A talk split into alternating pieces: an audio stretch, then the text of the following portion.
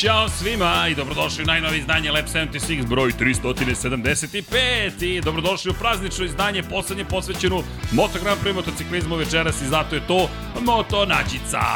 Ćao. Zdravo Nađice. Mislim da ću da predstavim Deki, to uvijek Da. uradim. Ali moša večeras, zato što imamo damo i ne samo zato što je damo, nego zato što je dobra fora. Ali tu je gospodin Dejan Potkonjak, tako da e, cijela ekipa je tu. Ako se pitate otkud Moto Nađica, eto tako. To je cijel, cijel, po, cijel, si mi dobro? Ja sam super, hvala na Super, pitanju. kako ti zvuči tvoj glas? Simpatično, navikavam se.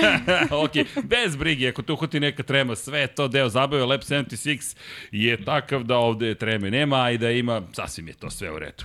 Bez brige. Dogovoreno. Gde je kaciga? Previše Pa zar hladno. nismo rekli da ćemo kacigu da danas imamo ovde, ali nema džabe. E, evo je kaciga. To, to e, to. a, ta, teško, ta, izvini, draga si, ali ovo kacigu, ne, ne može. a pošto znamo da voziš motocikli, da ne bi nestala kaciga, šalim se, naravno, tu smo. E, hvala ti što si došla. Uh, za one koji ne znaju Moto Nađicu, pa upoznajte je, čekaj, sad ću da podelim tvoj Instagram profil, pre nego što nastavimo dalje našim redovnim putem, um, čekaj samo da nađemo. Instagram, e, sad to potraje, moto, jel tako beše, moto, na, evo, moto nađica. Tako da, ko je sa nama, večeras imamo svašta nešto da pričamo, razgovarat ćemo o tome zašto Ducati ponovo privlači pažnju i u među sezon, u off season putem off-roada. Ako se pitate, pa dobro, nisu pod uvek, u, off- zar nisu odavno u off-roadu? Jesu, ali ne kao trkačka ekipa, ali o tome ćemo pričati i pre svega da vam poručim ono što je bitno, Jelka je stigla, tadadada. A naravno, mazite se ljudi, pazite se, doba je praznika, inače treba da se mazimo i pazimo da budemo dobri jedni prema drugima i vozite računa jedni drugima.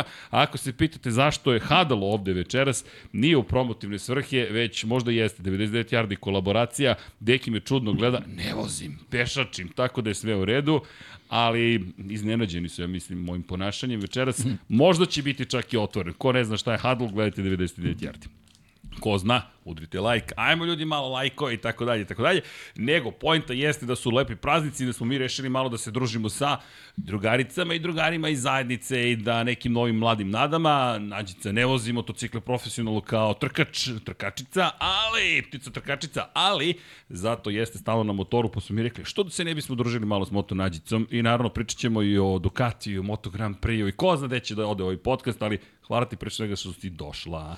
Hvala vama na pozivu. Ne, nema na čemu, budi skroz formalna, to u Lab 76 Da. skroz se uklapa. Evo da te pitam, šta će ti laptop? Za svaki slučaj. Kako iskustva, a, neki. Jedna od redkih gosti, da ne kažem gošći koja je došla i kad čekaj, čekaj, imate vas Spremna, dvojica. Gde spremna. tebi laptop? Šta će mi već? Jao, kakva zamena je ovde je pala, zapravo, dobro, dobro. De, aju, znam zašto nema. Znaš zašto Mađice nema laptop? Zašto? Danas je Boxing Day. Ne znam da li znaš šta je, šta- koji je to dan. To je dan darivanja, to je dan darova i tada se dele, to je zapravo se zove kolokvijalno Božić za siromašne. Dolazi iz nekog drugog vremena gde je siromaštvo bilo mnogo rasprostranjenije i 26. decembar je bio dan kada se daju darovi ljudima koji u to vreme nisu pre svega viktorijansko doba i tako dalje, imali dovoljno novca. To je zakačilo i kraj 19. veka, početak 20. Međutim, za ljubitelje na druge, treće najvažnije stvari posle trkanja i ne znam nija šta je prva, jel te, e, futbala, danas ti je veliki dan za futbal. Gospodin Vlada navija za Liverpool. Gospodin Deki navija za Liverpool. Liverpool večeras igra, jel da? Odigrao. Odigrao je, o, čekaj, ovo raspoloženje nema govori da su... čekaj, čekaj, i kako ste prošli? Očekivan. Oč... Pa ne znam ja šta je očekivano, Deki. Mogu samo da... da pratiš malo. Mora da pratim, dobro, pratit ću, ali pošto su Cincinnati Bengalsi tu, niste se baš provili ovog, puta. Pa dobro, ne može Ko svaki pobedio, čekaj? Sti, um, Steelersi, sad sam već Steelersi. zaboravio. Stvarno, A, Steelersi. diviziona da, takmičenje, tako da nema... Poraz za zaboravljanje. Sad sam shvatio zašto nema laptopa. ok, nije bi bilo loše zaključivanje. Izvini, nađi se što je ovako, ti znaš da digresija, ako pratiš nas, ti nas pratiš? Naravno. Like, share, subscribe, sve. Sve. O, to ti ka... Sad like isto, samo sebe. Obavezno. Ali dobro, vidi, ovde je zabava potpuno, neću ti dati sad i pristup e, internetu, pošto nam ovaj Wi-Fi klasični ne radi. Evo ti personal hotspot. Evo, Aikido 2015, tri tačke. Malim slovima, Aikido 2015 tri tačke. I čao svima, uh, kaže Kele Rakić, Boxing Day je vreme kada se namešta Premier Liga. Ove godine to Boxing Week, kako vidim, to su ljudi onako razvukli cijela ne, nedelja. ne znam šta im bi, da. Da, Još smo mi mislili Boxing Day je danas, onda kao ima i sutra, ima i Tvoja presutra. sreća što je razvučeno. Moja sreća, jeste, ti znaš zašto, neki će saznati sledećeg ponedeljka, ja se nadam, ali sve to ispalo kako treba. Uh, inače, ovde poruka, konačno neko lepo u studiju. Hva- Pa Istina. Istina, hvala okej. ti, deki, što si došao. ne, ne, pre svega najzad neko pametan u studiju. to je ono što je poenta u celoj priči. A mi ćemo danas, kažem, da se, da se bavimo svakakvim informacijama iz sveta Moto Grand Prix. Pitaćemo Nađicu kako je bila sezona, naravno čim ukuca šifru, pošto ćemo možda pitati nešto što ne zna instant, pa će da bude rrr, u duhu nove generacije. Rrr. Ček, ti si no, rođen u novom milenijumu, je li tako? Da, da. Za nas je to novi milenijum, za tebe je to stari milenijum. Jedini Za tebe, milenijum. Mileni. Da, jedan jedini. jedan jedini. Ali to je super. Tako da, da, inače, ljudi, postavljajte pitanja, kao i uvijek otvoreni smo. Dakle, to smo, e, čekaj, e, iz nekog razloga ne radi mi punjač, to bi mogao biti problem. Hoćeš da zakačem dole ako je otkačen slučajno. Vidim gde se otkačio.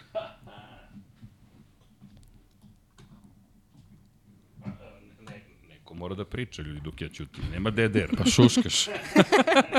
Čuje se bar nešto. da. Šuškaš pa ne znamo šta ovaj... Dokle si stigao. A lepo sam ponudio da završim to. Ne vredi, vidiš. Ja sam do rudnika Morije. Jel se čuje? Evo ga. I nije me udarila struja. Huh! To je dobro. Da imamo li se puni. Puni se, imamo struju. I tako. Odlično. Uh, evo znojih se. Dobro.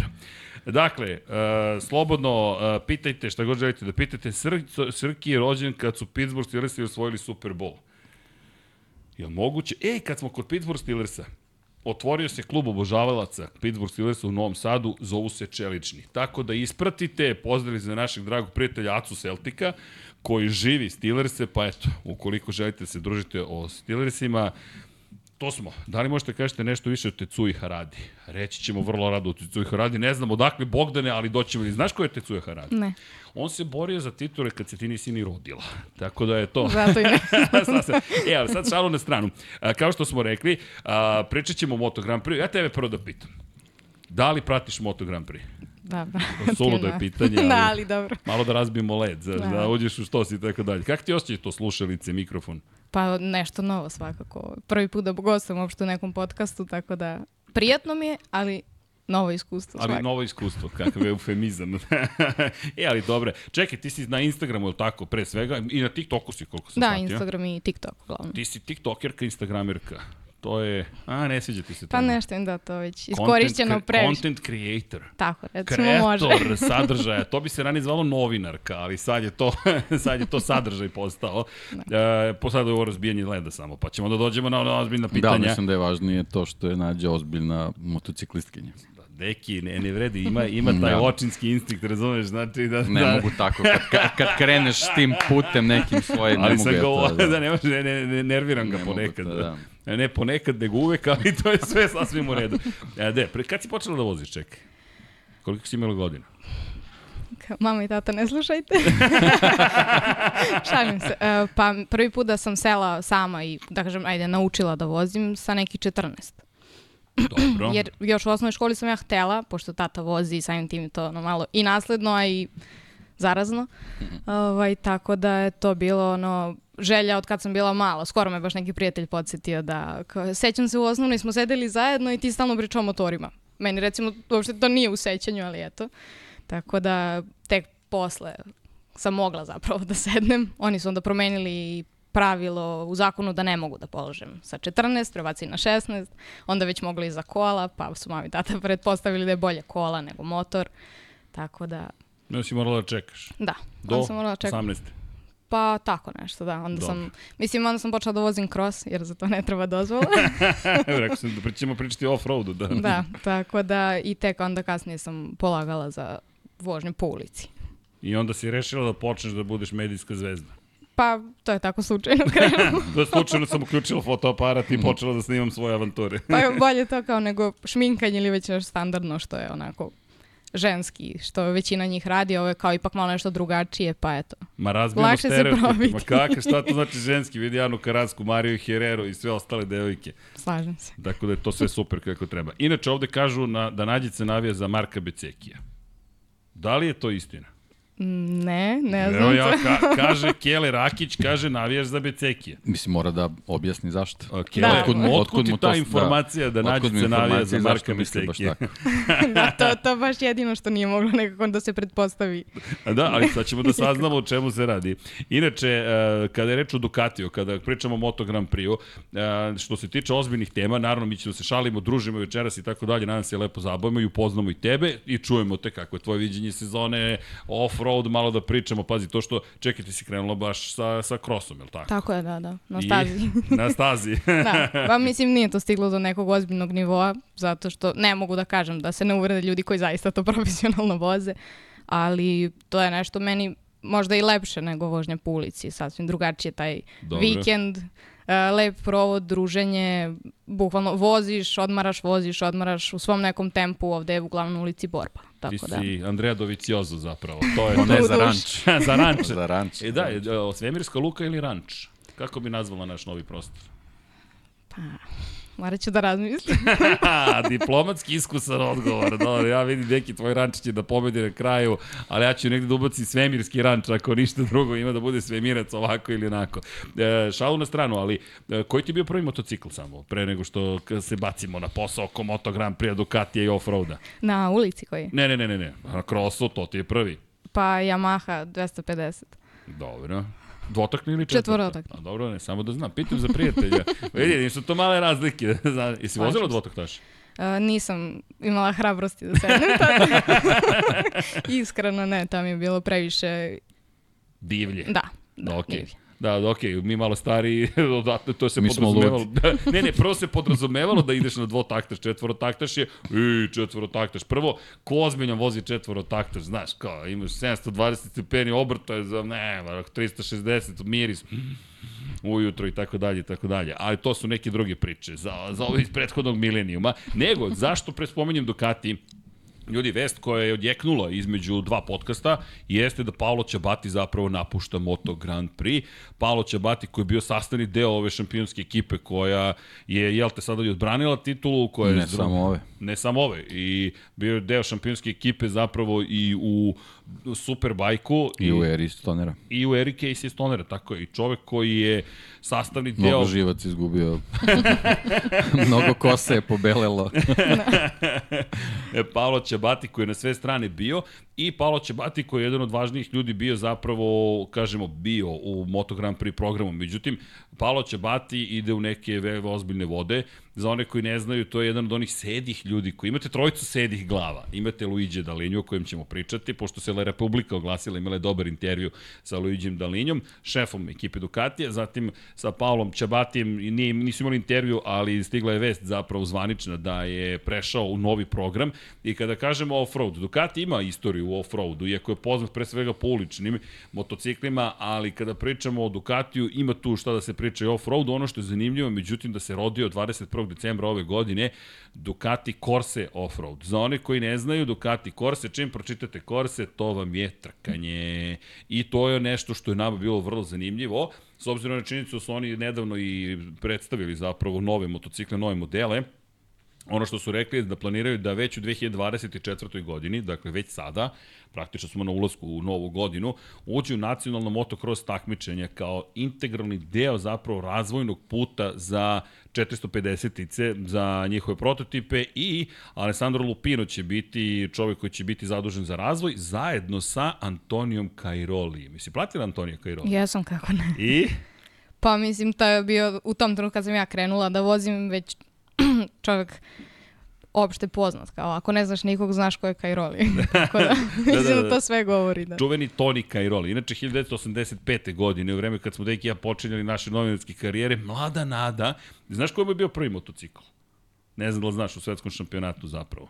Pa ne. Yamaha zapravo, a u Italiji je vozio Hondu i proslavio se zapravo kao čovek koji je bio Yamahin čovek i onda je prešao na KTM, ali zašto mi je ovo zanimljivo? Pogledajte vi sada KTM koji je ušao nam u Moto Grand Prix rekao, e, mi ovaj off-road, to smo mi rešili u našu korist, ali sad ćemo da uđemo na ulicu, to jest mi ćemo sad da uđemo na kružne staze, a s druge strane Ducati koji je rekao, aha, ta tim putem, pazi, deki, možda je to bilo zapravo šta je, koje koncesije dobio Ducati, šalim se naravno, ali bitka se nastavlja, dakle, u off-roadu, inače plan im je da uđu u svetski šampionat u motocrossu, dakle, MXGP, je u pitanju i e, Paolo Ćabati je sportski direktor zapravo Ducati Corse bio poslednjih 10 godina, sad će biti generalni menadžer Ducati Corse Offroada.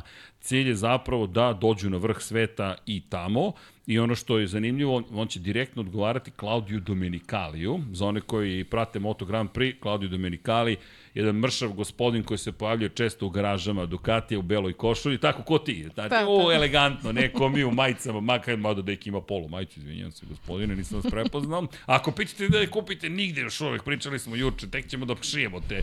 E, našli smo inače osobu, to je kompaniju koja je trebalo da nam šije polo majice I umeđu vremenu se desilo da su odustali od toga i da će šiti samo za sebe. Iako smo sve već bili dogovorili, onda su rekli, ej, znate šta, mi smo rešili da šijemo samo za sebe polo majice od sada, da se fokusiramo na svoj brend Inače, da pozdravim našu ekipu, dakle, u, u šopu tamo koja bije bitku sa svim mogućim dobavljačima i svim ostalim stvarima i da se izvinimo ako eventualno nešto nismo uradili kako je trebalo. Ne zamerite, ekipa se stvarno trudi, ali ovog, ove, Deki kriv za sve. On ima ja neki, kriv, Deki je kriv, on je da nosio Japan Dux i svi hoće sada Japan Dux da nose, nema ga, ljudi, žurimo da završimo novi kontingent, izvinite za sva kašnjenja i pošta je štrajkovala i šta da radimo. Dakle, imali smo svu moguću Zabu, izvinjam se. Dakle, ja se izvinjam u ime ekipe Infinity Lighthouse, verujte svi iza kulisa se baš trudi da sve završimo kako treba pogrešimo ponekad, pogreši čovek što bi se reklo. Elem, da se vratimo na Palo Ćebati, dakle odgovaraće Domenikaliju. Ono što je zanimljivo, on će koordinirati zapravo i aktivnosti u okviru nacionalnih takmičenja u Superbike i Supersportu, dakle Moto Amerika, britanski Superbike, All Japan Superbike, australijski Superbike i šampionat Italije. Ja nemam pojma kako će on ovo da izvede, ali nema ja ozbiljno. Mora da se duplira. Uh, Minimum duplira. U najmanju ruku, bazi, ovo, bar dva čabatija su nam potrebna. I ono što treba da napomenuti, rekao bih Mauro Grasili, je čovjek koji je zadužen za marketing i sponzorske aktivnosti. To nama treba, marketing i sponzorske aktivnosti. I on će biti zadužen zapravo za, za saradnju sa Luigi'm Dalinjom, to je zanimljivo što on odgovara Dalinji, a istovremeno Ducati Corse kojim upravlja Dalinja će biti zadužen za Moto Grand Prix svetski šampionat u Superbajku. Tako da, pa da, interesantno, ovaj, uh, Ćabati se verovatno malo i umorio ovaj, od, od Moto Grand Prix, čovjek ipak u godinama i sad to može onako da se analizira, znaš, sad kad se vrati unazad ta priča, da li je, da li je ta, njego, ta, ta njegova uloga ovaj, koji ima u Ducatiju bila uspešna ovim, ovim godinom unazad, uh. sad kad pogledamo, jel, generalno posle Stonerove titule bilo je prilično suše. Ovaj, u toj čitovi priči Ducati se onako prilično borio da, da, da, da vrati to nešto što je dobio u tim Stonerovim godinama, tako da ne znam sad koliko je to to bila uspešna priča i koliko je ovaj, Dalinjen dolazak to, to promenio u potpunosti u odnosu na, na ono kakvi su Ćabatijevi planovi bili, ali sigurno je da, da je taj njegov prelazak u taj motocross program u stvari možda i i, i, i deo te priče gde, gde on u stvari raspolaže s ogromnim iskustvom kako organizovati tu čitavu ekipu praktično ovaj, iz početka. Jer oni sad stvarno ulaze u, u tu, tu ozbiljnu priču, mislim konkretno recimo u tom američkom recimo motocross eh, šampionatu, ti kad pogledaš brendove, to je, to je praktično svetski šampionat u motociklizmu od, od Moto trojke do Moto Grand Prix, što se tiče marki motocikala, samo Ducatija nema. Tako da prilično je onako izazovno, ne, nevezano samo za svetski šampionat, nego bukvalno i, i, i I kad se pogleda taj, taj američki, recimo, gde dominira Honda, ovde KTM, mislim, prilično je ovaj to ozbiljan zadatak, uopšte nije tako jednostavno i sad sve, sve te superbike nacionalne šampionate koje si nabrojao, znači stvarno onako treba biti ozbiljno dobar, dobar dirigent da se to sve uklopi. Ma deki, ja ne, ljudi, evo, samo da vam pročitam od kada je MXGP osnovan, ovako kakav jeste, to je bilo 2014. Pre toga smo imali MX1, MX2, MX3, imali smo pre toga Motocross GP 2003. kao recimo reakcija na formiranje Moto Grand Prix-a, pri čemu ko, ko je sve osvajao titule. Sad da se ne vratim kada je reč o šampionatu sveta u motocrossu do 57. i AJS, FN i slične proizvođače Monarch, ali da kažemo od MXGP-a, samo, samo par stvari. Gas Gas, Honda, KTM, Honda, Honda, KTM, KTM, Honda, Yamaha, KTM, Tonika i Rolex sa tim KTM-om 2014. pre toga Toni Cairoli, Toni Cairoli, Toni Cairoli, Toni Cairoli, sve do Yamahe 2009. Imali smo Filiparca na Yamahi, pre toga Ramona, Everca i tako dalje i nigde ovde ne postoji Ducati kao što si rekao. I sad to je pazi kakav je to izazov. Čekaj, sam ti pitao za model koji, e, či, koji čiji motocikl je bio? Cross. Uh, Yamaha. Yamaha, da, da. Yamaha, izvini, rekla si, vjerojatno sam ja ispod. Okay, to. Mator čovek. da, da. Hvala ti, Nadica. e, sad si se definitivno opustila. Ok. Vlado, nemoj klikćeš više na njenu kameru. Isključ. e, ali ajde da pitamo da li neko zna za koga zaista navija Moto Nadica, pošto je gospodin e, rekao, prirodno brzo ima harizmu, vidi se da je legendica. E, ovaj Markezovac laprda samo kontra namjeru. Ne znam ko je Markezovac, ali Ma, upali smo neki razgovor. u svakom slučaju, a, Nadjico, ćeš da nam kažeš za koga navijaš? A, pa hoću, zašto ne? Mislim, moj... Ili da odložimo za malo kasnije. Ili da odložimo, ajmo da odložimo. Ajmo da odložimo. Bude drama. Može, Evo, recite u komentarima, pogodite za koga navija Moto Nadjico. Hoćete da im dam četiri Budite izbora? Budite detektivi. Ne, ajmo da napravimo pol.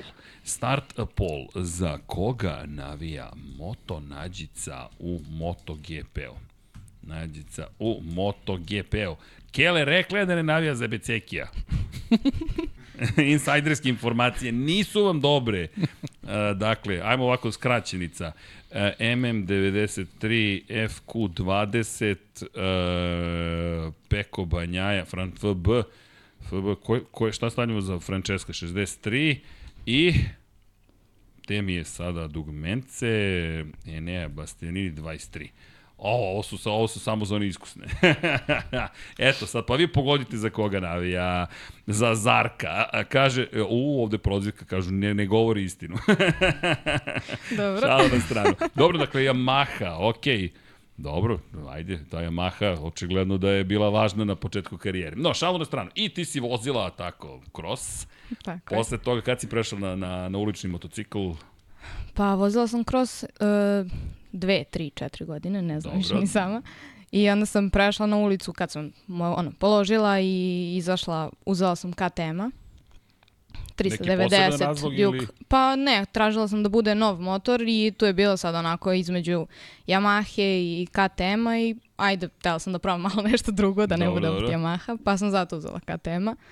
Uh, mislim, super motor, ne uopšte. Nijednu zamerku, ali već posle nekog vremena sam htela nešto malo veće, malo jače, jer dosta je mali motocikl za grad neprimetan. Mislim, s jedne strane praktičan, s druge strane nebezbedan. Tako da, samo zbog toga sam odabrala nešto ipak malo veće, bučnije, što opet nije mnogo jače. Tako da, tako došli smo na Hondu. Da, tako Honda. da me je sve onako. tako, sledeći ostaje Ducati još i možda Aprilia, tako ima redom. Ima i BMW, pa ne, ima vidi, svašta. Triumf postoji, ima tu svašta A da dobro, se... ima. A, kaže, draga mać, stavite vremtu koga briga. Nas, sve nas briga. A, tako da, da, da be, bez brige, Dragane, kako? Pa nas sve zanima ovde, mi volimo brbljamo o svemu i svačemu. Ja, I kada je reč o to, to je sad koja je to Honda? Honda CBR? CBR 500R. 500, i jesi zadovoljna? Jesam, kako ne. Pri, mislim, poprilično udoban motocikl, onako koji ima tu sportsku liniju, a ipak uh, sedenje je mnogo praktičnije nego na sportskim motociklima zbog tih dužih viljuški, tako da i ima dovoljno snage kad treba da, da povuče da bi izbegla neku nebezbednu situaciju ovde u gradu, tako da mislim da je taman za te potrebe koje, koje imam na dnevnom nivou. Čekaj, hoćeš sad početi, kada je već reč o tome, malo cross, malo ulica, početi da pratiš i off-road, sada ovaj Ducati ulog. Šalim se, pratiš možda i MXGP, ili stižeš? Pa, pre sam pratila, ali u posljednje vreme ne. Posvetila sam se samo ovim trkama. Da. MotoGP? Da. I kakav ti utisak o sezoni? Poprilično ima utisaka. Dobro. A, mislim, pre svega sad ajde pred kraj, odnosno u ovoj drugoj polovini sezone što smo gledali sa ovim pritiskom u gumama i cele drama oko toga. To mi je onako možda i najjači utisak, pored sprint trka subotom kao novitet ove sezone. Tako da, ma, mislim, bukvalno nema kraja. Treba će nam dva podcasta minimum da pričamo. imamo mi vremena. Čekaj, te pitam. Ja, majko mila. S kim si se udružio večeras, Dejane? Hoćeš ti pivo? Neću, imam puckajuće bombon. ti imaš puckajuće bombon, ja imam pivo koje kao trudim se da ne otvorim, ali dobro. Uh, pitanjce, uh, sprint trke, kako su ti se dopale? Pa sviđaju mi se iz razloga što mislim da nema toliko onda taktika razmišljanja o gumama, o ne znam, potrošnji goriva i takvim stvarima, nego zaista vidimo trku kao trku. A s druge strane mislim da su poprilično rizične baš zbog toga. Što se prelaze neke granice koje možda ne bi trebalo da se prelaze. Mislim ne bi trebalo. Sportski, ok, razumem, ali s druge strane poprilično malo povreda ove sezone, pogotovo u GP-u što ne bi trebalo da bude tako, čak e, najviše, tako da... Jel se boriš sad, priča tvoju priču. Ali a, Casey Stoner je dao nedavno intervju, to je prošle godine intervju u kojem je baš pričao o tome kako voze neki vozači i baš me zanima kako bi on vozio sprint trke, baš je pričao o tome, znaš, kad mi neko gurne točak i natere me da siđem sa idealne putanje, pa okej, okay, onda ću ja njemu da gurnem točak i da mu kažem nemoj to sledeći put da radiš. Otprilike i to je sad zanimljivo pratiti zapravo u, kao što si rekla, nema taktike, dokle su vozači spremni da idu u tom momentu gde je to baš gladijatorska bitka. Što opet dovodi do ovoga što si lepo rekla, ej, povrede su tu iza ćoška praktično. Ali okej, okay, tu su, ostaće tu, Fabio Quartararo je rekao, ajmo da smanjimo broj zapravo trkačkih vikenda na kojima se održavaju, ali to se za sada neće, neće desiti, tako je. E, inače, kada pričamo još o off-roadu, konkretno Ducatija, oni jure zapravo da uđu u AMA, to je američki šampionat zapravo kada je reč o, super, o motokrosu i naravno svetski šampionat u superkrosu. Međutim, ljudi, da vas pitam, imate neki osjećaj da će oni možda da guraju ka Dakaru? Da li mislite da će tu možda nešto da se, da se desi? Pa, znaš kako, s obzirom da, da Audi ima te, ambicije, ovo, ja znamo da su, da su oni u stvari vlasnici te, te, te čitave priče, ovaj, verovatno da, da su generalno sva ta polja potrebna ukoliko imaš, imaš potrebu za, za generalno razvojem brenda na tržištu, tako da to su sve platforme koje se koriste za, za popularizaciju, tako da ti kad već kreneš u motocross, vrlo je jednostavno da se, da se preadaptiraš za, za Dakar i, i te neke slične uh, ovaj, slična takmičenja koje ti u stvari donose prođu u stvari i na tržištu. Sad je samo pitanje šta je strategija šta se želi od Ducatija kao brenda. Pazi, ako pogledaš Ducati Desert X, on je, pro, on je inspirisan bio njime. Sad, jesi vozila neki od tih novih motocikala? Pa nisam, već, ne. 937 kubika. ne mogu da dohvatim. Treba neko da hvata motor.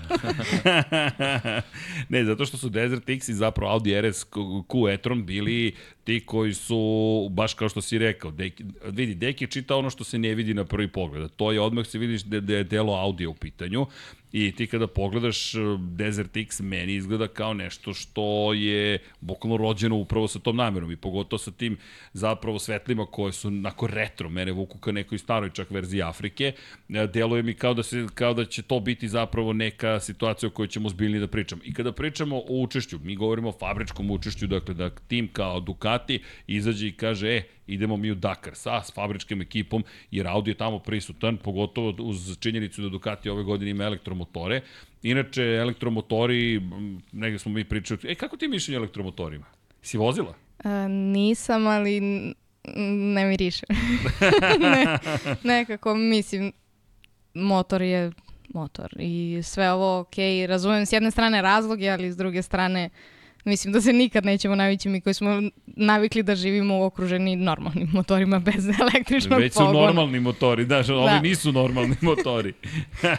ne, dobro, zanimljivo zato što si ti predstavnica mlađe generacije, dosta mlađe od nas dvojice i znaš, pogled na moto, moto je um, generalno i elektromotore. Negde mi smo svesni da, da, da stiže da će se to promeniti i pričali smo dosta o elektrifikaciji u poslednje vreme, ali me čisto zanima, da dobro, ali čekaj, ajde da probamo, ajde, dan sad ćeš probati neki elektromotor da imao taj obrtni moment čuveni kakav je, pa onda da vidimo kakvi su utisci. Naravno, nadam se da hoću. Mislim, sve što ima dva tačka može, možete se ne buni. Vozit će se. E, super, nego da se vratimo mi na Moto Grand Prix. Dakle, ok, to ti je utisak neki opšti.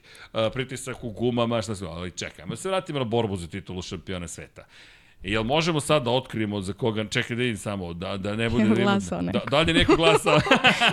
Kao nikog ipak da ne interesuje. Evo ja ću da glasam. Čekaj, ili imam pravo ja da glasam kao... Apsolutno kao ne. Mode, ne. Ja, evo, ima nekih glasova. Čekaj, 61 glas, pazi. U, većina misli da navijaš za Marka Markeza. Velika greška, ja sam Rosijevac. ne može, to tako ne ide. Pa niste provalili žuti mikrofon. I šolju. I šolju. Da, da, da, da, da. Nađice, motori i elektromotori, jeste, ali sad pričamo, e, ali vidi, zanimljivo, za, za sv... niko ne misli da navijaš za Banjaju. 12% Banjaja, 32 Fabio Quartararo, 30 Mark Marquez i Enea Bastianini 25%. To su ljudi koji me prate, onda redovno shvatili su. Ako vam ova zastava iza nađice nije pomogla i ova majica sa brojem 20, ne znam šta će. Dakle, dama je El Diablo. Od kad navijaš za El Diablo? Pa od kad je Rossi, mislim, izašao. Ne, prosto nije mogla se navija za nekog drugog dok je Rossi tu svakako. Opa! Tako, to je, mislim, ono, kao ajde, za Rosija nekako ni ne biraš da navijaš. Mislim da je to navika, Rodiš ajde, se. ali da, rodiš se. da, baš me zanima u porodici za koga su navijeli. da. ali opet s druge strane, eto kao najviše Fabio kao opet vozač Yamahe. A, ja s više strana vezana za tu Yamahu izgleda. Posle toga i osvojio titulu i mislim onako na više polja mi se dopao i, i na njegov, na, njegov način, oh bože, njegov način razmišljanja, ok. I prosto da, recimo ono što mi se najviše u stvari dopalo, skoro kad su bile priče o timskim naredbama, pošto se ja s tim ne slažem, da je on rekao da on vozi svoju vožnju i da prosto njega to ne dotiče, ne interesuje da on ima neki svoj cilj i mislim što se i pokazalo da nije ni dolazi u situaciju da nekog mora da propusti ili da čuva. Tako da onako, mislim, kompletan jedan vozač samo koji prosto u ovom trenutku ne može mnogo da pokaže zbog toga šta, šta Yamaha radi sa svojim motorima i, i da se nam da će to da se promeni. Ali, Ili šta ne radi. Da, E, da, i da, bolje reći šta ne radi. teorije. Pa dobro, ajde vidit ćemo, sad počeli su da dovode ljudi iz Ducatija, tako da to može da bude zanimljiva promena, ali Fabio Quartararo, dobro, dakle on je naslednik Valentina Rosija za tebe. Pa u suštini da. Dobro, a ako ode na Apriliju? Teško pitanje. O tom potom. O tom, potom. O, Yamaha, ali stoji tu negde Yamahica. Ne, samo da zavolim, ljudi, polako u četu, Kele, dobro nam došao, nismo te ranije vidjeli, polako, ni, ni, ni, sve je okej, to su samo časkanja, idemo, družimo se, ljudi, mazimo se, pazimo se, i vidimo da je krenula diskusija, Muđelo Arabijata i tako dalje, i tako dalje. Samo polako. E, inače, kada je reč o glasanju, mi ćemo ga ostaviti, pa ko se pridruži kasnije, neka, neka, neka neka prosto kliće ako želi, ako ne, sve to i dalje u redu. E, dakle, da se vratim ja ponovo na Ducati. Mene ipak fascinira ova vest, ne znam da li će Desert X ikada da ugleda Dakar ili ne, ali prosto inspirisan time i svim marketinškim komunikacijama priča o, o tom motociklu jeste bila zapravo i priča o Dakaru na neki način. Meni sve to nešto miriše. Znate kako počinjem da gledam stvari? Kao da je Dakar neki, baš me zanima tvoje mišljenje, u poslednje dve, tre godine Le Mans je došao i tekako do izražaja. Jel pratiš uopšte automobile? Pa slabo, slabo. Formula 1? Mislim, znam ono osnovno, ali ima četiri točka, tako da ako skinu dva Minus. nekako, onda može. Dobro, pošteno, pošteno. Ali gledam eh, Le Mans, eh, gledam svetski šampionat su u sportskim automobilima, ali pre svega Le Mans, sportske automobile, hiperautomobili i tako dalje. Sad gledam s druge strane Moto Grand Prix, kao perjanicu svakako, sve se češće spominje Isle of Man kao opasnost, kao nešto što je arhaično iz nekog drugog vremena. Međutim, Dakar počinjem sve više, isto više ozbiljnije da gledam kao nešto što bi moglo da bude kako zanimljivo. Ovaj izlazak Ducatija u trkačke vode, to jest ulazak u off-roadu, meni je stvarno fascinantan. Iskreno, to je, to je za mene tektonska promena u suštini, zato što tu ulazi tako jedna velika kompanija, kao KTM kada je ušao u Moto Grand Prix, rekao, ej, mi ćemo sad ovde da se takmičimo, baš me zanima, znaš šta me zanima, da li će Andreo Dovicioza da, da, da, da pozovu da vozi za MX ekipu. Kako god, znam da on to želeo silno, makar u Mislim da nacionalnom je to sve šampionatu. deo marketinga, tako da Okej. vidjet ćemo kako će to sve da se upakuje. Da, jer I Andrea... naravno, mislim, sigurno imaju ambicije da ovaj, ne samo se pojave tamo, nego i da da bi boostovali taj marketing mora nešto i da osvoje. Da, inače kada sam malo pre spominjao ko će gde biti, ko će šta raditi, samo da napomenem, eto, uz odlazak Ćabatija neka nova lica stižu i dalje su se dokosi ljudi u pitanju, dakle tu nema promena iz perspektive toga ko će ih menjati. Rekao sam, Mauro Grasili će biti čovek koji će zameniti Ćabatija na njegovoj poziciji. Grasili takođe, seda brada, se tako kod deki fazon. A, ima, baš ima tvoj fazon. Uh, tako da znate, ako vidite nekog ko, ko liči na deki, ali manje lep, Prinudni to je malo fazon. Grasili. Prinudni fazon, da, da. Tako da znate, Grasilija smo inače imali priliku da gledamo kako stasava. On je bio i deo ekipe sa Andrejom Doviciozom I ono što će tu biti zanimljivo jeste zapravo sad kako će izgledati to je triumvirat. Jer ako pogledamo Tardoci, Ćabati, Dalinja, to je bila baš osnova, stubovi kulture Ducati, to je stubovi moći Ducati. Pa da, znaš, ali, ali generalno, ono, da se nadovežemo na tu Ćabatiju priču, mislim, ova sezona je stvarno bila, što se tiče Moto Grand Prix-a, više nego uspešna. Mislim, zaista je da, nemoguće očekivati nešto više da taj rezultat bude 100%. Mislim, ja ne, ja ne znam, oni su pobedili na šta, šta nisu dobili, nisu u Teksasu pobedili, uh, ja sam već i zaborio ko je sve tu pobeđivao.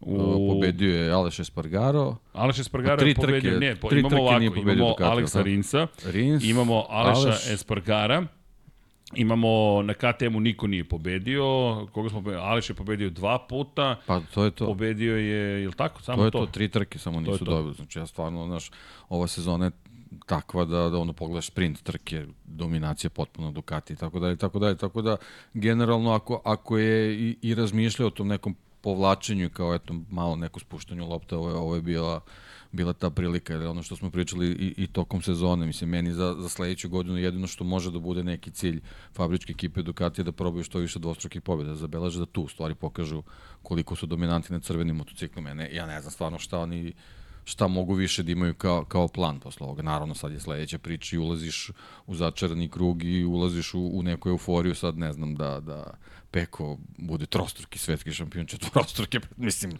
to je sad već, već suludo i to je sad ono, odlaziš u što neke stvari da te ambicije, ono, postaju nešto što, što, što ti već prelazi u euforiju i neku nervozu, tako da mislim da što se njega tiče i, i, i uzviš u obzir i njegove godine i staž na, na, na toj funkciji, mislim da je bila pra- prava prilika jednog sam se povuče, da, da dobije taj neki novi izazov koji verovatno u tim nekim početnim fazama nije ni toliko opterećujući za njega, ne verujem da postoji imperativ već u prvoj sezoni da se uradi sad ne znam šta fantastično, a generalno zbog svog iskustva je možda dobra prilika da on na toj, na toj poziciji u stvari sagleda kod nekih mlađih kadrova u, u, ovaj, u Ducatiju ima sposobnost da, da u nekoj bližoj budućnosti možda zauzme njegovo mesto i da se, da se ovaj, jednostavno pojavi kao, kao figura koja će u nekoj budućnosti da vodi što taj motocross program, što, što ovaj, program na, na stazama.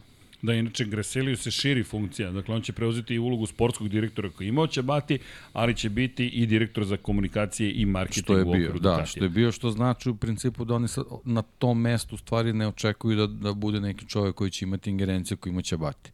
On će samo verovatno da, da popunjava a, a, tu funkciju na način da je da je potreban neki čovjek čovjek koji će u nekim trenucima nešto nešto da seče da da ovaj da Tardoci ili da Linja možda ne bi ne bi morali da preuzimaju te neke dodatne odgovornosti a ovaj ujedno je i za njega to to onako prilično veliko iskustvo i eto prilika za, za neki pomak u karijeri, mislim to već pričamo ono i kroz Formulu Jeste, 1, jeste.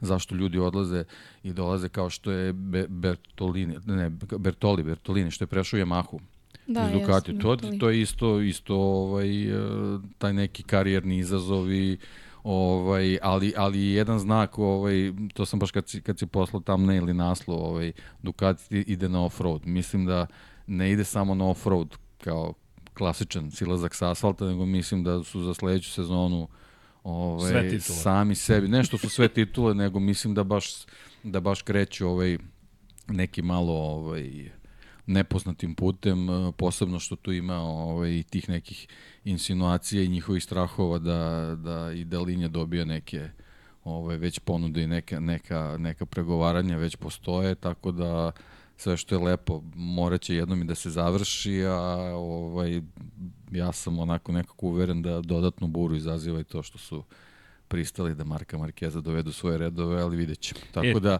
mnogo, mnogo će stvari da se desi u 24. Ovaj, a, a imat ćemo ovaj, takvu situaciju da tu neće biti ti, ti neki iskusni ljudi koji će možda znati da, da, da neke ovaj, možda i, ne, i nepredviđene situacije ovako smire i da i da Ducati ide po tom nekom predviđenom planu. A inače, za one koje zanima, Moto Nađica nije samo Moto Nađica kao neko ko vozi motocikl. Mi se malo šalimo, odatle smo krenuli, ali vidiš, idemo marketinški. Ti si zapravo naša koleginica, je li tako? Tako je, da. I ja ću da kažem e, gde radiš, pošto mi nemamo konkurenciju, mi to tako ne gledamo. Mi možemo samo da budemo deo neke grupe ljudi koji voli automotosport, koji voli sport generalno život i koji će da podrži sve pozitivne ljude. Dakle, ko je negativan, njih nećemo ni da spominjamo, pošto ti, ti super pozitivna osoba, ti pišeš za sport, ali tako? Tako je, da, za MotoGP samo. Šta sve pišeš? Pa, bukvalno sam tu počela i završila samo da bude uh, tema GP, da to ne širimo dalje, nego da bude svaki tekst onda onako Fokusiran. fokusiran, detaljan, da ko nije odgledao trku opet može da isprati od A do Š šta se desilo i na početku i na kraju grida i, i u toku trke i tako. I kako si ti zadovoljna, kako to ide? Pa volim to da radim, zato što mislim kao trku svakako odgledam, e, obnovim znanje onda odmah posle, kao da sam je odgledala dva puta zapravo, proživljavam još jedan put kroz sam tekst i ako ne i tri puta. Dobro, ali lepo si rekla proživljavaš i znaš, ne pišeš o tome, ti to proživljavaš. E, inače, tvoje puno ime i prezime Nađa Novaković, je li tako? Tako je, da. Tako da ako neko želi da čita tvoje tekstove, može da ih potraži. Kad si počela da pišeš? Pa jako skoro, to je možda početkom novembra. To je onako ispalo sasvim slučajno. Mislim, u nekoj levoj priči na, na poslu treba nam neko, hoćeš ti, što da ne, ajde i, i bukvalno smo to tako krenuli na bum, ajde kreni, ja sam ostala tri trke do Tako kraja, ali nema veze, piši. Pa ne postoji drugi način. Deki, koliko si ti imao mentora? Nula. Rekli su ti, e, ovo je to mašina za kucanje, ovo ti je tema, do tad i tad predaj rukopis. To je to. Ti sad samo si modernije, ti si na laptopu Da, i to je to. Pa dobro, lepo. I jesi zadovoljna? Kakav ti je osjećaj? Pa jesam, mislim, pošto suštinski nisam neko ko se bavio novinarstvom do tog trenutka i ajde, ne mogu da kažem baš da sam novinar, da ne uvredim ljude koji se zaista profesionalno time bave i ko, koji uče. Ali jako mi je zanimljivo da pišem o nečemu što volim i što prosto se dešava onako u trenutku. Piši, snimaj, Udri Ne. mikrofon. Udari mikrofon. To je deo sam ga o tome. očigledno. Ha, MotoGP ruši studio. Tako da, mislim, pr baš prija mi onako malo, jedan vid meditacije, kao da se pobegne iz svakodnevne onako i, i gužve i neke ono rutine. Nemoj da otkrivaš te stvari, da, da je nama zapravo ovde zabavno. Ovo je težak, naporan posao, kao u rudniku soli. Inače, znaš šta piše na, na, na, na, na Instagramu, MotoGP Journal, ne na LinkedInu, MotoGP Journalist. Tako da, Da, da, sad je to primarna pozicija, to ti kažem. ništa drugo nije bitno. Inače se baviš search engine optimizacijom, tako? Tako je, da. Pa studiram digitalni marketing na završnoj sam godini, pa onda to je to kao u sklopu digitalnog marketinga zapravo. Pa ti si zapravo ovde za Ducati zapravo, ti si kao Grasili. Pa da, da. i marketing i sport. Marketing, sport, razumeš neki, dakle sve pokrije. Pa čekaj, koja ti je ambicija u životu? Ili hoćeš to da ostane tajna, misterija? Pa ne mora da, mislim, Kako zašto da ne. želiš. Pa pre svega bi volila da, mislim, čak tamo i na sportalu i piše u opisu mog profila da je moje srce u padoku, tako da najviše bi volila da imam neki već od poslova, da li je to marketing ili već šta god kad ne mogu da budem trkač, da onda bar budem tu najbliže njima u nekom smislu, da li marketinga, da li PR-a ili šta god, ali svakako u padoku ili u nekom timu. Dobro, ali ja koliko znam ti, uopšte ti bi mogli i mehaničarka da budeš, koliko sam ja shvatio. Pa dobro, da. Samo ako bi hteli da me prime, mogla bi i to. Pa ne, ja koliko sam shvatio po tvom Instagramu, svašta ti znaš da uradiš na motociklu. Za me, zamene delova, vožnja, održavanje motocikla, saveti i tako dalje i tako dalje. Pa da, naravno. Mislim, zato što mislim da ako nešto već vozim, treba da znam sama i da popravim, jer neće uvek neko da bude tu da mi pomogne. To, To sam morala na teži način da shvatim. Jesi shvatila u nekom Da. momentu kad je stalo? Pa da, doduše bilo je s kolima, ali tad niko nije hteo da pomogne, svi su vikali kako ne umeju i onda rekao, dobro, sama ću, nije problem uopšte, evo, sad ću da naučim sve. I? I naučila sam, nije bio problem. Kad ima čovjek motiv, sve može. A, pa sjajno, ti si taj moment. Dakle, a neće ti, sad ću sama. To, Pa, da, Ali svaka čast. Hvala. Da, dobro. O, vidiš ta četiri točka, u, ne vredi. Nema, ima dva viška. Pa, Deki nam se inače zaljubio ove šokse previše. Dakle, polako nestaju sa stola. Moram da ti kažem, ja koji sam stavio pivo, razumiješ, nisam ga konzumirao, ali šoksi su svi nestali umeđu vremenu. Ne, ali to je mnogo lepo čuti zapravo. I mi smo namjerno hteli da te baš ljudi upoznaju iz te perspektive, pošto nas dvojice s ovim bavimo dosta dugo, 30, i go 30 godina. Dakle, ti si još daleko od svoje 30. Ali šta je poenta? Imamo neku našu filozofiju koja glasi ovako. Dakle, ne pa posle nas potop, već da ljudi budu svesni da postoji jedna potpuno nova generacija što devojaka, što momaka koji se interesuju za Moto Grand Prix, koji se bave Moto Grand Prix i namjerno smo hteli ne nekoga koji je već dokazan u kontekstu toga da ti sad imaš 10 godina iza sebe, pa onda mi pričamo neko priča. Ti si tek bukvalno počela. Dakle, ti si krenula i nama je to mnogo lepo zato što želim i da, da nas dvojica makar želimo, nima da nismo nas dvojica ni pričali o ovome, mi, mi to već se, već se dugo znamo, ali poenta je da, da se nada će nekog inspirisati, zato što si ti, da, da, upravo taj tvoj stav došao do toga da si sada novinar, koji piše novinarka o Moto Grand Prix-u, pa će to da otvori još neka vrata, evo te kod nas u studiju na kraju univerzuma, na Instagramu si, na TikToku si, radiš search engine optimizaciju, dakle ideš e, modernim putem, nema bez marketinga, ničega, ne znaš, pa da, da, i to mi je isto mnogo važno, zato što mislim da je to lepa stvar. Studiraš još uvek ili ne? da, studiram, ostao još jedan semestar, do juna bi trebalo sve bude gotovo. Dobro, ili imaš diplomski?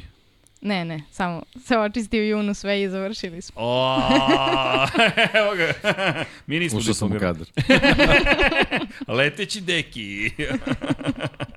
ali nema veze, ruke na sve strane, ali to je sve okej. Okay. Ali dobro, nemaš diplomski, ali dobro, ne, ti se ja sad ne mešam, mada ovo je za roditelje. Mi ćemo opet da lobiramo da ona nastavi svoje formalno obrazovanje, zato što je to neophodno. A ja sam kupio po jedan. Pa, ma znaju oni da, da sam ja taj lik. Da. sam upisala, Si štreber? pa onako, upisala sam dve više i fakultet, pa onda tata rekao mora nekad i da se vozi motor. Čekaj, čekaj, čekaj, jesi ti serikse indeksašica, da ne kažem indeksaš, pošto... Koliko imaš indeksa? Dva. Ja imam tri. Ti? Ne, ja jedan. Ja Ali jedan. u smislu da imam ove digitalne. A evo digitalne. da, pustite nama sad ne treba, imam ja mislim dve ocene u, u njemu i to je to. Kako? Vadiš Ja sam se... jedan isprsko razvijačem, tako da sad je Šta si radio? nama. Kojim razvijačem? Za fotografije? Da, da, da. da. Jel ti znaš nađe kako se uopšte prave fotografije stare? Kak metod? Pa znam od prilike, ali nije da sam prošla kroz proces. Nije. Razvijač, fiksir Ja i sam te znao stvari. prilike, pa sam prosao razvijač. Tako da je lepo, onako, ovaj, kao na kameleon boja, onako, sad se, Uko kamuflažna. pa, kameleon, kameleon, nije kamuflažan, kameleon. Personalizovan. Personalizovan. Tako. Personalizovan, to uopšte nije loše personalizovan. Inače imaš pozdrav od Igora Markovića. Hvala. Kaže, šta ću vam ja u studiju kad je tu nađe? Tako da, Igore, hvala ti, ali hoćemo i tebe da čujemo, zato što mi volimo te raznovrsne momente i različite razmišljanja. A koji je to fakultet koji ti studiraš? Fakultet za medije i komunikacije. Dobro. To je FMK. Da, da. To je, pa to je blizu ovde, tamo, kod našeg novog prostora. Pa FMK. on je dole kod uh, autobuske stanice, one glavne. Autobuski stanic, a onda to Da, nije to je Karadžorđeva. Pogrešio sam. Pogreši čovjek. Ima neki FMK dole blizu gastrošora, ali ko zna. Sad, ima puno fakulteta. Školujte se ljudi kako god, samo o- obrazovanje. Neformalno obrazovanje, ko te uči da voziš motocikl? Kako si učila da voziš motocikl? Pa Isto i, sama, sama usi svoje kljuse ili... da, da, sela i teraj. Šalim se, pa pre svega, mislim, ono, tata, prijatelji, YouTube. E, savjeti YouTube, koliko ti je pomogao YouTube? Pa i dalje mi pomaže za, mislim, sve i svašta, počeš i od tema i vezano za sam GP, pa do vožnja, jer mislim da svuda i od svakog može ponešto se nauči, nebitno i dalje je to neko mlađi, stariji, samo je bitno da, mislim, sad razlučimo šta je tu dobro, šta je loše, nisu ni svi saveti dobri, tako da. Jasno. A koji ti je omiljeni YouTube kanal? Pa i nemam onako da pratim sad konkretno neki, aha, mi, ne, mislila sam na ovu temu, kako ta, Srđan. ovo je bilo na foru. A, reci, a, a, ovaj mozak i dalje ima 14 godina. šali se, šali se, bez brige, rađice. Učutala se. Može neki drugi kadar. E, znaš kao subscriber, daj spisak subscribera. Šalim se, razumeli smo se, namerno sam to uradio, ne zameri, ali zabavljamo se praznično izdanje. Dobro, dakle, nema neki baš koji bi preporučila tipa za savete i nešto slično. Pa ne, zato što mislim većina njih ima tri pametna pa četiri glupa savjeta, tako da E pa hvala ti. moram onako. Jel nam ovo treći podcast ili četvrti? E, Nađice, ti si genijalna. Neka, mi se lepo zabavljamo. E, čekaj, da li ima neko pitanje? Uh, kaže, u, čekaj, čekaj, u, šu, ču, e, stani, pobeže mi, sad ima ovde ta teksta. Uh, uh, da vidimo. Uh, šta, ta, ta, E, o, dobro, ovde su neki koji sad je novinar, će uskoro... Ma ne, Toni, ma nemojte, Toni, ma kakav, vidi, nađice, e, samo ti guraj svoje. Dakle, mi smo te upoznali i znamo koliko si bistra, e, tako da samo ti guraj. Boško kaže, ovo je bilo trik pitanje. Naravno. E, da, inače, da, čekaj da vidim. A, aha, sad će da padne izbacivanje malo... Uh, ovde ćemo jedan da padimo uh, time out. Ove psovke mi ovde ne prihvatamo. Ćao. E, tako da, Kele, kada budete pristojni, ta, da, možete da se vratite, imate 5 minuta. Tako da znate, a, šta, ma ne znate, šta Dušan ima ne, nešto. E, mi navijamo za tim koji vozi. Da, da. E, dobro. To, nema psovki. Dakle, ko psuje, ovde mesto mu nije. Mi smo ovde vrlo a, naše kanal, naše pravila. Pravila kažu samo pristojno. A, tako, da, tako da bez brige. E, inače, e, brate, do, to su sa neki komentari, vidim da smo ovde uzbudljivi. A, da li postoji mogućnost da Nađica postane deo ekipe od sledeće e, sezone? Koje ekipe, Boško?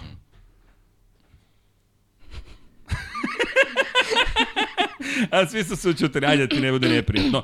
Da li postoji mogućnost? E, ne mogu da vam odgovorim na to pitanje, pitajte Nađicu. Dakle, e, potražite... Nađica, postoji ta mogućnost? Pa postoji, zašto ne? To... E, tako, Igor Marković kaže, momci nije u redu prema deci, nećemo sirovine biti. Tako je. E, inače, pitanje Debanđino, a ko je po nađici najtalentovaniji vozač trenutno u Moto Grand Prix? Pa teško je izabrati jednog. Mislim da ima poprilično tu ozbiljno talentovanih vozača. Dobro. Samo da li su se našli sa motorom i da li su se uklopili u te malo jače mašine, ali ajde ako moram da izvojim jednog, pa mislim da... A da di... nije Fabio Quartararo? mislim da, da DJ ima poprilično tu talenta koji samo onako fali mu malo motivacije, što smo da. videli. ok, ali što ti, baš me zanima to oko DJ, pošto DJ nas je sve manje više kupio i razbesneo na kraju gde si bio do otkaza, ali me baš zanima, znaš, kod DJ šta, šta je to što si ti videla, šta se to tebi dopalo u, u samoj završnici? Pa baš to što je pokazao da zapravo kad ima ozbiljan motiv da može se, mislim da je kako bih rekla, na nivou sa, sa svim vozačima koje spominjemo konstantno, jer on nekako je uglavnom bio tamo pozadi nije toliko ničim skretao pažnju na sebe, a u stvari to je poprilično ozbiljan vozač koji samo eto, nije imao dovoljno motiva. Mislim, ne znam kako, ali nije, očigledno. Da, dobro, vidiš, nije dovoljno da uđeš u Moto Grand Prix, neko mora da ti tu dodatno motiviše, očigledno. E, inače, imaš pitanje od Dušana Glavnić, kaže, šta misliš o Markezu, pošto si Rosijevac? Tvrda pitanja, teška. Da, možda ga praznično. Sad si u javnom ovde miljevu. Pa mislim da je mislim, nesporno vrhunski vozač, samo prosto on kao ličnost van staze i ti neki incidenti s početka njegove karijere koji i dalje ipak ga prate, ne znam. Mislim, ima on tu i, i dosta nekih stvari koje su na mestu, ali nekad malo preteruje. Onako malo prelazi te granice. Ajde sad s godinama malo je sazreo, pa nije to više toliko i povredama, pa ali opet mislim da da treba da se čuvamo, pazimo, mazimo i, i tamo na stazi, to koliko god da, da za sve postoji, jer ipak su to ljudi. Mislim, ono kao, potpisivanje Martinu na kombinezon, ok, ali čovek je ispred tebe i ti ideš ka njemu točkom. A vidiš, Pri toj brzini. Potpiši, potpiši jednu reč, to dopalo. da. mislim, ok je sve, ali mislim da je malo ono preterano rizika za, za neke takve stvari. Ipak smo pre svega ljudi pa onda vozači, tako da. A vidiš, ja nemam problem sa tim potezom, to što je otišlo na rame, nekako je meni to bilo, trkamo se, znaš, nije mi išao tako daleko, ali već imam problem kada znaš da, da ideš u neki prekomerni rizik. To mi je baš bilo onako trkanje trkački, nekako čak ni Martin se to nije bilo, ali to sam samo ja. To je možda samo uh, starija osoba. E, pitaju te da li pratiš Moto2 i Moto3 kategorije? Pratim, ali, mislim, pratim ono, odgledam, ali uglavnom ne gledam tad kad je trka zbog nekih drugih obaveza, nego naknadno. To je samo za GP, onako da alarm u telefonu otprilike upaljen. Tako da pratim, ali ne, ne toliko koliko GP. Da, inače Toni Soni nas optužuje za diskriminaciju pozitivnu. Kaže da, da, da zapravo uh, si ovde na vezu. Jeste, nađite na vezu, apsolutno da znate, zato što eto, i bit će još nekih na vezu. Samo pratite kanal tokom, tokom ovih letnjih pauza, neke nove generacije mi tu hoćemo malo da ispromovišemo. Tako da nemojte uopšte da, uopšte nemojte da brinete. A kada govorimo o vezama, pa da, potrudit ćemo se da još neke ljude otkrijemo koje, koje mi tako smatramo da imaju određene kvalitete, znanje, šta god i da dođu da malo sa nama časkaju i pričaju. Zašto? Pa zašto da ne? A, kaže Srki uvek za onoga ko pobeđuje, što je radi bio Marko Marquez, sada je Francesco Banjaje. ne nije ni to da loša taktika. Ne može da pobegne. Da. ne mogu da, da, nije loša taktika. Hvala ti, Nađice. Dobro, bar lepo prozivaš. kaže Dušan Glavnić, kako mi da završimo u podcastu? Ne znam, Dušane, jel pišete za Moto Grand Prix negde i da li imate svoj Instagram koji se zove Moto Dušan, na primjer? Tako da i rešalim se, dakle, imamo bi, bili su ovde nama gosti i neki drugi, jer smo promovisali gospodina našeg dragog prijatelja Avelatija. Zašto? Pa pratite Avelatija, zato što dečko se trudi da promoviše lepe stvari, priča i o igricama, priča i o Moto Grand Prix. Inače, ali možete i da dođete i da sedite sa nama ovde u društvu, da se upoznamo. Dosta ljudi tu došlo i svratilo. Srki, da li je ovo do sada najlepši gost? E, znate kako, lepota je oko posmatrača, tako da ja to ne mogu da, da, da vam ne odgovorim na to pitanje to vi sami uh, da, da procenite, ali kaže Toni Soni, ne brinemo, mi uopšte dozvolite deci da prođeš malo više, možete da se edukuje, da uđe malo više sveta u Moto Grand Prix, da bude još kompetentnije. Nemojte da brinete, imamo osjećaj neki nađice da će da nas sve zapravo prešiša u jednom trenutku. Pa polako, mislim, ne možemo mi da se merimo pre svega zbog godine iskustva, tako da bilo bi glupo da ja znam više, svakako. A, pa vidi, bilo bi polako. za nas, ne za tebe.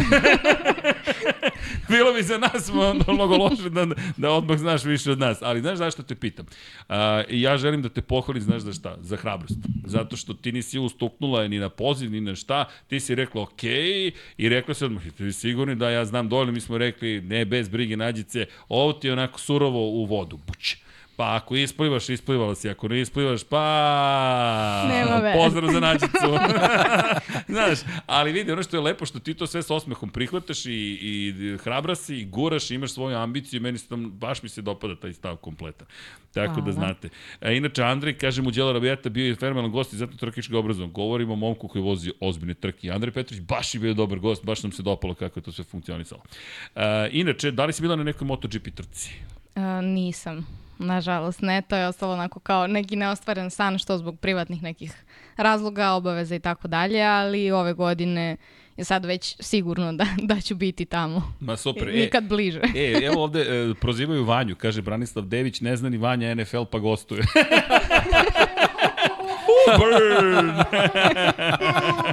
ovo je baš bilo surovo. Ovo, ovo ja ću sad otvorim ovde hadlu. Mada ovo više bio sek nego bilo šta drugo. Ali, ali, ali znate šta je, u čemu je poenta?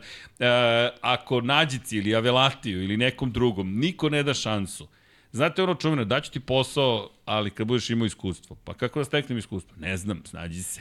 Tako da mi želimo zapravo da upoznamo neki novi ljudi, da im damo priliku da sednu pred kamere, da razbiju tu prvu tremu, koliko uopšte postoji, i onda da krenemo u šta? Pa čujte, moj prvi prenos, bolje da ga niko nikad ne čuje. Ja se nadam da ni Eurosport nema snimak mog prvog komentarisanja. Verujte, bilo je... Ali ja sam slušao. I snimak.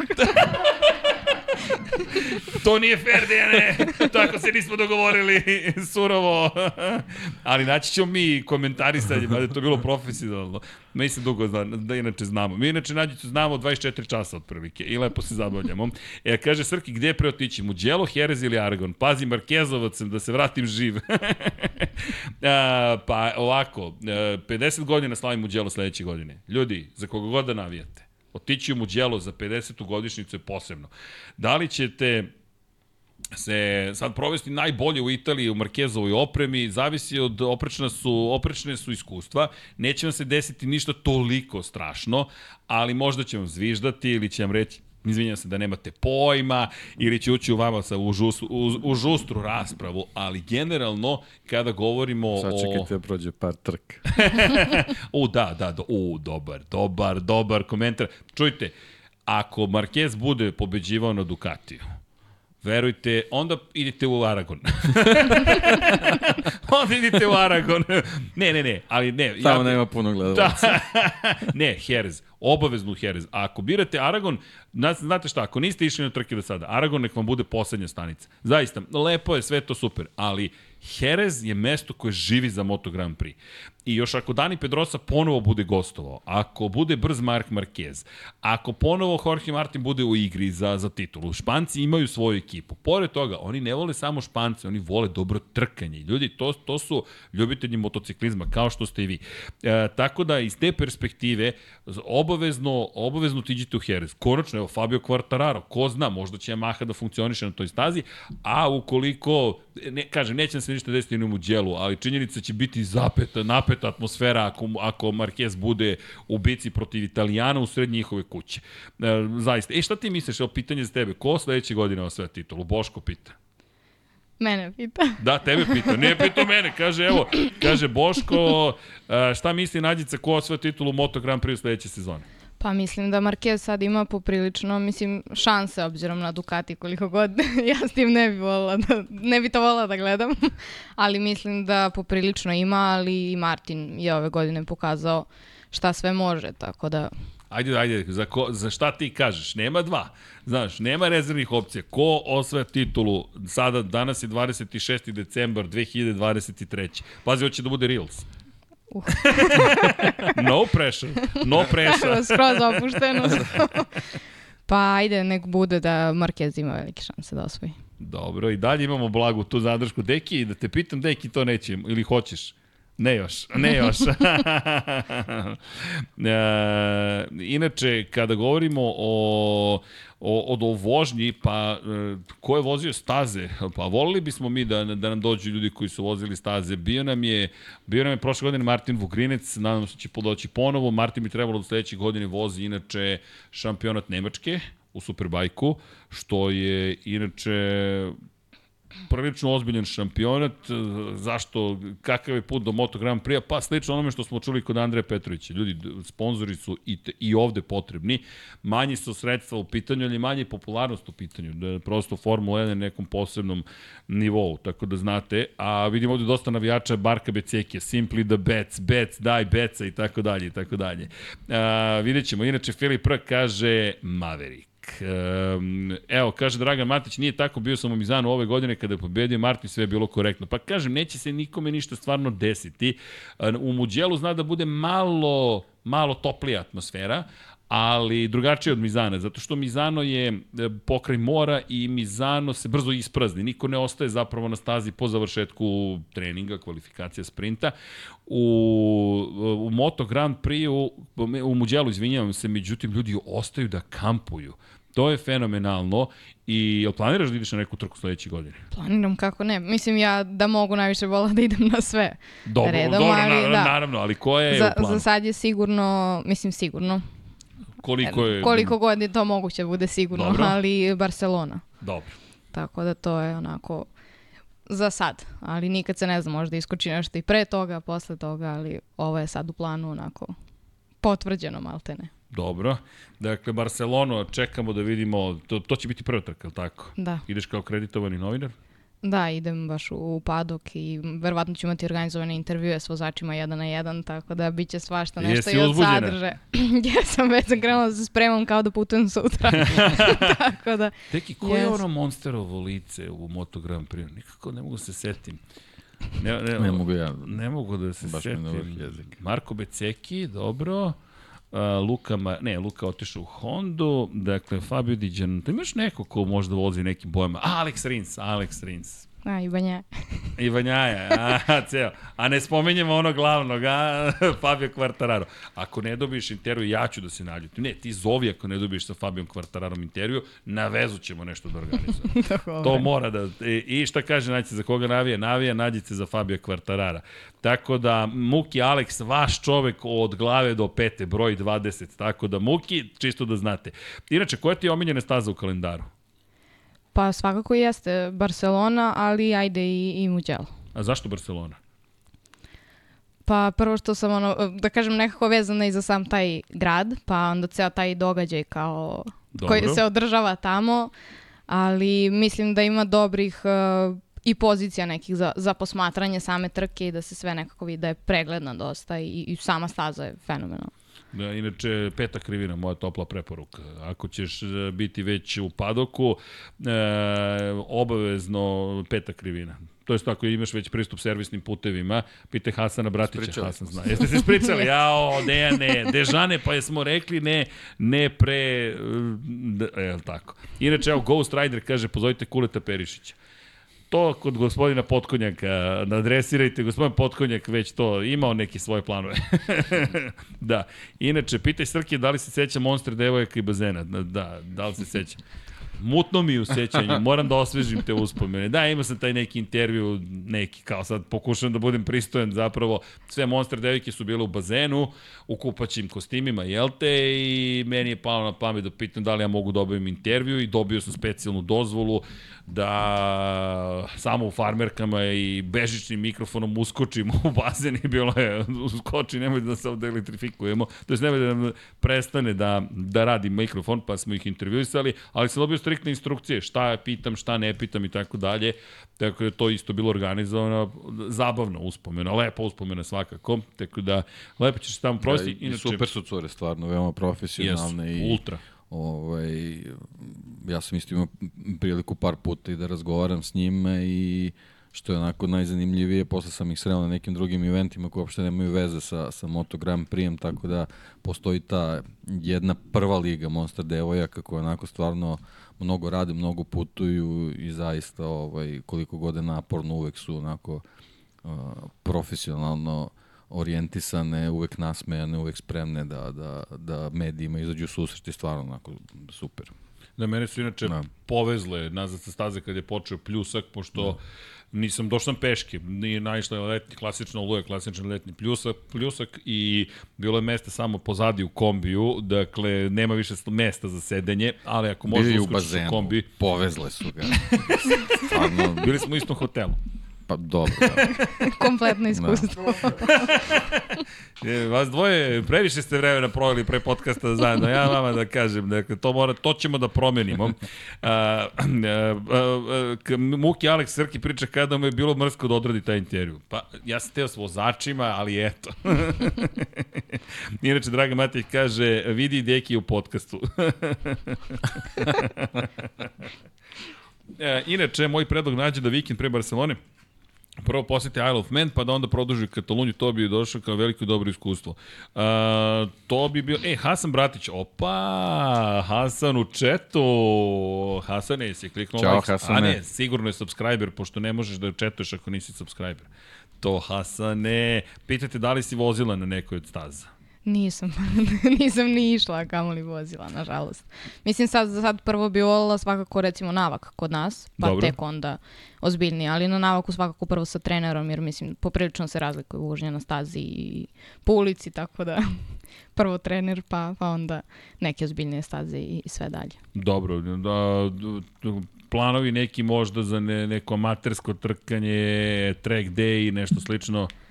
Pa volela bi, ali mislim da moram poprilično da se spremim i da je to i ozbiljan i finansijski izdatak, tako da samo zbog toga, ali svakako bi volela, da. Dobro, to je lepo. Inače, Hasane Bratiću, kada budemo odbili na stazi, očekujem i vas da nam budete na stazi, pošto, jel te, Hasan... E, inače, zanimljiv uh, trailing ima događaja kada počne jun, 2. juna, uh, samo da nađem gde mi je kalendar za 2024 ali ukoliko sam ja dobro zapamtio, 2. juna je trka u Muđelu. Pa maj i jun su generalno interesantni. Da, i iz te perspektive, dakle, završi se u Muđelu 50. godišnjica, onda Isle of Man TT, koji traje dve nedelje, ali glavna nedelja počinje 3. juna, završava se u subotu 8. juna. Dakle, odatle nastavimo. Inače, Katalunja dolazi pre Isle of Mana, to jest Isle of Man počinje 26. ja mislim, ne, 27. maja počinje, tako da znate, posle Katalunje može Isle of Man. Ali moj predlog bi bio Mugello, pa onda iz Muđela tamo gore za Douglas, za Isle of Man TT, a onda jesu četvorotočkaši na Le Mans. Deki, kako tebi zvuči ovaj moj kon, iskontemplirani moment. Danas sam sa komšijama na kafi nešto pričali i znaš kako je nastalo sad ovo? Pita me čovjek, ideš na Lemaniju, koje nemam pojma. Pogledamo, tad je velika nagrada Kazahstana, koja još nije sigurno da li će se desiti. I rečem, hm, Le Mans, 101. godina, bit će zabavno i tako dalje. Onda, ne, ne, mislio sam na Isle of Man TT, pogledam kad je Isle of Man, posle Mugello. Pazi, Mugello, Isle of Man, Le Mans. O, to ako se desi, pa ja mislim da će to biti jedna prelepa godina. Inače, kako ti je bila godina? Pa uzbudljiva, fenomenalna, brza. Sve, mislim, prosto previše nekako utisaka, mislim da još uvek ne može da se slegne Dobila sve da si će posao trebati. prvo, pa si onda od tog posla došao do toga da pišeš o Moto Grand Prix-u, pa sad ko zna šta sledi i dalje, i dalje radiš Instagram, TikTok. Pa da, naravno. Samo sad kad je malo hladnije ne vozi se malo teže napraviti neki kvalitetan sadržaj, ali opet Ja motocikl negde u zimovniku. Neko. Jeste, da, na, na te pikčiće, onako kao iz salona čeka, tako da samo eto zbog toga je malo ova zima onako. Nećeš skoro da ga menjaš. Pa prvo sam mislila da ću ga možda voziti jednu sezonu pa promeniti, ali za sad zadovoljna sam, ne, mislim ono, neki drugi su sad stvari u planu da, da motor tu nije, ovaj ispunjava sve što treba, tako da. E, uh, ovo ispunjava sve što treba. Pa mislim za to zašto ga koristim za sada, da. Ako Dobro, bi prešla gradu na, na stazu, svakako da to nije onda taj motor. E, inače... Si išla imam- negde van grada s njim? Jesam, da, ali uglavnom samo po Srbiji. Napravimo neku turu pa ubijemo i do 500 km u danu. Posle se tri dana lečimo, ali... Pa dobro, da. I nema nešto ni mesta za prtljak baš. Ne. da, pa ne, samo ranac i toliko. To, to, da. Tako da, super. E, ima pitanje za Dakar. Da li pratiš Dakar ili neke druge serije? Motociklističke. Slabo, slabo. Nekako sam se baš fokusirala na, na GP, to mi je onako, da kažem, početak i, i kraj te, te priče. Ako naletim na nešto, odgledam, ali nije do sad onako ciljano to. Niti tražim, niti, niti se posvećujem tome. Evo, mama i tata moji se javljaju iz Čile. Ćao, Pozdrav. ljudi. Pozdrav. Hola. Inače, Toni Soni kaže, podsjećaš ga na njega pre 30 godina, još nisi bila na stazama. Toni Soni, ako ste 76, to je to, pre tačno 30 godina. Krećem. Pitanje za Dekije, da li je Dominik uh, Sobosla ispunio očekivanja? Apsolutno. Ja ne znam ko je to. Nije ni bitno. Nije pitanje za To tebe. neki Liverpoolovac. Uopšte ok, ok, pa ne, ali vidite. Neki su nam se smejali kad smo rekli da će to biti pravo pojačanje. Neki su se smeli kad si donio 10 šok tih bombona i mislili da će ostati žive do kraja podcasta. dakle, Deki Hoćeš ti te dve da otvaraš ili nećeš? Ja sam otvorio ove Šalim se, dve. se, Čekaj, evo ti. Ne, ne, ne, ne. Ako staviš ovde, otvorit ću tako da. Bolje nek stoji tu. Da, inače, kaže Brian Sladeć, to što Srki pije sok nije pravo pivo da ne, da, da, da ne da znaju mama i tata Erceg. Inače, Mare kaže prejak igrač. Evo, izvoli. E, hvala. plave boje, to ti za Fabija Da. Kvartarara.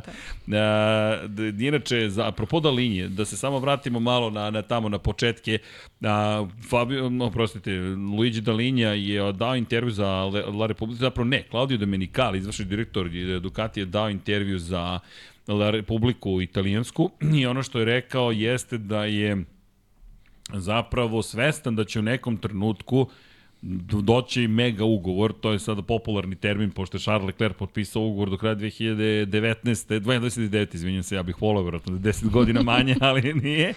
Ali se desilo da je 2029. godina koji se završava taj ugovor i za ovoga mega ugovor. Ono što je rekao jeste da zapravo očekuje da Dalini bude ponuđen mega ugovor i da postoji opasnost pre svega Honda da odvede Luigi Dalinju. To je već bilo priče o tome ove godine. Dalin je rekao pa nema mnogo smisla sada u momentu kada sam sve ovo izgradio da sada odustajem od toga što je učinjeno. Inače, evo Aris kaže hvala Srki, pozdrav za Makedoniju. Hvala, pozdrav za Makedoniju, pozdrav za sve vas, dragi ljudi.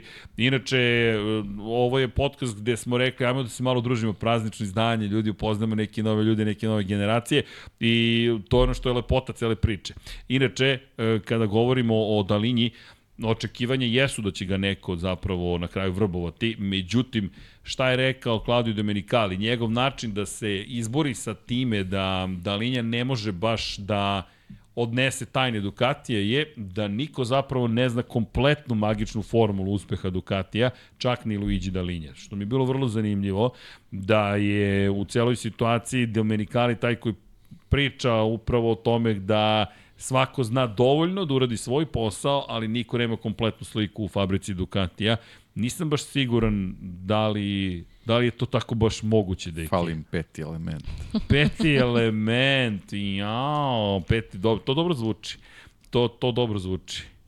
Dakle. Pa da, mislim, generalno teško da, da jedan čovjek može, može sve da, da, da drži ovaj, u svojim rukama. Mislim da, da je ista priča i sa Adrianom Njujem. Koliko god on bio genijalan, verovatno postoje neki segmenti ovaj, na tom svakom pobedničkom šampionskom bolidu koji on kreirao, gde je neko drugi imao neki uticaj, gde možda Adrian Njuj je, je upoznat sa, sa, sa razvojem tih nekih stvari, ali generalno ovaj, možda nema, nema uvid u sve. Mislim, eto ja sad poredim, poredim da, Dalinju i Njuje, možda je, možda je generalno rano da, da, da, se, da se tako poređenja prave, ali, ali ono što je on doneo ovaj Moto Grand Prix sa, sa razvojem Ducatija, verovatno do sada u istoriji nijedan, nijedan uh, inženjer nije, nije donao na taj način kako je, kako je Dalinja to uradio sa, sa Ducati. Mislim, ono što je uh, generalno najvažnije za njega, naravno da se on sad poisto veće sa Ducatijem, ali čovek nije čitao svoju karijeru radio tu, mislim, on je čak radio i,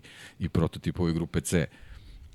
Znači, čovek je radio u razvoju automobila, uh, radio je u Aprili sa još nekim markama na, na raznim projektima, tako da nije on ovaj, verovatno čovek koji će se zadovoljiti jednim svojim bajkovitim projektom, tako da ako se zasiti ove čitave priče, zaista postoji i veli, veli, velika verovatnoća da će i on možda pronaći neko, neko svoje zadovoljenje na, na nekim drugim stranama i onda, onda tu stvarno može da krene, ovaj, da kažemo, lov na, na dalinju i ko će uspeti da, da ga privoli sa razno raznim uslovima da, da pređu njihove redove. Mislim da tu sad ti mega ugovori ne verujem da će biti samo vezani za novac, nego da, da će on kao, kao i, i svaki od tih inženjera koji tu radi, pa, radi i pogledati neke svoje ovaj, profesionalne interese, tako da nije to baš samo tako jednostavna priča, nisu to transferi ovaj, kao što se pravi transferi ovaj, kod sportista, nego se više tu parametra gleda, posebno oni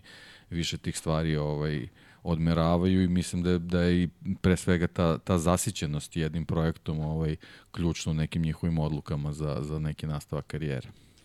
E, da, inače, kada pričaš o grupi C i kada pričaš generalno o tim stvarima, dosta se u ove godine i prethodne u Formula 1 pričalo o efektu tla. Efekt tla, pogotovo kada je reč o grupi C, je igrao značajnu ulogu, pogotovo u bočnim ubrzanjima. Dakle, jedna od stvari koja se dešavala jeste zapravo da je efekt tla upravo bio odgovoran za ponašanje u krivinama.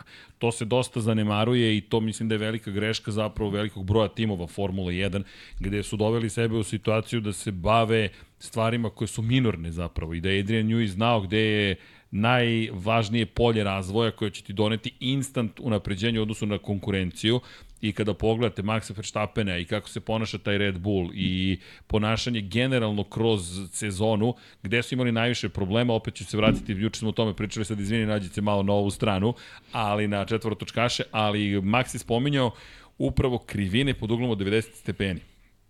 Gde je bočno ubrzanje zapravo minimalno u suštini. Ti zapravo imaš samo agresivno vrlo skretanje, ti imaš klasičnu rotaciju, pokušavaš da brzinu preneseš zadnjim točkovima, ali ti nemaš toliko bočnog ubrzanja koliko imaš u klasičnim krivinama ili krivinama koje su nešto duže i drugačijeg oblika ili promjena smera kretanja takođe može biti važna, ali tu već dolazimo do oslanjanja, ne toliko do, do efekta tla.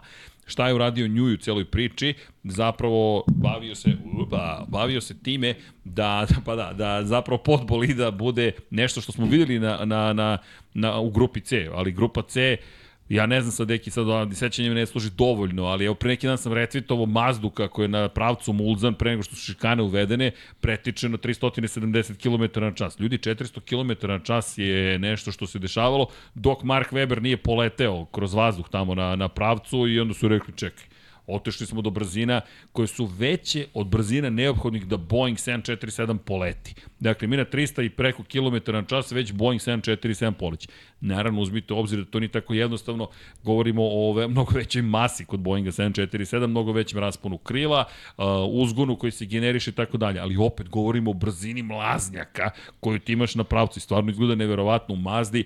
On izlazi iz krivine 370, samo ako sam prolazi, plavi bolid zapravo prolazi pored njih. To je, to je vreme bez kompromisnih brzina. Ali, ali kad pričaš o dalinji, da čovek je prošao mnogo toga, zaista mnogo toga ko zna šta je sledeći put, pazi, to, to niko živ ne zna. Apsolutno, mislim, naš, ne verujem da je, da je čovek koji će da, da ovaj, uživa samo na, na lovorikama, jer ovo je jedan dugotrajan i mukotrpan posao bio da, da sad u ovom trenutku dođeš do ovakih uspeha kakav Ducati ima, tako da ovaj, u nekom trenutku može da dođe do zasićanja, ne, ne mogu ja da tvrdim da će zaista tako da bude, ali ali generalno ne verujem da, da ti neki basnosnovni ugovori njega mogu tu da zadrže ako on odluči da, da ide dalje.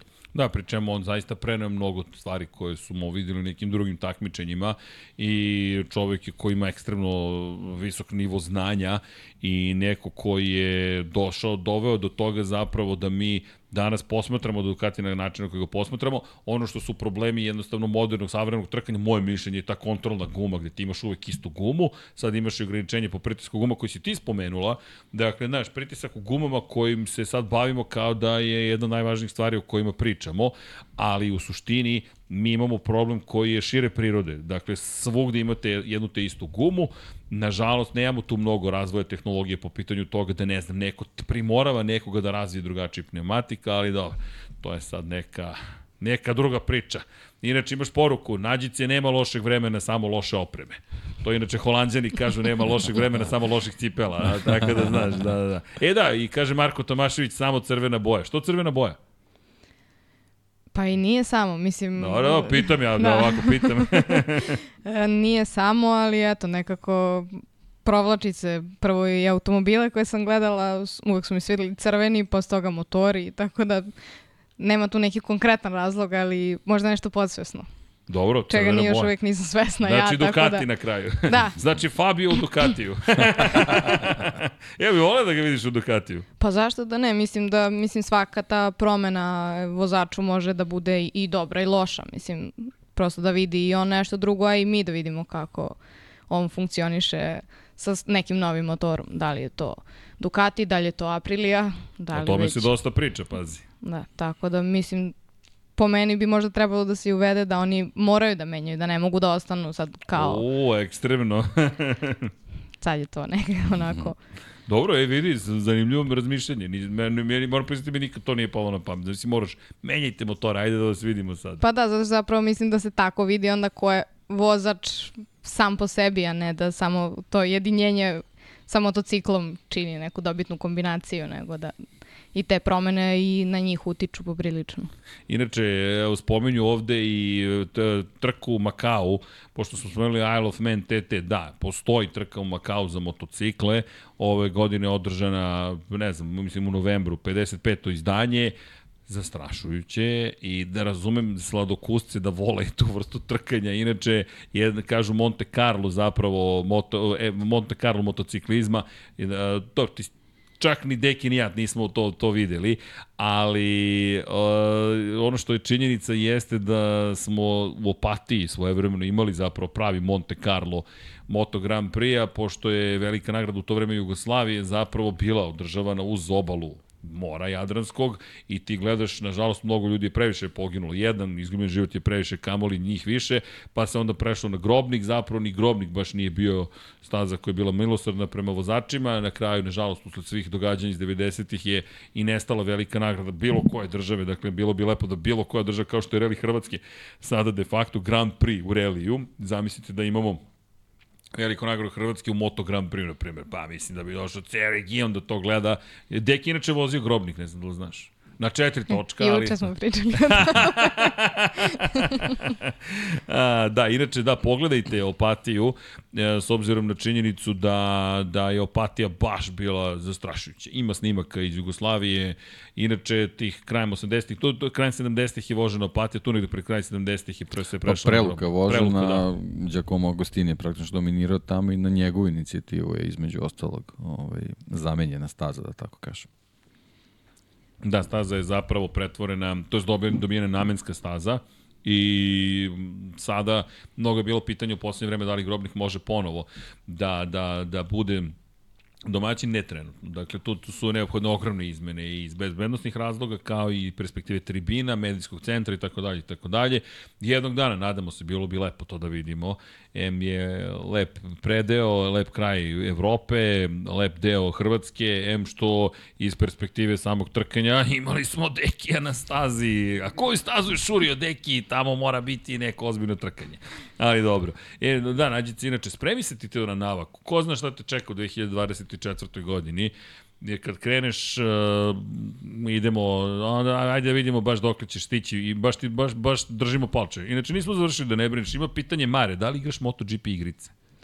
Pa igram ponekad na Xboxu, ali Nije, to mi mnogo slabije ide nego na ulici ovako. Ma I Xbox. srđan. A, ali čekaj, Xboxovac nam je ušao u studio. Deki, Xboxovac je ušao u PlayStation studio. Inače, šalimo se, ne, nevažno je koja je konzola. Igraš baš MotoGP igrice ili nešto drugo? Da, da, baš GP. Ali 2019. 2019. Dobro, ne želiš da probaš ove nove igrice. Pa mislim, volila bi, ali taj je prosto onako nekako iskočila i kao ajde, jer realno nije ni da često imam vremena uopšte da se bavim igranjem igrica, tako da je to onako, ajde kao, kad, kad nema trka, onda samo sebi napravim trku. Uf, morat ćemo to, to, to Fantasy, pronaći. ne? Fantasy? Uh, ne. Nisi igrala fantasy? E, je, probala sam, ali nisam, nisam se dovoljno Ništa posvetila i godine onda... ćeš. Ne, Da. sledeće godine morat ćemo, ajde, znači, mora to. Inače, pitajte koji ti najdrži motor. E, Muki, već je Nađica rekla, CBR 500 trenutno, a od omiljenih, pa dobro, nisi ih imala sada još toliko mnogo ili, ili imaš omiljeni od svih koji Pa si vozila? mislim, ajde od svih koji sam vozila svakako da, ovaj koji sad vozim. Uh, probala sam Augusto Brutale, to je bilo kratko, malo kobno. Šalim se, Što? nije bilo. Čekaj, čekaj, čekaj, mama i tata mute kliknite. Šta je bilo s tim brutalom? Pa mislim, bukvalno sve je bilo super dok sam se vozila, ali je problem što kad sam stala, pre, motor je prevagnuo na jednu stranu i onda sam ja pokušala da ga zadržim. To je već bio onako instinktivno, pa je morala da strada malo prsta, ali nije to bilo ništa strašno. Samo je smešno što mislim kao stanem i onda padnem. Pa zove se brutale. Da, Mora nešto da. se desi. Ali, isto, mislim, fenomenalan motor, a vola bi probam svakako Panigale, jer to onako i estetski i u svakom smislu, i crven je.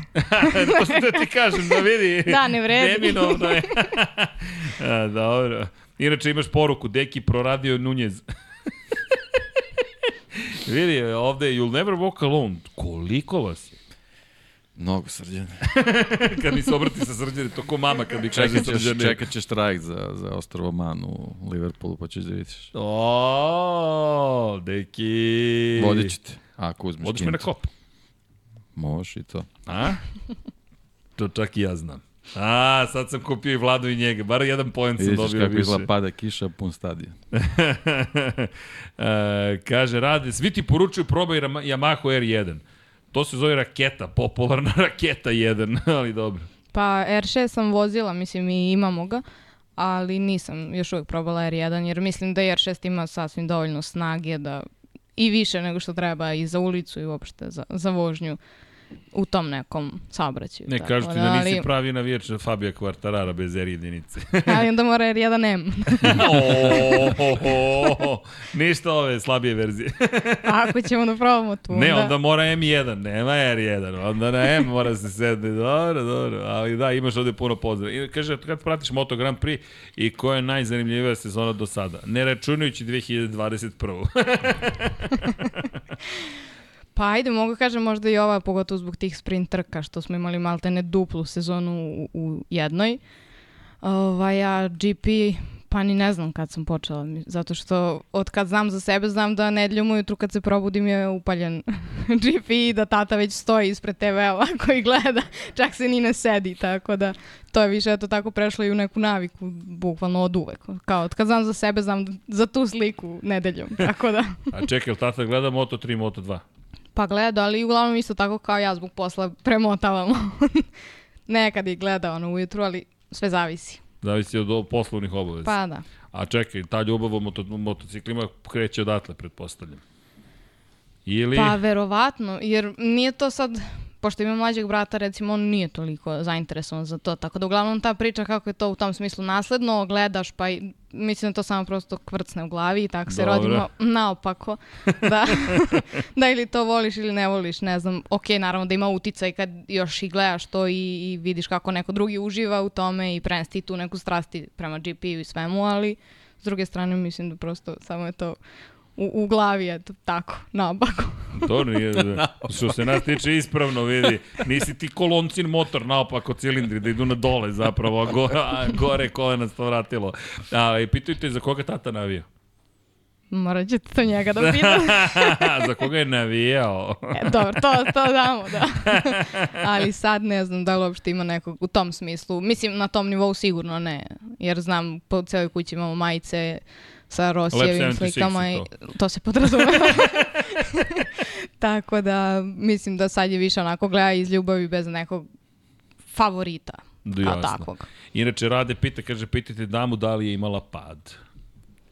Pa ne volim da pričam o tome, mislim da su to ono neke teme koje Pa dobro, jesi imala, da, ne. Pa jesam, da, pogotovo, mislim na krosu, kako bih rekla. Otkaže mi kočnica u krivini, padnem, što da radim. Mora se baci u ne, nemam drugu opciju.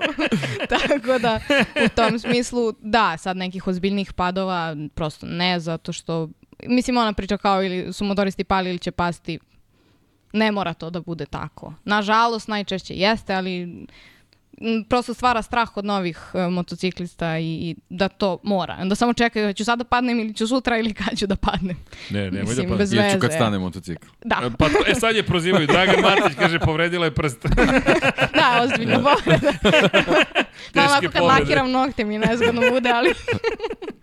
da, ali čekaj, dakle, bilo je kod trljanja u krivini, otkaže kočnica. Pa da, dešavalo se. Mislim, takve neke scene, ali to... Deo sa- sporta. Pa da, potpuno ono, oprema je na meni, tako da nema tu ništa, ništa strašno.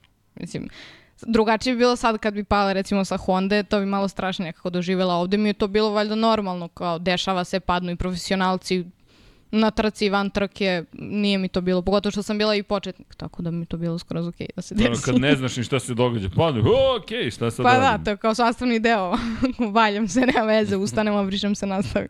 Inače, evo ti, Tony Sony 76, kaže, najgori motor za devike R6, zašto? Najkonforniji GSX R6 otka. R6 ima najviše, najšire sedište i korbe lučke su najdalje zbog rogog rezervara. I eto, to je to.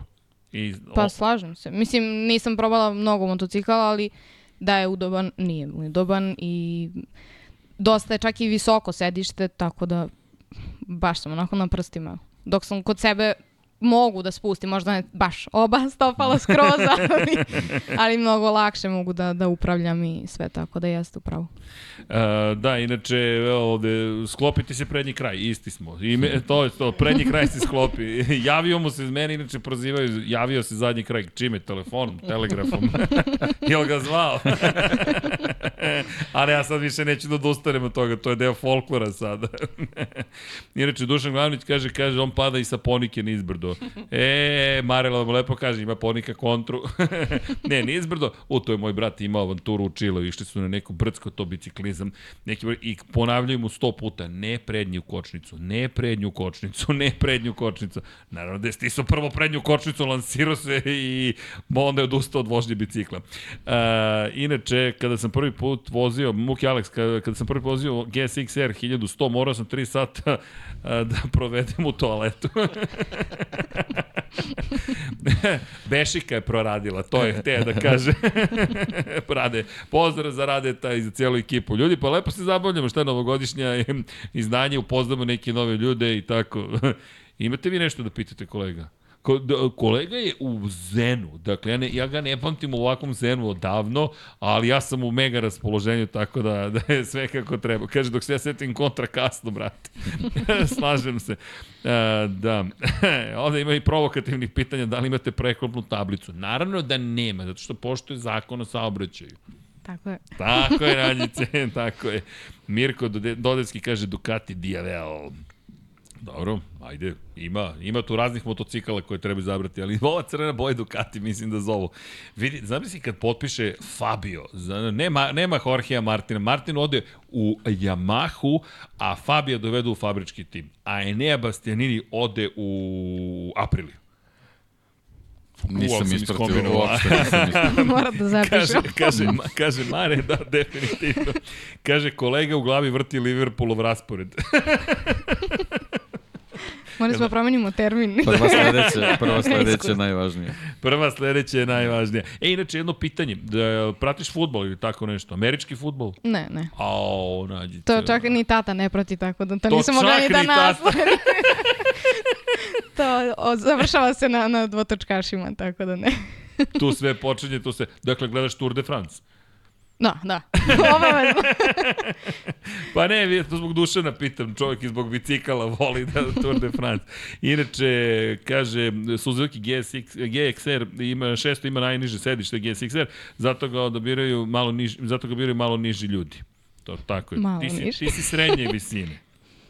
Da, reći ću. Sreće kamera. Poslušaj me, srednje visine, to se tako kaže. Nisam, ga, nismo te još zarazili NFL-om. Polako, ona misli da nije zaražena NFL-om, ali Nađica ne zna ko uđe u ovaj studio. onda kreće akcija. Pazi, a, pošto si subscriber, onda ti izlaze obaveštenja, pošto sigurno imaš upaljeno zvonce. A, da, pf, naravno, ove, onda 99 yardi kad izađe, tu je mnogo ozbiljna ekipa. Pošto imaš omiljenu boju, eto, imaš nekoliko timova, Tampa Bay Buccaneers i San Francisco 49ers i sve su to crvene boje, dakle možeš da biraš. Dobro. E, kaže, pitujte za koga navijaš u biciklizmu, pošto ga već pratiš. to, kasni.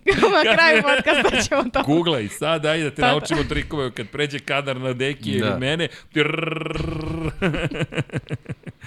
e, rade ovde, ima i raznih proziva, ali tako, inkubacija je počela.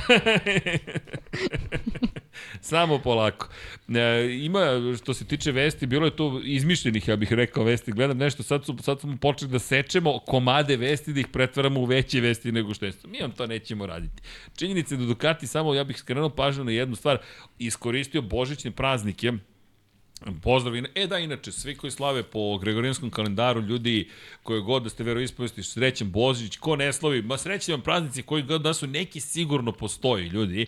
Ono što je bitno, želimo vam zaista lepu godinu. Želimo vam da kao Dejan uživate u ovim posebnim bombonama koje su, ne, koje su mega zarazne. Ja ne znam srećnije dete u ovom trenutku od Dikija Potkonjaka. I da vam bude lepa prosto godina koja je pred nama i da se lepo zabavite kada se sećate 2000 2023. Ne, ovo nije ozjava. O, ozjava. Opa. Hadal je počeo da čini svoje.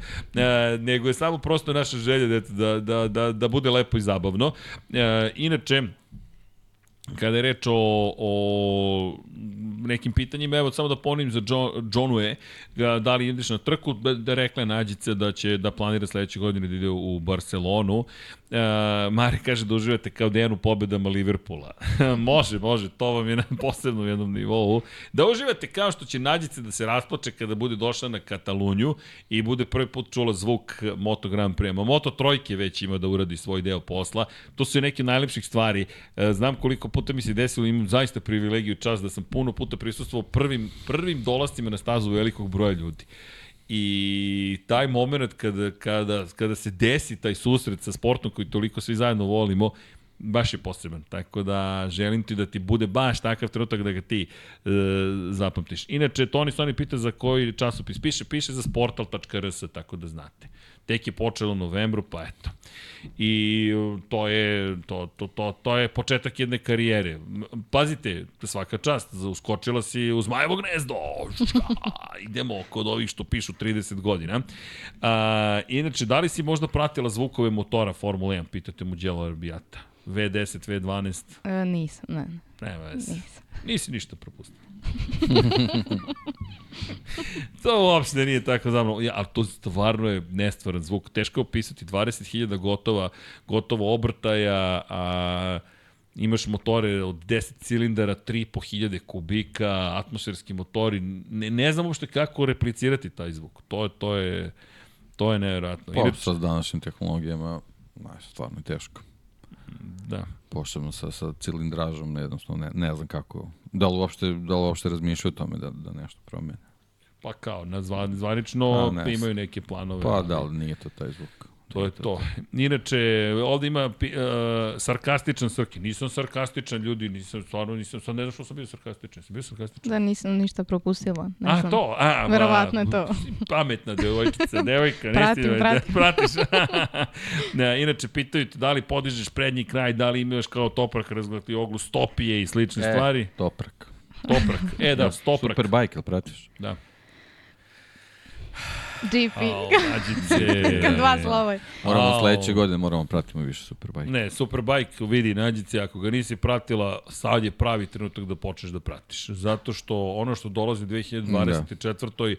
to će biti ozbiljan, ozbiljan, neću reći rival Moto Grand Prix, pošto je Grand Prix trkanje uvijek posebno, ali ono što dolazi sledeće godine u Superbajku, ja mislim da će biti jedna od onih sezona koje se pamte. Jedna od ključnih sezona generalno, jer vidi, uz elektrifikaciju i sve što dolazi, mi polako ulazimo u pozne godine kompletnog sporta. Mi možemo da se lažemo, ali nema potrebe. Tehnologija će učiniti svoje i ja vas onako sentimentalno gotovo pozivam sve zajedno da sa nama, sa Nađicom, sa svima pratite narednih 10 godina. Ja mislim da će tamo neki 2034. 35. doći kraj našoj baladi. Možda će se ona gasiti još postepenije, ali isto tako mislim da će ovih deseta godina... Generalno će doći kraj naše balade, da nemam problem E, s daj gitaru neki. Nothing else matters.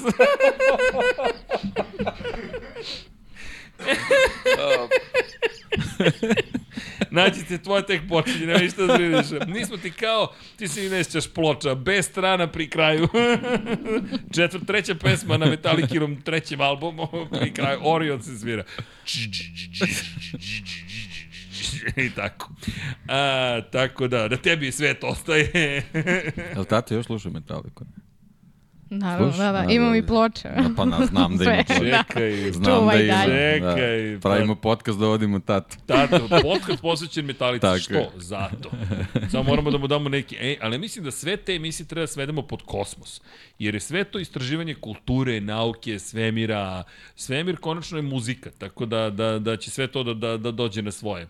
Ali da vas pozovem da pratite narednih deseta godina ozbiljno sve što se dešava, pošto mislim da nas čeka zaista veličanstvena sezona.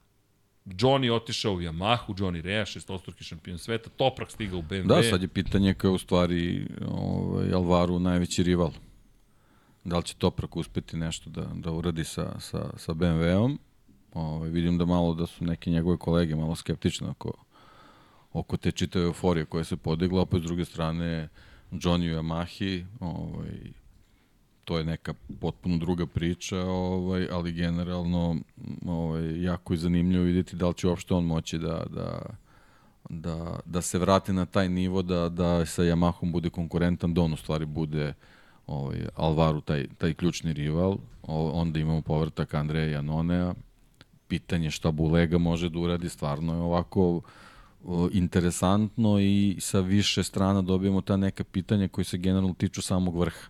I to je ono što je interesantno, ne samo kao vozači koji su došli tu ili su već Jasno. nekoliko sezona, eto, kao da vidimo na kom si nivou, nego tu se sad već stvarno postavljaju ta pitanja kako će izgledati taj sami vrh, pošto zaista su se potpuno izmešale karte i stvarno može da bude veoma interesantno. Da, inače, e, evo, pinovo sam poruku, pitao i za tvoj Instagram profil, tako da eto, ko želi potražite nađicu, mi ćemo da je gnjavimo sada da počne da prati sve.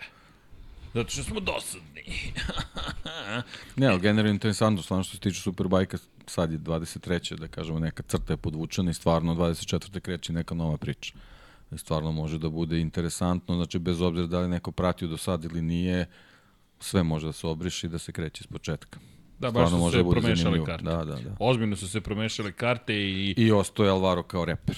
Alvaro Bautista Ducati, oni su reperi za sve ostali i to je to. Mi iskreno želimo da ispratimo na još bolji način. Nismo baš uspeli u prethodnoj sezoni, ali mislim da smo sada bolje, znam interno bolje i organizovani i Superbike. Monca. Jel idemo? Nešto, Ne, ne, dajem savjet ljudima, pobogu čoveče. ja, majko mi. ne vredi, pobedimo Idemo, idemo, Liverpool, ali mora da okej, radi idemo. sa mnom. Znaš, Idemo. ne vredi. Idemo. Ne vredi mu. A vidi, neki, zar nije lepo da odemo u Moncu? Yes. Bella Italija, blizu smo Milana, možemo da se obučemo. Odemo da im prodamo naše majice. Ko, ko će biti uvoznik? Inače, kažu, zadnji ko, kosmos je bio kada je nađen miljenik u GP-a osvojio titulu, a ja sam imao 10 kg manje. I to je tačno. Sve je istina, nemojte, nemojte da brinete.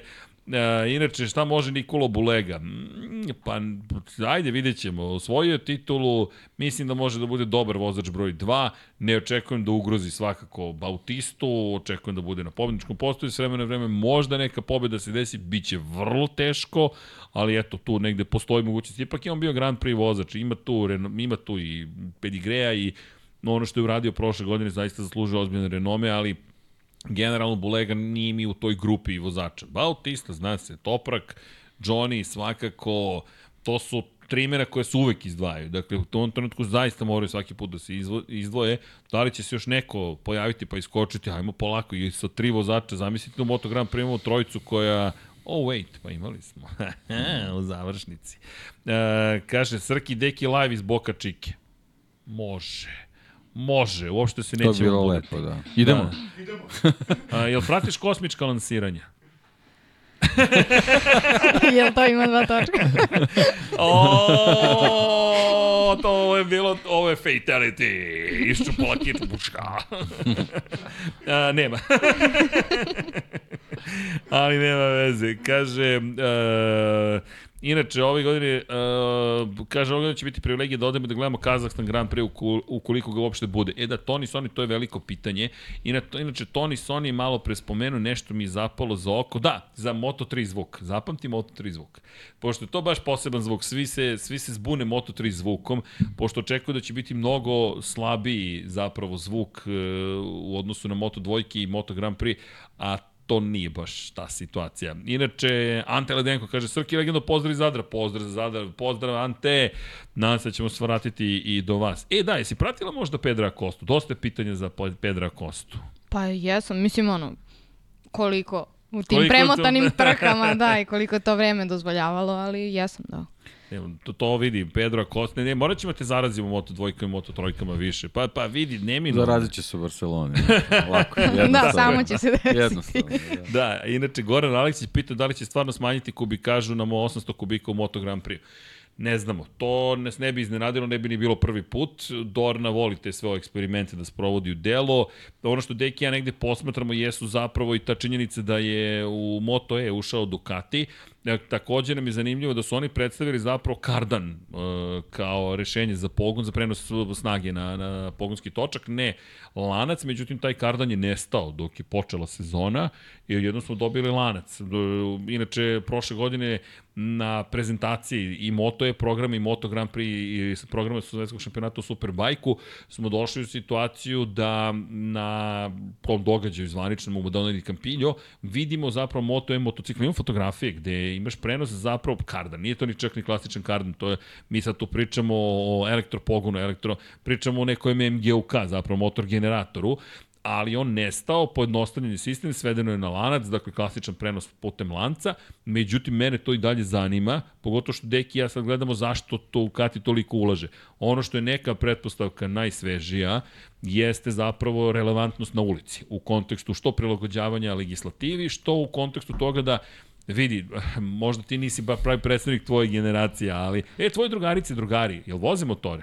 Pa slabo, mislim većinu koju sam upoznala, upoznala sam preko vožnje da voze ovako Dobro. u mojoj okolini baš slabo. Ali da li si primetila možda tendenciju ili spominjanje električnih motocikala kao opcije za prevoz, pošto a, to je nešto što sam počeo da primećem, primećem da ljudi koji nemaju takvu strast nužno prema mototrkanju ili motociklu kao nečem posebnom u svom životu, gledaju električni motocikl kao vrlo Pa praktičnu dobro, stvar. prevozno sredstvo. Bukvalno prevozno sredstvo, zato i, i neka razmišljanja o hibridu u Teško je da kontekstu... kad pričaš o električnim automobilima da se tu spomenješ neku strast. To je jednostavno ono, Jasno. ovaj, tačka A, tačka B i sad eventualno ako imaš neke afinitete pa zbog toga sad nešto uzimaš, a generalno tebi su i dalje električni automobili, oni, ono, da kažemo, hiperautomobili, to su više onako kolekcionarske stvari, to nije, to nije nešto za, za, za svakodnevnu upotrebu, što se tiče ne mogu da kažem motocikla, dvotočkaša na, na električni pogon, mislim, to je bukvalno prevozno sredstvo. Ja sad stvarno ne vidim da je Tako sad izgleda, neko na neki drugi nivo to podigao, stvarno ne znam, mislim, eto, ti si u tim krugovima, pa, pa možda i bolje znaš, ali stvarno ne znam da je neko priča o tome, o, ne znam na kom nivou, kao, wow. Da, pa ne, mislim, slažem se, nije niko ni spominjao maltene, to je onako kao još uvek ispod tepiha malo bačeno, mislim da to niko ko je, što kažeš, strastven prema motosportu i tako, motorima kao takvim, da nije baš zainteresovana, svi ostali to eto gledaju kao prevozno sredstvo samo. No, inače imaš pitanje koliko si najbrže vozila motocikl? 120. Po ograničenju. Neće vam mama i tata možda gledaju, e, da izgubimo like. Ne. Ali, e, dobro, ko, da, da, da, nisi na stazi. Kad budeš na stazi, onda ćemo da Pa pričamo. to, aj mislim pričamo o motociklu koji ima maksimalnu brzinu, tu koju ima, to nije neka... Ko je moj, ne znam. 186. Tako da to nije nešto sad wow. Mislim, lako se postigne i nije toliko nebezbedno ako je daj da vidim da li može, ok, može, puštam gas jer kao dobit ću kaznu. u krajnjem slučaju, mislim. Vozite oprezno. Ja večeras Da. ne vozim zato što sam u čarima dogme. Ali to je zato što je novogodišnje izdanje. Imamo pravo, a ovo nam je inače sponsor u 99 yardi, ovo nam je kolaboracija. Vidiš, NFL. Jasno. Da, da, sve, sve, je vrlo, sve je vrlo jasno. Inače, šta bih spomenuo, pošto se dosta se spominje sada pitanje i toga da li je da li je Uh, gde je Ducati u celoj priči i zašto Ducati, to smo pričali. Ducati, da ne zaboravimo, je prošle godine prvi put u svojoj istoriji došao u situaciju da mi pričamo o nekim prilično ozbiljnim brojkama. E, Kada govorimo o Ducatiju, Ducati je prošle godine prešao milijardu evra prometa. To je prvi put u svojoj istoriji da se to desilo. Dakle, to je bio skok od 24% u odnosu na 2021. godinu. Pri, te, pri čemu EBITA, to jest EBIT im je bio 109 miliona eura. Govorimo o, profitabilnosti od preko 10%. I to su u 2022. i 2023. još nije završeno, su isporučili 61.562 motocikla. Najnovije vesti iz Ducatija kažu da su u prva tri tromesečja Uh, zabeležili pad od nekih 4% u odnosu na 2022. Međutim, ono što je bilo zanimljivo, imali su u prvoj tromesečju su imali rast, pa sad, je, se, sad je bio pad u, drugoj i tre, u drugom i trećem kvartalu. Čekamo četvrti kvartal da vidimo kakva je situacija i šta se zapravo tačno događa.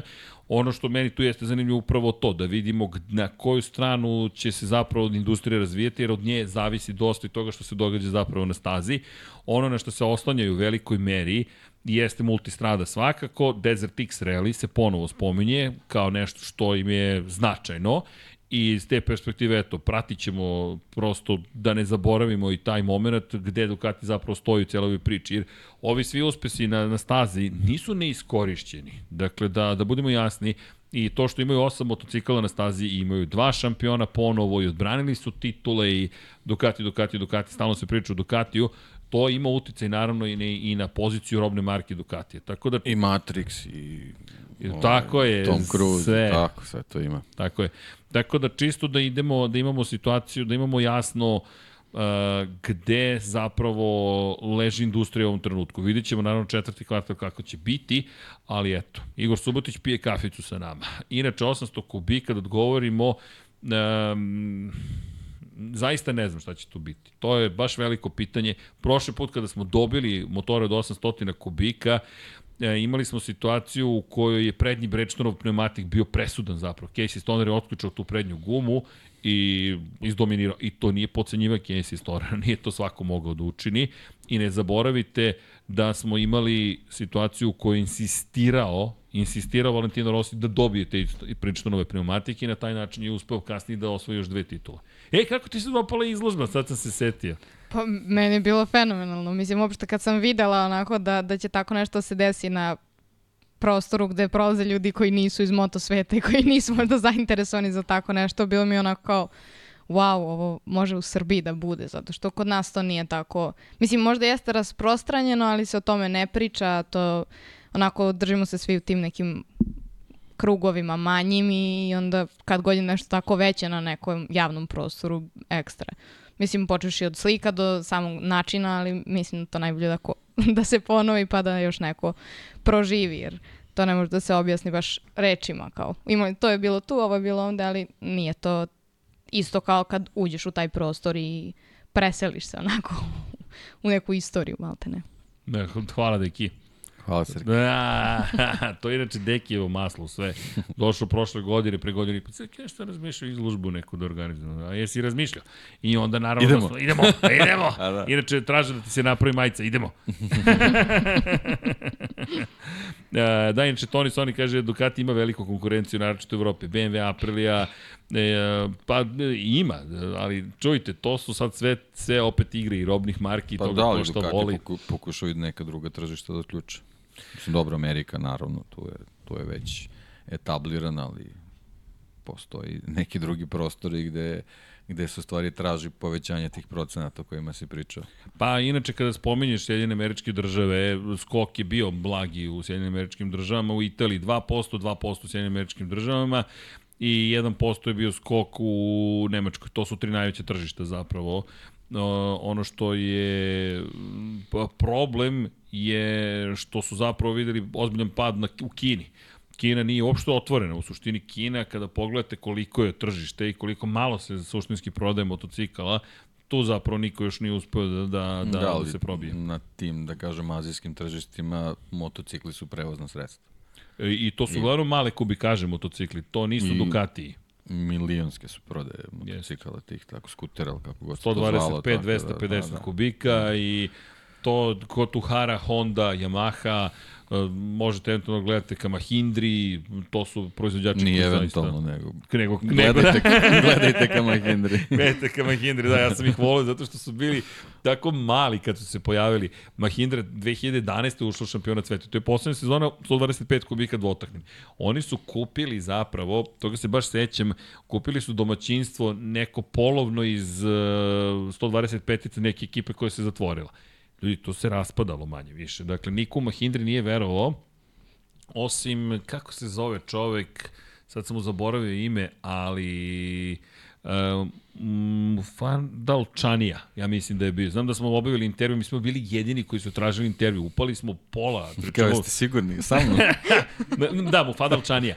I mi dolazimo i upadamo u domaćinstvo, oni na ručku. Ljudi, naravno, ja dobar dan, dobar dan, ko ste vi, Srđan Erceg, ja hoću intervju, ko je ovde glavni otprilike. Možda imaš taj stav, znaš, kao da ti znaš šta zapravo radiš. I, ovaj, i upadneš unutra, pa da, stav je čudo. I oni kažu, pa tu je gospodin Čanija, ali ručak je, rekao, dobro, možete mi odvojiti neki termin, ko ste vi, televizija, intervju, snimatelj tu, cok, pričemu cok sa, sa, sa, sa ne znam da li sećaš Jasona Newsteda, deki, crna turneja, sve ovako obrijano, samo ovde na vrhu ima, tamo gde ja nemam kosu, on ima samo tu kosu i vezanu repić i sečene pantalone. Zna vlada o kome pričam, naš dragi prijatelj Zoran Milutinović, mi upadamo i oni izgledaju kao čudo, voda nas donela na njihova vrata, ali prvi put su tu, niko ne dolazi po intervju i mi, ajmo, i Mufadal Čanija sedne s nama, ceo projekat ispriča i par godina kasnije Francesco Banjaja, prva pobjeda u karijeri njegovoj, prva pobjeda u istoriji za Mahindru, šteta što su se opredelili iskreno za Formulu E, a ne za Moto 3, ali to je neki njihov razvojni put, sve okej. Ali to je bilo zabavno iskustvo, znaš, upadneš kod nekog koji potpuno, ček šta, ko, kakav intervju, koji intervju, i baš, baš je bio lep intervju, što, što to negde sad izgubljeno. To smo na, Na Super osmici smo čak snimali, čak nije ni digitalna kamera bila, ludilo. E, inače, Ivan Novaković je postao svetioničar početnik. Pozdrav za Ivana. To je tata. Okej.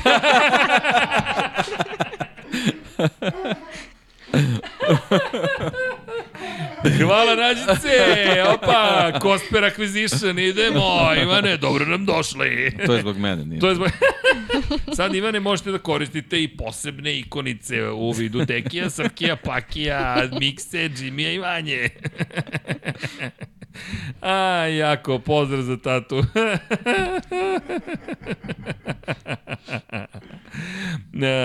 da, inače, Uh, ono što je, da, spomenuo je Tony Sony i Keanu Reeves, ili neko spomenuo da to čovjek proizvodi sad svoje motocikle. Jeste. Uh, ono što je zanimljivo jeste da je Keanu stvarno pravi svoje custom motocikle i koštaju bukvalno mini bogatstvo, ali meni je divno što Keanu Reeves stvarno, on zaista voli motocikle.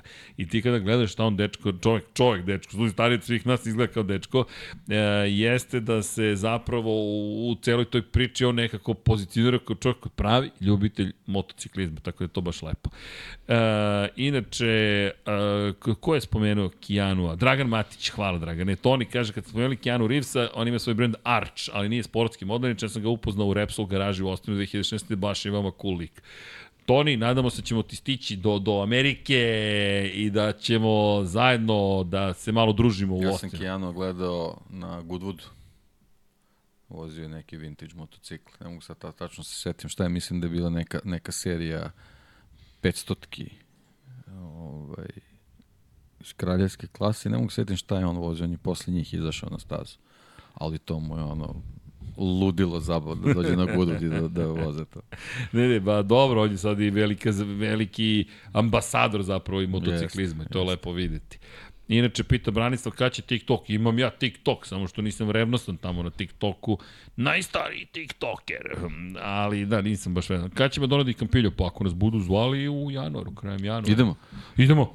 Idemo, tako je. Da li može Bešte da pobedi Peka u skijanju i ove sezone? Ha, prozivke, Boško, prozivke. Ajde, vidjet ćemo. Da, to je bilo zanimljivo zapravo kakav je stav imao uh, Bastianini pred početak sezoni, baš je bio uf, naoštren, idem u fajt, ušao sam u tuđu garažu, znam šta radim, pobedit ću ovde i na kraju jedan pa Na početku. Inače, znaš ko ima fotografije njegovog pada i smeštanja u Jel tako? Tako je. Hasane, Hasane. Mr. Crash je stajao bukvalno na krivini u Portimao, ima sve njegove fotografije kako pada, diže se, drži se za rame, sve, sve, sve. Hasan je a, legenda. Srke, može li podcast iz Madone? Ako nas pozovu, verujte, može. Ne, mo, ne da može, mora. I baš je bilo zabavno prošle godine, mada sam ja bio u tom trenutku u veoma lošem fizičkom stanju. Deki zna, ja sam jedva preživeo to Madonu di Campinja. I pritom sam se ponašao baš onako hm, hm, domaćinski, jer plan im je bio sledeći. Od podneva kreću da te opijaju i najedaju. Ja naravno ne umem da kažem ne, da, deki, mala violina, najmanja violina cvili. I ja sam e, to ovako domaćinski ispoštovao, ali bukvalno na kraju, do kad sam se vratio do Milana, nije bilo dobro. Bilo je, treba stići sad do Čilea, znaš, let, jedva, jedva sam stigao, ali dobro, preživih. Pretekao, e onda sam tamo avokado i paradajz, avokado i paradajz, 15 dana, e onda mi je pukla bubna opna. I onda tako da sam, da ne brine nađice, sa mnom je uvijek avantura, dakle, nemaš normalno ništa da se završi. Da, inače, evo zanimljivo, Beneli će sledeće godine pakovati mahine motocikle za Kinu. Okej. Okay. Podcast iz Madone sa Pekom, Beštinom, Dalinjom i Tardocijem, jedva čekam. Čujte, ako to bude... Bautistom bit će on tamo. Možda, da, Bautista će isto biti. I baš se trude da ispoštuju Bautistu, da se zna da... Pa, kako ne. da, da se Mislim zna. da je značajno to što radi zadnje dve sezone. Jeste, jeste, u, ogromno Posebno, poštovanje. posebno posljednje dve sezone. E, imaju baš, baš imaju o- ozbiljan stav prema generalno, prema, prema superbajkerima, Troy Bayliss njega obožavaju. Baš, baš ga, baš ga ozbiljno vole. Nađa, ajde kao novinar, kao ćeš ti naš nešto da pitaš. Pa, čekam neko da te ne prekine. a, ne, moraš da mi prekineš, inače nikad nećeš Da. doći na red do reči. Dobro. Nikad nećeš kući otići. Pa, htela sam da vidim a koje je vaše mišljenje o, o sprint trkama i da li mislite da su opasne, da li bi trebalo možda bodovi da budu podeljeni, da budu zapravo kao dva šampionata ili da bi trebalo da se spajaju. I da li kvare utisak za nedelju i neku neizvesnost. Deki? A ne, Prvo ne, ne, ha, prvo ja. Da li misli da treba da se odvajaju šampionati? Ne. Ako su tu, onda su tu, onda moraju da budu deo priče. Zato što je to jedan trkački vikend, konačno, koliko god da sam bio, ne mogu kažem protivnik, ali, ali neko ko se prebojavao kako će to da izgleda, kada pogledaš, ipak je to Grand Prix trkanje. I ako smo već ušli u Grand Prix trkanje, ok, to je onda izazov za Grand Prix vozače. E, S druge strane, zaista me plaši to što što, kao što si rekla, stil vožnje, nastup, način na koji se boriš za poene, za poziciju sprint trkama, dovodi do toga da je rizik veći. I ne samo to, po prirodi stvari, više si na stazi, veća je šansa da se nešto desi. To me zabrinjava, ali nemam rešenje. Isto tako, ja sam prvi bio posle drugog sprinta potpuno oduševljen. Deki me gledao šta mi se desilo kada je Brad Binder sa 16. pozicije došao do prvog mesta u prvoj krivini. Ali vraćam se ono što si ti lepo rekla da je to bio Grand Prix, pitanje da li bi on tako agresivno napao i trošio gume. Ovako ti možeš to sebi da prišti. E sad, to ti očigledno dozvoljava da KTM, na primjer, u tom momentu bude relevantniji, što kažu, mislim da sam iščao po kablu upravo, ali to je okej. Okay. I da dođeš u situaciju da vidiš Breda Bindera kako se penje na najviše stepenik pobjedničkog postolja i da nam daje jednu trku za pamćenje. Tako da, tu su, znaš kako to ide e, u životu ponekad. E, Kao kad neko izgradi nešto što ti se ne dopada i ti kažeš, pa dobro, šta sad da radimo? Nećemo da rušimo. E, Sagrađeno, ajmo da vidimo kako ćemo sa tim da živimo i kako to najbolje da uklopimo u nešto. A sad, da li kvari utisak? A ne može ništa mi pokvari utisak Moto Grand Prix, znaš, ti se probudiš, deki, ja ga volimo, pa ga volimo, bio ovakav, bio onakav. Deki? Pa dobro, ja sam i na početku prošle sezone rekao, mislim, što se tiče bezbednosti, što si ti rekla, apsolutno mi se ne sviđa ovaj, taj, taj čitav pristup, a generalno, ono, bukvalno preko noći ta odluka da se voze sprint trke na svim stazama bez, bez neke preterane konsultacije, naravno, apsolutno je bilo jasno da će to biti ovaj, pun pogodak što se tiče gledanosti i, i, i tako dalje i tako dalje ovaj, i dobili smo na kraju krajeva tu atraktivnost i, i to su ti plusevi, to je okej, ali ja se samo plašim da, da, da ćemo ovaj, dogod je ovakav format trka gde imamo prilično ovako izjednačene vozače, gde, gde mi malte ne čitav grid imamo u sekundi, da su sprint trke nešto gde, pošto se vozi bez, bez kompromisa, ovaj, gde će biti ovaj, još nekih povreda zbog kojih, ćemo, zbog kojih nećemo imati kompletnu sezonu. Mi, mi ove godine nismo imali jednu trku sa, sa svim vozačima na, na gridu, što onako pre svega i zbog tog, i zbog, i zbog tog gledanja i zbog te publike jednostavno nije, nije u redu, ali jednostavno tako je, sad će i vozači ekipe morati da se prilagode tome i, i ovaj, generalno kažem, zbog te zanimljivosti niko, niko neće ni poželiti da se to da se to ovaj, na, na, na bilo koji način promeni, tako da ovaj, ostaje to. M, Sa druge strane, imamo dobru, dobru priču što, koju smo imali i na kraju krajeva i ove sezone, da su tu isplivali neki vozači koji zbog svog stila vožnje generalno u Grand Prix trkama možda ne mogu da ni da dođu do izražaja, kao što si i, i, i na početku rekla, nekad se desi da neko ne može da se upari sa motociklom vezano za, za, za taktiku i stil vožnje u, u Grand Prix ima, ovako u subotu dobijaju neku priliku da, da se tu malo, malo iskažu, tako da ovaj, generalno je koncept što se tiče takmičenja dobar, ali meni se eto, ta, ta agresivnost koja se ispoljava u subotu na, na sprint trkama onako, ne sviđa iz prostog razloga što, što ćemo često biti uskraćeni za, za kompletnu trku. Sledeće Hvala. pitanje. ne, moramo nešto te naučim. Nema hvala. Nema hvala. Nego odmah udaraš. Bam, Da. bam, bam. Nema hvala. Ne, ne. Ako kažeš hvala, to onda da. kao da si Ja ću ti zauzela... reći hvala tebi. Po, da, ne, ne, kao da si ti zauzela neku poziciju da je neko bitniji od tebe. Nema. Dakle, udaraš i samo nastavi. Pa da, Ovo je škola uživo. Udri. Udri. Nek neko još zapisuje tamo da ne mogu Ne, samo ja. ti no, nađice napadaj. Uh, Pa gledala sam ja ono po komentarima generalno da su ljudi oduševljeni. Mislim, sprintom i da su bili u fazonu ja bi menjao kao da nedelja uopšte ne bude, da, da budu dva sprinta za vikend. jer kao baš to ističu se neki da, koji se možda je- ne bi isticao. To je već i gladijatorska priča. To je da, tako da. je. Znaš, to je Casey Stoner dosta Da. pričao zašto on je izašao iz sporta. On je rekao, i sad je pričao i o Marku, on je rekao ja sam izgubio strast na dva nivoa. Jedan nivo je bio uvođenje preter, prekomerne elektronike, jer Casey dan danas je neko ko je pobornik toga da se ukine kompletna elektronika i da se vrati vozaču u potpunosti mogućnost da upravlja tim motociklom. Kako bi on najviše želeo. Casey je poznat bio tome što gasio kompletnu kontrolu proklizavanja. Dakle, i ne, znao je da ugasi, ali je znao i da je upali i da je koristi na adekvatan način. Za me neko kritikovao kad sam rekao poslušajte kako Casey, kod Casey radi elektronika. Ja, pa vi njega kritikujete. Ne kritikujem, ja vam govorim šta se dešava. Ali Casey znao kako da je upotrebi, međutim, prvo je tu rekao previše elektronike i druga stvar, rekao je da jednostavno on nije više osjećao to što je trebalo da osjeća da bi ostao u sportu. I to je uporedio svoju situaciju sa situacijom Marka Markeza. Rekao je, Mark je sada nešto pronašao što njega očigledno pokreće. Šta je to? Nemamo pojma. Pretpostavka je, ko je pročito knjigu, kaže da je ovo provokacija što smo ti stavili knjigu Marka Markeza. ne, ne, crvena je kao može da proći. ali vidi, ali činjenica da je Mark Marquez neko ko od malih nogu imao jednu jedinu strast i jedan jedini cilj. Pobeda. Kraj. E, Pročitajte knjigu, to samo piše win. Ništa drugo. Inače, Casey je bio čovek koji uvek govorio da, da se on nije bavio šampionatima samim po sebi, već pobedama u trkama. To mu je bio i zanimljiv mi je sad intervju koliko otkriva stvari. Rekao je da je puno naučio i od Rosije od drugih u svom ponašanju, da je on trenirao kako da priča sa medijima, da je on trenirao kako da se ponaša u određenim situacijama i zanimljivo, s kojim se novinarima sve sprijateljio tokom za tih poslednjih nekoliko godina karijere sa svakim ko je prema njegovim rečima pisao gluposti o njemu. I rekao je svako ko je pisao gluposti, ja sam se s njim sprijateljio i on je prestao da piše gluposti o meni. A, Bistrica, Casey, i, da- dakle, zapravo to je najveća kritika. Okrenite 4-6 za više savjeta. Da, za više savjeta, da, da. I rekao, učio sam od Valentina. I kaže, ja sam se trudio da ga poštujem, on se nije trudio mene da poštuje.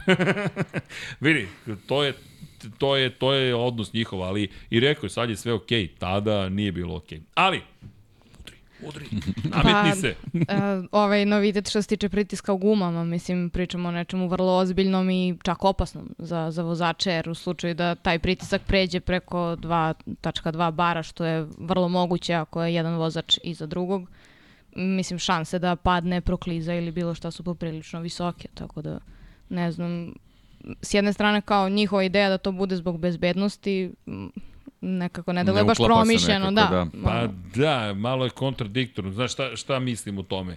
Mislim da je to još jedna besmislica, da rešamo problem koji zapravo suštinski ne bi trebao, kojim ne treba ni da se bavimo, jer mi pričamo sad o bezbednosti. Bezbednosti tačno čega? Hoće da eksplodira pneumatik?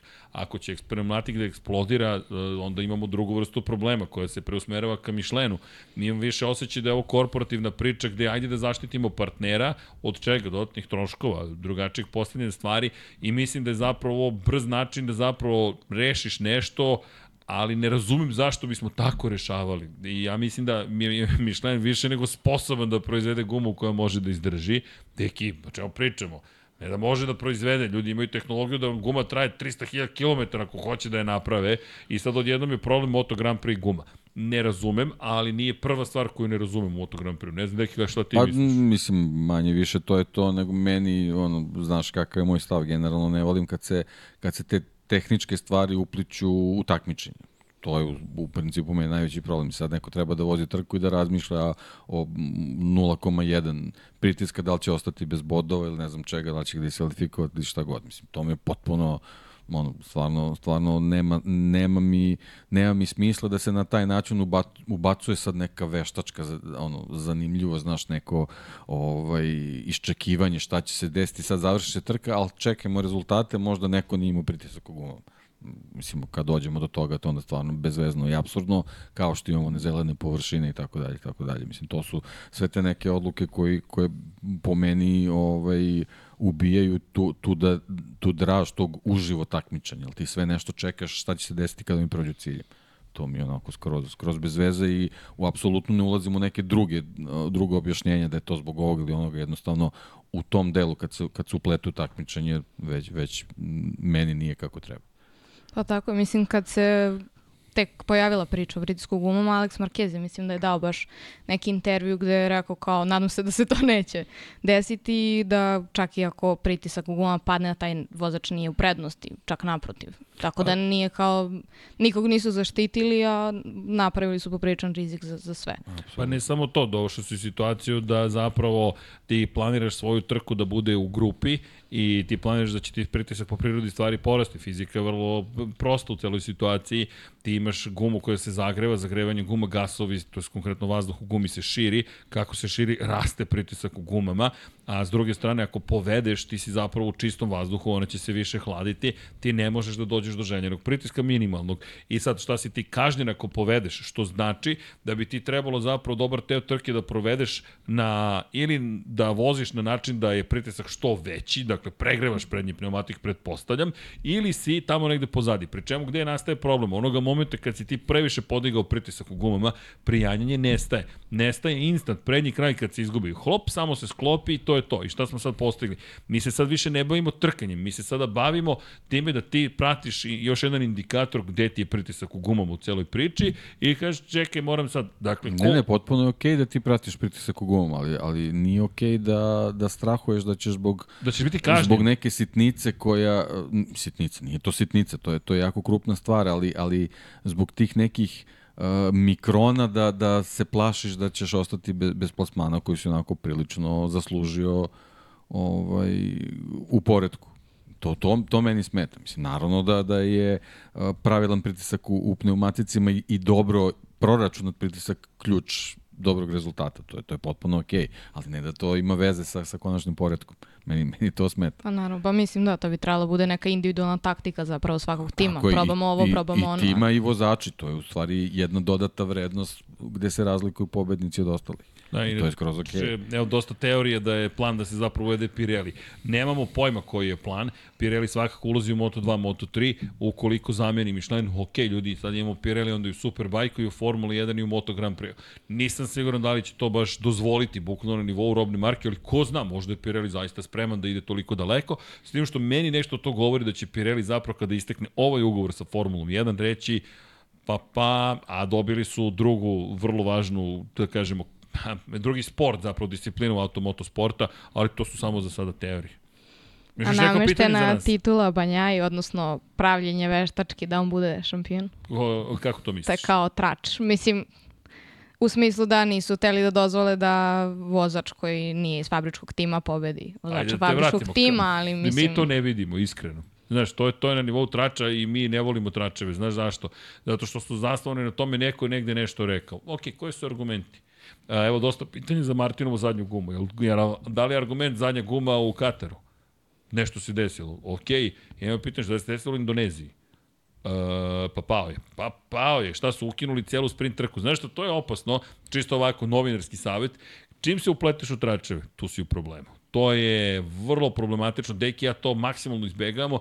Zašto? Zato što a, potreba i kultura senzacionalizma, da se ima neka vest koja je dramatična, a, dovodi do toga da se vremenom izgubi svaki nivo e, i autoriteta i kriterijuma. I onda je sve vest zapravo, čak i kada nije vest. To je ono što Deki ja često pričamo. Evo, mi smo mogli večeras da napravimo emisiju neverovatno, dešava se ovo, dešava se ovo, nemam pojma, nešto izmislimo. Ne, nismo hteli da pričamo s tobom kao jednoj novoj osobi na ovoj sceni, koja ima neke nove principe, ne principe, nove pristupe, e, dolazi neka nova generacija, a zašto da ne? E, ono što smo i rekli, dosta komentara, pa nova je, još uvijek ne zna toliko i tako dalje, tako dalje. Samo da se razumemo, Nađica nikad nije rekla da zna više ili manje, nego je rekla, jeste vi sigurni, ali je hrabro rekla, doći ću da se družimo. I to je to. Evo Igor, imaš pono pozdrav od Igora Markovića, Hvala. koji ti poručuje Da, nova je devojka. Ima još mnogo toga da nauči. Ja ti pričam otvoreno zato što je kritičko razmišljanje nestalo u našem društvu. To nije kritika, ja tebi ne govorim ništa loše. Ok, ali se vidi da imaš žicu, vidi se da to voliš, vidi se da ima potencijal i da si rešena. I ono što meni nekad, nadam se da će ti se ostvariti sam, da ćeš ga ti ostvariti i da će se desiti to da ti kažeš da ajmo da, ej, Možda u Moto Grand Prix sutra nađicu zovemo i kažemo, halo, dobar dan, e, može mi intervju sa, ne znam kime, nekim ko vozi crveni motocikl, kako Ili god. praviš intervju s nama Ili pred praviš intervju kraj naše pred balade. kraj naše balade. Mi se dovezemo, e, na dva točka.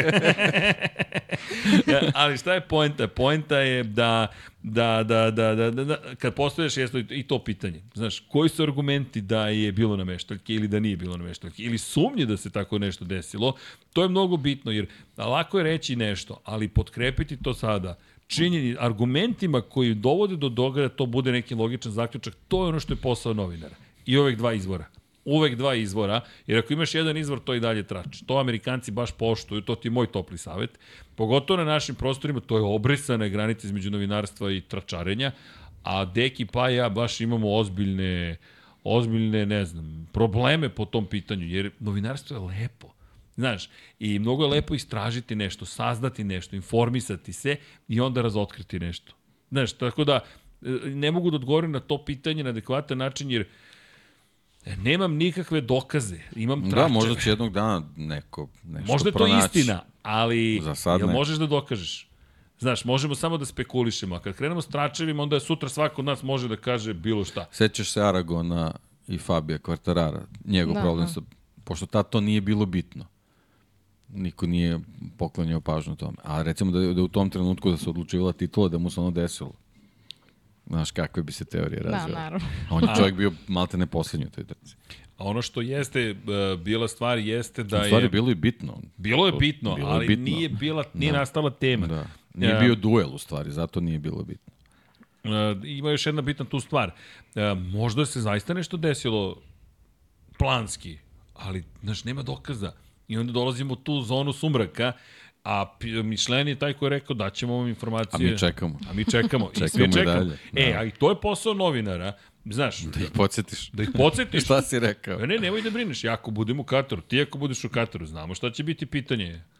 Ta, Mr. Taramaso, može jedno pitanje. Ko je? Kad će izveštaj o gumi Jorgea Martina? Još u Kataru. A siguran sam da će imati i onih koji će ga pitati. Ako ne mi, vidi, Simon Peterson ima to zapisano. Inače, Simon Peterson ima svoju malu knjigu, e, malu sveščicu, ko broj 1, i zapisuje teme koje tako izvuče, otprilike, jer Inače, moj savjet uh, ću kršći od mog tate, piši, zato što se lako zaboravljaju stvari. Da li digitalno, da li analogno, kako god. Ali to je ozbiljno pitanje. Da odemo svi u Katar i kažemo, čekajte, pitamo, šta je bilo s gumom? I onda ga, e, tetki lek, ako kaže, onda smo, onda smo u problemu. A čekaj, Mišlen, gde je izveštaj? Jer vidi, imaš tu raznih stvari. Kad Honda kaže daćemo vam telemetriju, ne znam, iz Malezije 2015. I onda ne daju telemetriju. Što ne date telemetriju? Sada doliješ ulje na vatru, razumeš? Da, ali pro, pro, stvari u tome što je to zaboravljeno, niko nije to forsirao i tako dalje. A, kaže, Branson Deći da mrzim Simona Petersona. Nemojte da ga mrzite. On je samo još jedan čovjek koji radi posao. Imam ja probleme sa Simonom, ja sam mu izneo moje negodovanje, da smatram da kada meša nacionalnosti, nacije i te stvari, da bukvalno upravo radi nešto što je pogrešno i ružno i nije novinarstvo. Ali to je to. E, Imamo situaciju da Ducati inženjer prelazi u Yamahu. Mislim Dobro. da kažem iz tima koji je ipak pobednički u Yamahu koja se i nije baš pokazala. I šta je pitanje? Pa ne mora bude neko konkretno pitanje, nego samo mišljenje da li... Mislim, odakle uopšte tako nešto kao, kao ideja da neko ko je na takvoj poziciji u, u pobedničkom timu kaže ne, sad ću da idem da probam da popravim Yamahu. Mislim kao koji je, koji je... Da, pa upravo to. Upravo to. Upravo to. Znaš- njegov, njegov izazov karijere. Tako je. Da, da ti do, dođeš u to, ajmo ovako, ti sad radiš u, nećemo da imenujemo da ne bude da govorimo ništa loše o bilo kome. Radiš u nekoj, nekom preduzeću i neko ti kaže, e, ideš u manje preduzeće, ali ako uspeš u manjem preduzeću, ti si postigla više. Je li ti to izazov? Pa dobro, jeste, naravno, da. Razumeš? Ali mislim da nisu svi spremni na, na takav izazov, nekako su ljudi Sigurno na, na nisu. sigurnom Da. i kao zašto bi sad išao ako je ovde već dobro, šta mi fali? A, pa to odgovor na to pitanje imaš uh, između na, evo nas dvojica smo ti savršen primjer. Mi smo mogli da budemo na mnogo sigurnih pozicija i verovatno bismo bili možda manje kilaže, više kose, ali nisam siguran da bismo bili srećniji. Zato što to je, to je taj moment šta te vozi, šta te radi, koji ti je drive. gde hoćeš da stigneš, šta hoćeš da postigneš, koji su ti snovi i da li možeš to da ostvariš ako ostaneš da sediš na jednom mestu. Znaš, ne kažem da ne možeš, ne, ja ni ne osuđujem ako neko ostane na, na nekoj poziciji, ali samo nas dvojica to nismo mogli. Nas dvojica smo, pričamo ajde malo u Pa evo ti ime, ali... primer naše drugarice Šejle. Da, Bilo je u Red Bullu i prešlo Aston Martin. Samo zbog veće odgovornosti koju je dobila. Evo, to ću, to ću tako da, da formulišem. više Znači, titula bi da osvojila. bude sastavni deo tima u Red Bullu i da se slika s peharima. Do veka. Dobro, sad ja preterujem. A ovako je postala, ona je senior, je li tako čini mi se? da, ona je sad senior software eh, inženjer. Da. I ti sad napreduješ, neko ti daje priliku, pri čemu, ko zna, možda ona zatvori krug, vrati se u taj isti Red Bull, ali na mnogo višu poziciju. Jer ponekad ne možeš da napreduješ kroz kompaniju u kojoj se nalaziš, prosto tako je, a onda skočiš negde drugde, pa onda napreduješ, pa i, i A onda oni skočiš. kažu, aha, vidi. A onda ti postavljaš uslove. Evo ti još jedno, jedna stvar, Massimo Rivola, napustio je poziciju šefa da Ferrarijeve trkačke akademije, za, veruj mi, znaš koliko često se spominje šef Ferrarijeve trkačke akademije? Pa, tri put godišnje kada analiziraš, ne ozbiljno, kada analiziraš otprilike ko vozi za Ferrari u trkačku akademiju, onda ti je obaveza novinarska da kažeš Joe Clear sada je novi šef trk, Ferrarijeve trkačke akademije. I sad Joe Clear je veće ime od akademije zapravo, pa ćemo ga mi češće spominjati, ali veruj mi ime i prezime Massimo Rivola. Možda sam i jednom izgovorio dok je vodio Ferrarijevu trkačku akademiju, jer je toliko relevantno za Formulu 1, otprilike. U tom momentu čak ta akademija nije bila toliko relevantna. Sad je relevantnija, ali onoga momenta kada je Massimo Rivola postao izvršni direktor Aprilije, pazi, to, to, ovo je Ferrari. Dakle, ne Ferrari, ne, kad, to, tamo negde. Ma Aprilija je ovolika u odnosu na Ferrari. Ali, ti si na vrhu te Aprilije i ne samo to, pazi gde on došao, on je doveo pobede Aprilije. Sad kad izgovoriš Massimo Rivola, svi stanu i kažu, ok, čak i oni koji su sumnjali u njega. To su makar naša razmišljanja, ali zato intervju. Da vas pitam, zašto ste? Inače, Yamaha, Lin Jarvis je rekao da će oni sigurno sada mnogo više angažovati evropskih inženjera. Da, to sam videla. Da, da, i to je i, i ono što se meni dopada, kada neko da izjavu i onda vidiš dela koje potkrepljuju tu izjavu, e, to već nešto govori, jer nije šta je ko rekao, već ko je šta uradio. E, tu je Dalinja car. Dalinja ne priča previše. Znaš šta je Dalinja uradio? Potpuno ingenizno. Ljudi, ko ima mogućnost da vrati prve kadrove Marka Markeza na Ducatiju? Gigi Dalinja vrši društveni inženjering, socijalni takozvani inženjering. Ozbiljno ti kažem.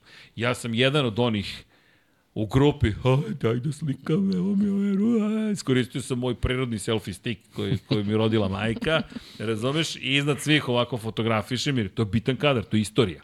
Znaš ko stoji iznad svih nas? Luigi Dalinja. I ovako nas posmatra. Znaš, on posmatra nas. Sad on posmatra medije, ljude, inženjere, I u tom trenutku je mehaničare. shvatio i postavio sve pitanje šta je meni sve ovo trebalo. Damn, son! e, tako da, e, kad, znaš, to, to je jednostavno, ti gledaš čoveka koji igra potpuno drugu igru. Znaš, potpuno drugu igru.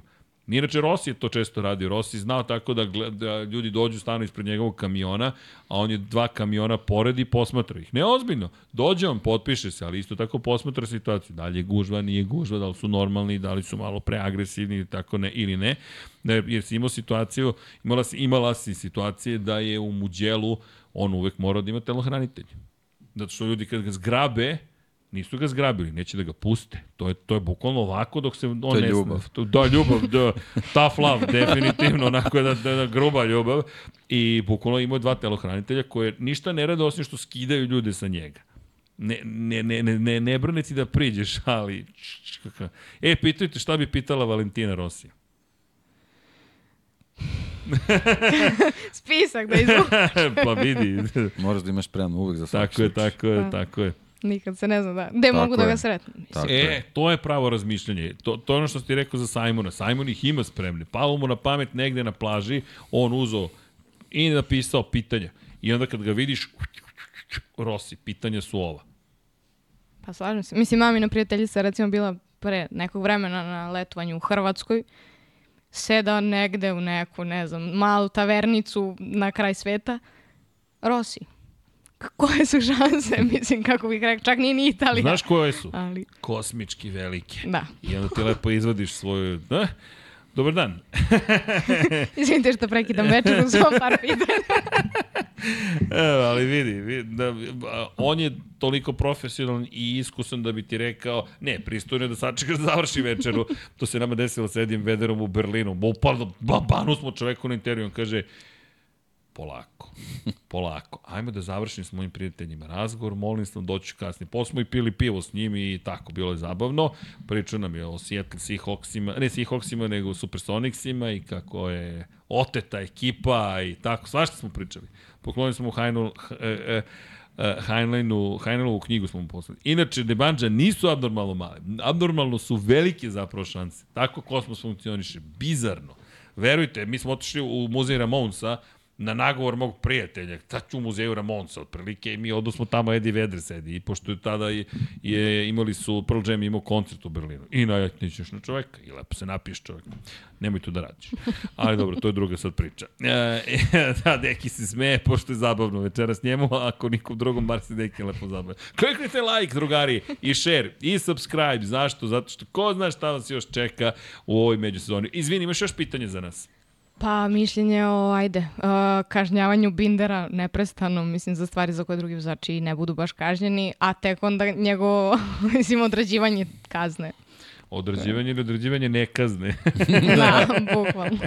Pa znaš kako, reputacija jeste nešto što što kad te jednom obeleži, er, teško je promeniti, je. Nije nemoguće, ali Brad Binder je stekao reputaciju vrlo agresivnog vozača, čak preagresivnog vozača i lepo si rekao, nema ja problem što njega kazne, ali ako će da kazni ostale za to isto što je on učinio, ono što mi smeta jeste potpuno odsustvo transparentnosti u deljenju kazni. Ne znam šta da ti kažem, osim da mi djeluje da je Binder zaista postao nekako magnet za, za kaznu. I to, i znaš kako, u toj čitoj priči malo i KTM ne koristi ta neka svoja lobiranja, da se generalno i oni nametnu da, da, da malo više protestuju kad se dešavaju te situacije, mm -hmm. nego nekako njihovi vozači videli smo i kroz taj odnos i, i ovaj, odlaske, dolaske, angažovanje, da, da, da nekako nisu za taj deo pretrano zainteresovani. Ovo što je Srđan rekao, on je onako dobio tu reputaciju agresivnih vozača i naravno da se svi njegovi potezi malo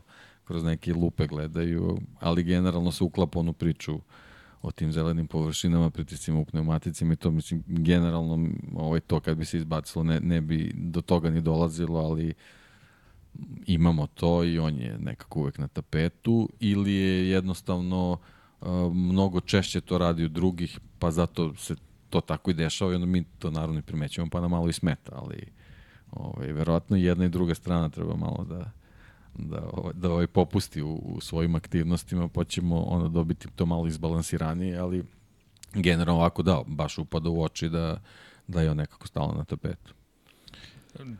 Još pitanja ili ima ovde, ima ovde par zanimljivih Može, momenta.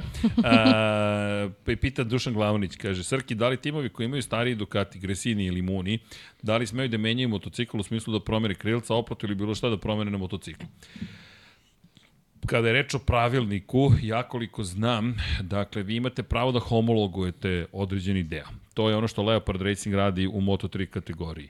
Međutim, to ja nikad nisam čuo da je Nisam iko siguran da, uradio. da, da bi Mora da- mogli na svoju ruku bilo što Ne, ne, da moraš da prijaviš za homologaciju. Ne, ne ali, samo to, nego u, Da. u relaciji prema Ducati. Tako je, ali da ti Ducati dozvoli da ti gradiš svoj deo, to, to što neki kaže, Da. e, možda pravilnik dozvoljava, ali mislim da bi te Dalinja čudno pogledao i da bi uskoro izgubio ugovor sa Ducatijem, ali da li bi imao pravo, to je odlično pitanje, moram da pročitam pravilnik i da pitam zapravo, Dušane ne zamerite, ovo će da uđe u našu sveščicu, Luigi Dalinja da vas pitam, da li vam je neki tim nekad prišao i rekao mi bismo da razvijemo neki svoj Ja mislim da deo? sad, ograđujem se, Ne nisam znam. pravilnik, pravilnik, ali čisto nekom logikom svaka ekipa ima pravo da, da razvija svoj motocikl u skladu sa pravilnikom.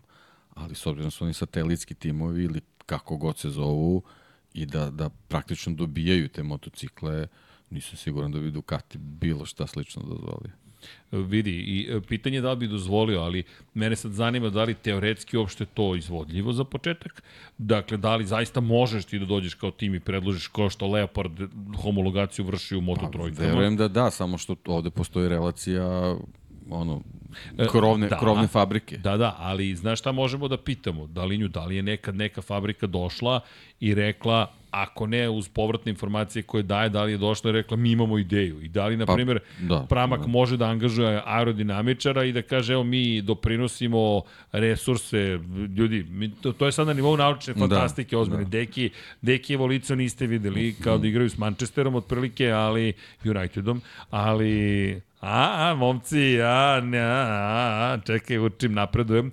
Ali je point u sledećem, da, inače, znaš, to je veliko rivalstvo, to sam naučio od njih. E, dakle, poenta je u tome da zapravo imaš situaciju u kojoj je ovo naučna fantastika. E sad, šta znači naučna fantastika? Naučno je moguće, ali na nivou fantastike.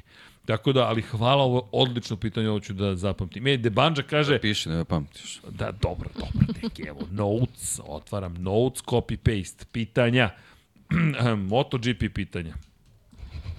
Ne, notes su dobri, sam ja je palaš matori i onda e, i to mi se sve sinhronizuje na sva moguća mesta, ali potpuno nevažno. Ovo je dalinja, dakle pitanja i sad ću da copy pasteujem ko je postavio pitanje. Dušane, vaše pitanje ode u notes. To ti kaže, mi idemo. Vlado, uh, aha, pališ, gasiš klimu. Ček, izvini, nađi se, sad smo, ovo, oteli smo pitanja.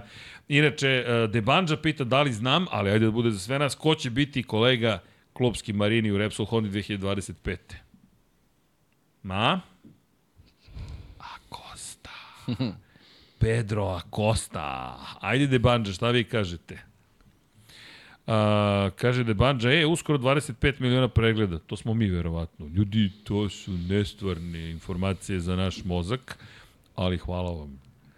Inače, Mare odmah, kakav United, njih sad polupamo dva gola razlike, nemoj, ne, nemoj City samo. Ljudi, uspeo sam u životu.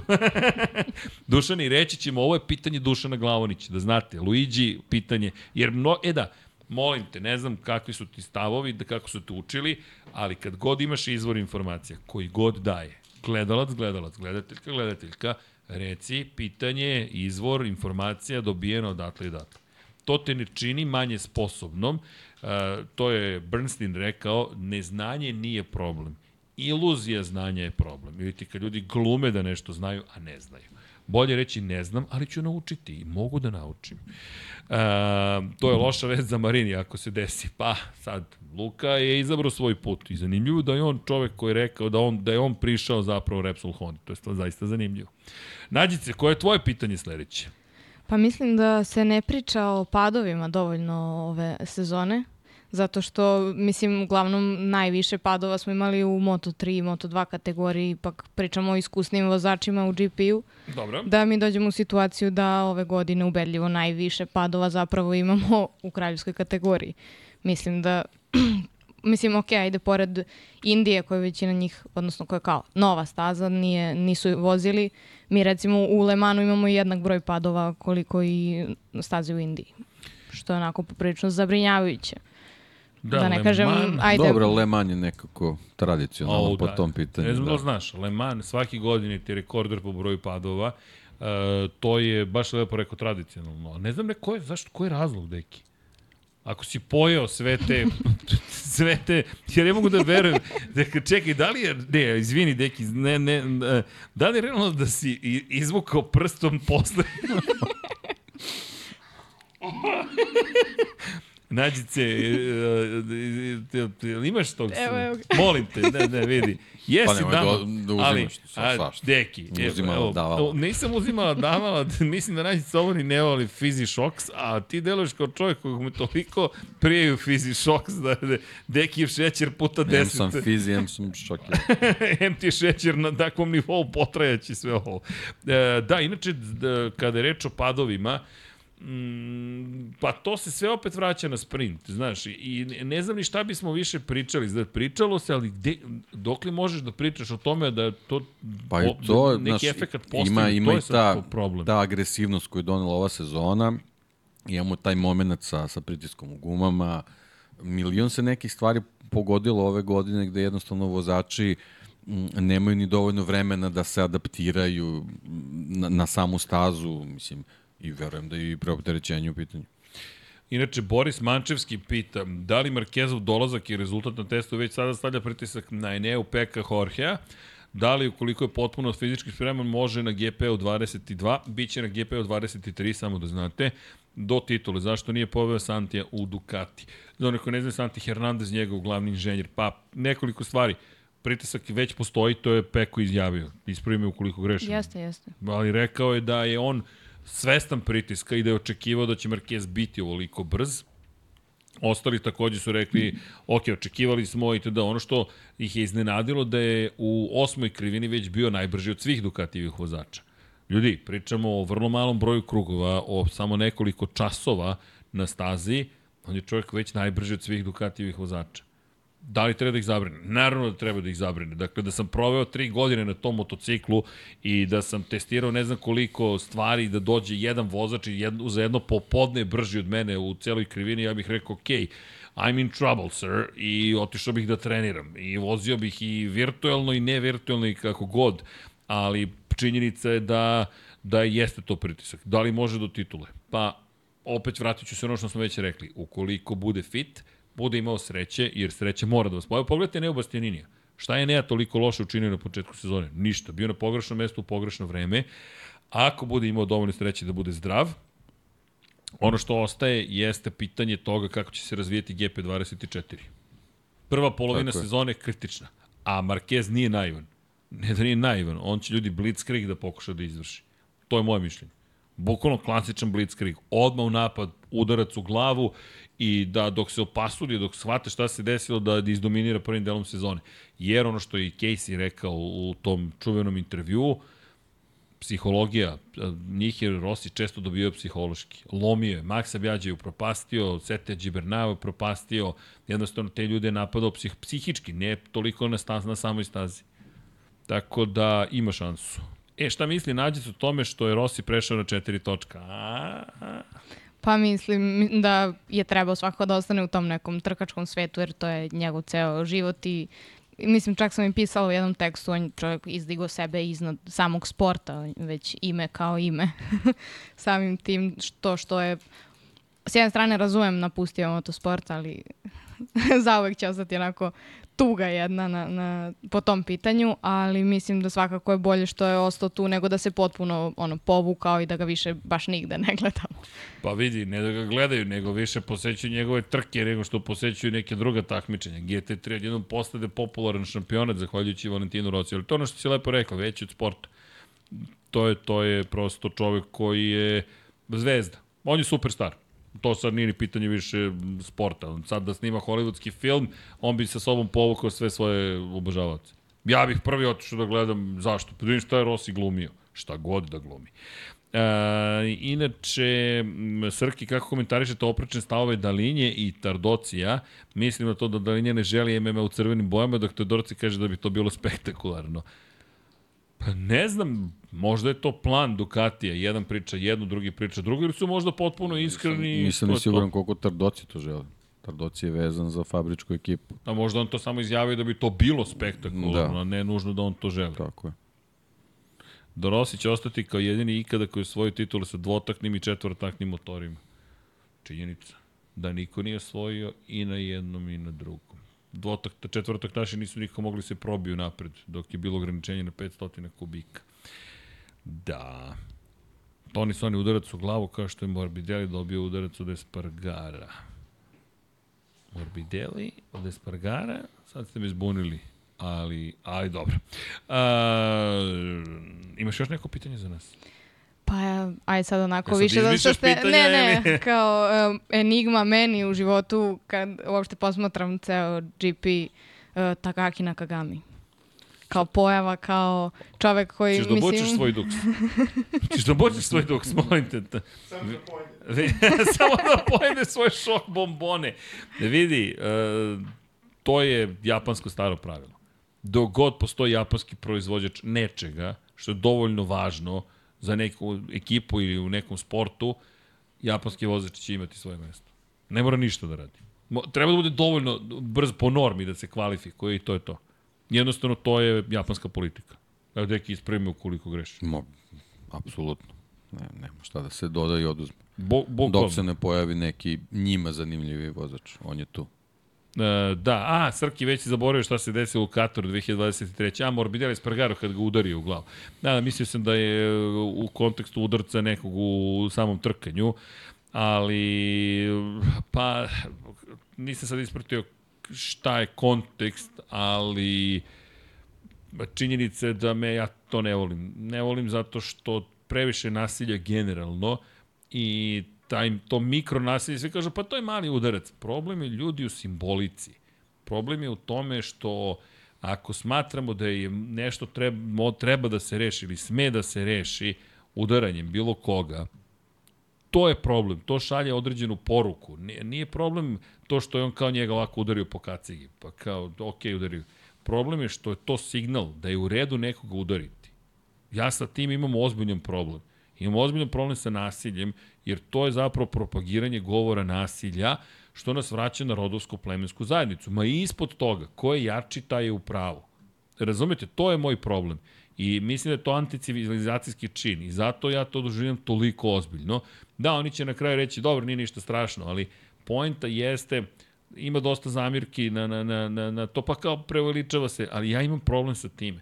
Zato što će sutra doći neki autentični sileđe, nekog će zaista da udari u glavu, I onda će biti, pa da, ovo malo ga udari u glavu. Ne može malo da se udari u glavu, pogotovo ne tako velike zvezde koje su ultra plaćene. Ni u klubskom takmičenju to nije prihvatljivo. Moramo negde da kažemo, ej vidi, ovo nije prihvatljivo ponašanje. Zajedno kao civilizacija, kao društvo, ja bih za to diskvalifikovao vozača i rekao sledeći put kad spustiš ruku na nekoga, čisto da znaš, nisi, nije, nije, nije ti mesto ovde zaista duboko verujem u to, jer mislim da se na taj način, i to nije neka, sad, nije, ne, ne znači da Aleš Espargaro neki težak kriminalac, zločinac, ali poruka koju šalje je potpuno pogrešna. To je samo eto, moje mišljenje. Ne znam da li se slažete ljudi, ne slažete sa mnom. Ja to tako doživljam. Prosto meni te stvari ne prijaju. Mislim da su anticivilizacijski, mislim da se dosta pocenjuju ljudska civilizacija. Pijemo kafu iz Gvatemale, Kube, ne znam nija, Ekvadora, ova mi je malo citrusna, ova mi je zemljana, ova mi je ovakva, ova mi je nakva, a onda kao, ja, civilizacija nam ništa nije donela. Ljudi, neka nam doneli kafu, pa je u redu. A da ne govorimo o antibioticima, i uvek možete da kažete i pro i kontra, ali generalno a mislim smo napredovali, da napredujemo, čak i kada je teško, ali ako moramo da imamo računa o tim stvarima, eto, to je, to je, to je samo moje mišljenje. E, t, t, da, inače, evo, Toni su oni mali udarac, ali velika poruka i ne smeju, moraju da budu poznani, da kontroliraju svoje hormone i emocije. Slažem se, meni se to, to, to je samo, kažem, eto, neko moje mišljenje. Ma, nema mesta, mislim, nasilju na stazi dovoljno je. Mogu da Ma, se nije. takmiče i, i nadmeću na svim drugim nivoima. Meni to recimo bilo baš neočekivano od njega u nekom smislu. Prvo, M je tu najduže, M, mislim, roditelj sa dvoje dece i konstantno se nekako nameće to da je on roditelj i priča o deci, onda ti tako javno mislim, da, prikazuješ pa da, nasilje i da je to da bi to onda okej. Okay. Njegovi, onako, istorija tih njegovih, kako bih rekao, iskritrenih reakcija postoji, tako da ovaj, očigledno da, da za sve ove godine nije, nije nučio da se kontroliš. To je u stvari njegov, njegov najveći minus. Mislim, videli smo da je i sjajan vozač i, i sportist na kraju krajeva, ali generalno baciš ovaj, senku tako jednim, Imaš, jednim gestom. Tako je, neke stvari koje moraš da, o kojima moraš da povedeš računa. Još još neko pitanje? Ne. Ti si došao da. naoruženo pitanje. o, dum, Evo vraćam mikrofon. ne, ne, samo ti časkaj se nam. Sve je to deo zabave i, i sporta. Deki, imaš ti neko pitanje? Kada radimo sledeći podcast? Kada radimo sledeći podcast? E, Mm, ula, uh, uživo. Pa ne znam kad radimo sledeći podcast, nemam pojma šta je uživo, šta ne. Ti nisi ušao u Slack. Meni je potpuno sve, ne, nisam sigur. E, posle ću ti reći. Dobro. Posle ću ti reći. A Vlado, jesi da pohvala, što nisam izbrbljio sve. I s moje strane. Ima još vremena. prvog, prvog radimo Formulu 1, drugog prvog radimo Moto Grand Prix, da li će biti nešto umeđu vremenu, pa pratite ove kanale. Kosmos, ne, ne mislim da nema nijednog lansiranja deki, da ubacimo negde Kosmos. Ako bude neko lansiranje, možemo se nađemo. Šta u raspoloženju smo, da lansiramo nešto.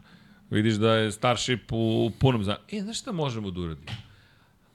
Znam da, da, da, da, a hoćeš da uradimo malu retrospektivu šta se dešavalo u posljednje, od, od prethodnog kosmosa. Kao neku vrstu restarta super heavy, problemi, malo snimak može, lansiranja. Može. A šta kažeš? Hajde da to ubacimo pre nove godine, na primjer, negde. Pa super, da. Imamo tamo jedno desetak dana do nove godine, možemo da ubacimo. Da.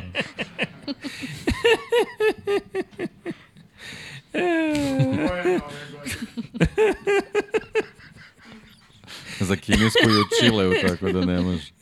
Da, inače, kako se zove se očekuje Honda Mir deluje srećno nakon testiranja, puđe bio optimističan. Šta će Maha da ponudi Fabiju? Au, ja mislim da je Fabio svesna da neće Maha biti brzo, Borim, Moris Mančevski. Hoćeš ti ovo za Fabija? pa da, mislim, slažem se da već sad i na testovima se videlo da to i dalje nije na, na tom nekom nivou da uopšte može da se takmiči sa Ducatijem, jer realno je Ducati dalje sa svojim tajnim sastojcima zadržao poziciju, tako da ne znam. Mislim, ja se nadam da će nešto da se promeni, ali i sam je rekao da komu ne promene nešto, da je sigurno da već 25. neće biti tu.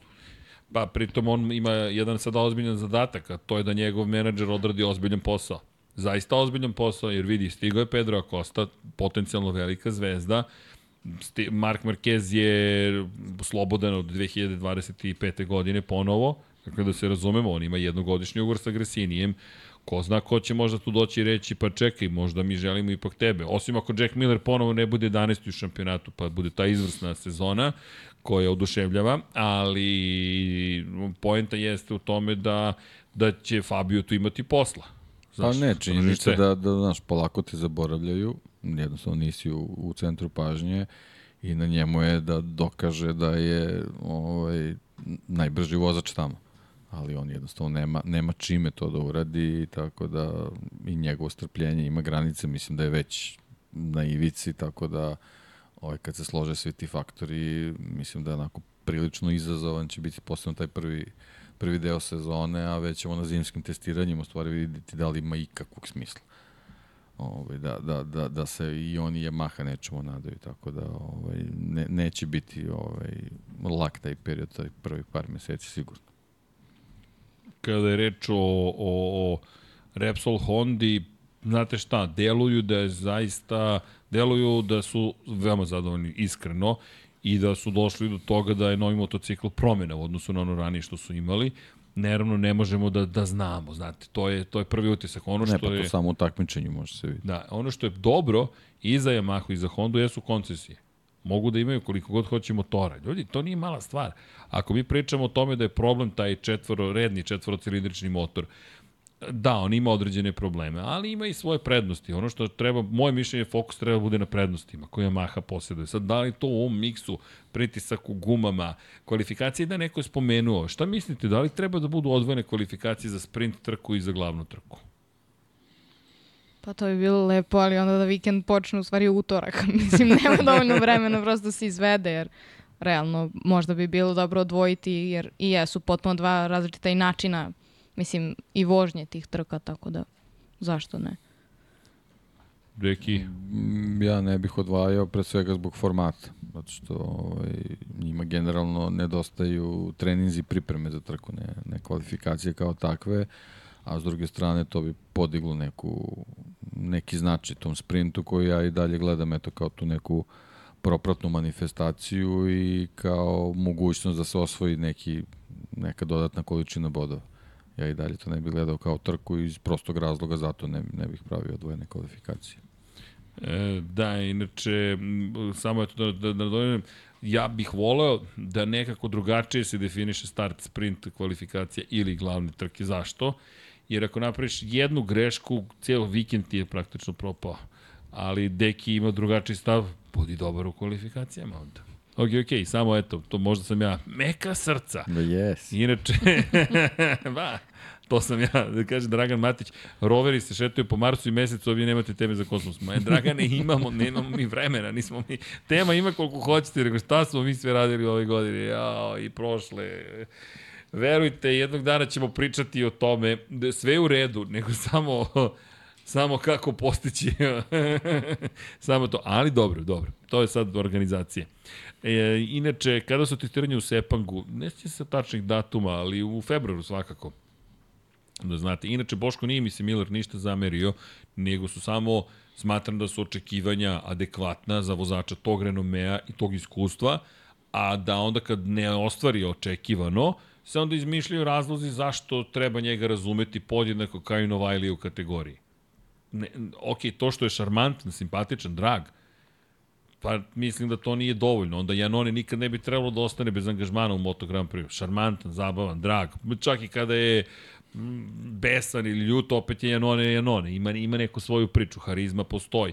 Tako da, to mi najviše zapravo e, smeta. Sve ostalo, nemam ja problem sa Millerom, pogotovo na nekom lično privatnom nivou. Mi, mi se znamo na profesionalnom nivou. Intervju, intervju, razgovor, razgovor i to je to. E, da, inače, Toni Soni Morbidelli se nekako is, i, i, se izvukao iz propasti Yamahe, Fabio još, nije slep, da nije Fabio slep, nego je Fabio očekivao mnogo više ove sezone. Ova sezona je bila kritična, jer ne zaboravite kad je Fabio potpisivao produženje ugovora s Yamahom. U momentu kada je, šta, vodio u šampionatu sveta. I kada je imao prednost od preko 60 poena i kada se činilo da ide ka drugoj uzastopnoj tituli, Samo zamislite drugačiji svet. Fabio sa dve titule Moto Grand Prix klase, drugačije bismo prečeli u ovoj sezoni čak i da mu je bila ista. Opet bi to bila drugačija sezona. Pritom, da li bi, evo, evo ajmo hipoteze, da li bi Banjaja osvojio titulu da je ove godine se borio za prvu titulu u svojoj karijeri? Da je Fabio prošle godine bio šampion. Znaš, da li bi imao isti pristup? Jer on je insistirao na tome da je zapravo zahvaljujući tome... A da li bi imao isti tretman? Tako je, isto, bravo deki da zato što je on insistirao na tome, moje iskustvo mi je pomoglo da odbranim titulu. Eto, i sad Fabio da je osvojio prošle godine titulu, drugačija priča. Drugačija priča. Čak i da je ove sezone bio podjednako loš zapravo u celoj priči. Inače, Marko, koji je najgori pad koji si do sada video za cijeli život? Pa nisu to baš teme koje, koje volim, ali svakako Marko Simoncelli, to mi je, to nije čak ni pad, to je, to, to mi je urezano za uvijek. Nisam srećan zbog toga, ali takođe to je deo našeg posla. Da, inače da je baba deda priče. Pa nije, nije, Branislav, ne pričam o tome, pričam samo o tome koliko je zapravo taj, ta titula bila toliko važna. Ne, ne da ŠBB, KBB, nego u kontekstu toga kako neke stvari sada izgledaju pogrešno koje je povukao, to je poteze Fabio. U tom momentu on je u potencijalno šampionskoj ekipi. Danas to nevjerojatno zvuči da je uopšte Yamaha imala vodećeg u šampionatu pre samo godinu i tri meseca. I to, to se samo desilo pre 15-16 meseci. Fabio je vodio u šampionatu. A, pozdrav, da li je sada vreme da ispričate nešto o Haradi? E, stvarno ostao sam dužan da zatecuju Haradu. Ajmo ovako, samo se podsjetim nekih rezultata, ali a, ovako na pamet. Tecuja Harada ti je jedna legenda. Veliki vozač iz 90. godina prošlog veka. Tecuja ti inače čovjek koji je osvajao titule u 250 kubika. I to je čovek koji je bio deo Super Dream Mega Giga tima u kojem su bili Valentino Rossi, Tecuja Harada i Loris Capirosi. Inače, ko je kupio knjigu Rossi sve njegove trke, može da pročita i poglavlje o tome. Ali, Tetsuya Harada je čovek koji je zaista odigrao veliku ulogu i u promociji japanskih vozača u, u, u 250 kubika. On ti je bio u grupi onih koji su se pojavljivali jednom godišnje, dođe velika nagrada Japana, inače tradicionalno u tom periodu Suzuka je bila prva trka sezone. I Japan je dugi niz godina zapravo otvarao sezonu. I onda dođe taj čuveni Japan i pojave se ti neki japanski vozači u 125, u 250 kubika. Evo ja ću da vam pročitam šta se desilo 1990. godine kada je debitovao Tetsuya Harada u trci od 250 kubika ako je nađem, a naći ću je zato što sam uporan i dosadan po tom pitanju. Ne znam da mi je Biblija naša. Moto Grand Prix. Ko hoće da zna i u knjizici može da potraži na shop.infinitylighthouse.com. Dakle, gde sam otvorio 73. 84. 89. Evo ga. Dakle, Japan, 24. mart 1991. Sam rekao 91. da ćemo da krenemo. Ne, od 90. ćemo da krenemo. Izvinite, samo da sam nekako sam preskočio celu 90. Ovako, John Kočinski kada je inače bio šampion. A, samo da nađemo. De, evo ga Japan. Pa sad, dođeš u Japan, a tamo Luka Kadalora podedi, pobedi, Kardus bude na poziciji 2, Zilenberg, Vilko, inače čuveni sada menadžer u okviru RNF Aprilije, bude na poziciji 3. Saron, čuveni francus, bude četvrti, zatim Kornu, švajcarac, bude na poziciji 5, a onda Honma, Harada, Aoki, Taguchi, Udagava, pa Schmidt iz tada zapadne Nemačke, Suzuki. Sve su Japanci bili. I šta je pojenta? Dođeš u Japan, a tamo samo japanski vozači. E, Tetsuya Harada je bio deo te ekipe. Inače, Tetsuya je za Yamahu vozio u prvom delu svoje karijere, u, na čuvenom TZ-u 250 i šta je uradio Tetsuya u prvoj svojoj punoj sezoni u šampionatu svetu, svoju titulu 250 kubika. Dakle, on je vozio tri trke pre toga, Sedmi, šesti nije se klasifikovao u Japanu, 90. 91. 92. Dođe 93. i Harada. Prve četiri trke sezone.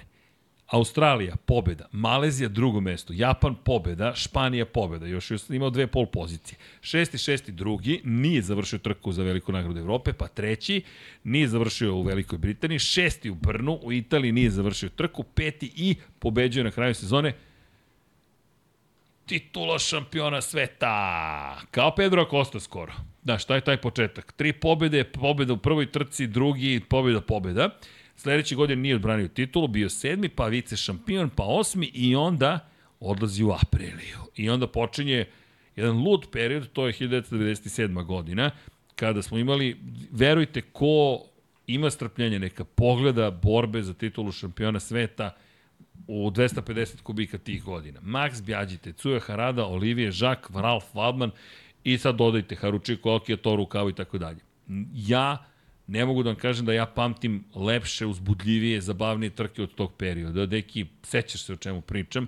Verujte, 500 kubika smo čekali iz dužnog poštovanja prema klasi i Miku Duanu, ali 97. godina po pitanju titule, evo ovako, u 250... Pa 250 tad kao Moto Grand Prix, recimo, posljednje dve, tri sezone. E, Max, tako je bilo. Tako je. Pazi, Max Bjađi osvaja titulu, 250 poena, Ralf Waldman 248 poena. Waldman inače pobeđuje na poslednjoj trci sezone, ali je Max drugi i to nije dovoljno. Dva poena, za dva poena gubi titul. Inače preminuje skoro Ralf Waldman. Imao sam čast i privilegiju da vozim karting protiv Ralfa Waldmana i bio je deo nemačke ekipe novinara, to je Monster organizovao 2015. Mm, ja mislim, i dolazi ekipa, ne, nije, bio je deo Pop TV-a, slovenačkog, bio je deo Pop TV-a i ekipa iz Pop TV-a dolazi i sad pojavljuje se jedan Dasa koga mi prepoznajemo u specijalnom kombinezonu i kaže Ralf Alman je deo naše ekipe. I ti je, Ralf Alman, legenda. Inače, Ralf, kaže ti, dva poena, i nedostatka, ali nije bilo dovoljno. Prosto nije bilo dovoljno. Inače, te 1997. Velika nagrada Velike Britanije meni ostala u ozbiljnom pamćenju, s obzirom na činjenicu da je, ja mislim da to bila, je bilo 2097. kada je po kiši pobedio, šta je uradio, ili je pobedio Žaka sledeće godine u Doningtonu, jedini je uzeo gume za kišu, Ralph Waldman, na polovini trke, napred, tako nešto. I ceo krug skoro zaostao. I sad Žak ili Harada, ne sjećam se tačno ko je vodio, ga vidi, vidi Valdmana, sustiže ga, ne, kiša ne pada. Odjednom počinje kiša da pada.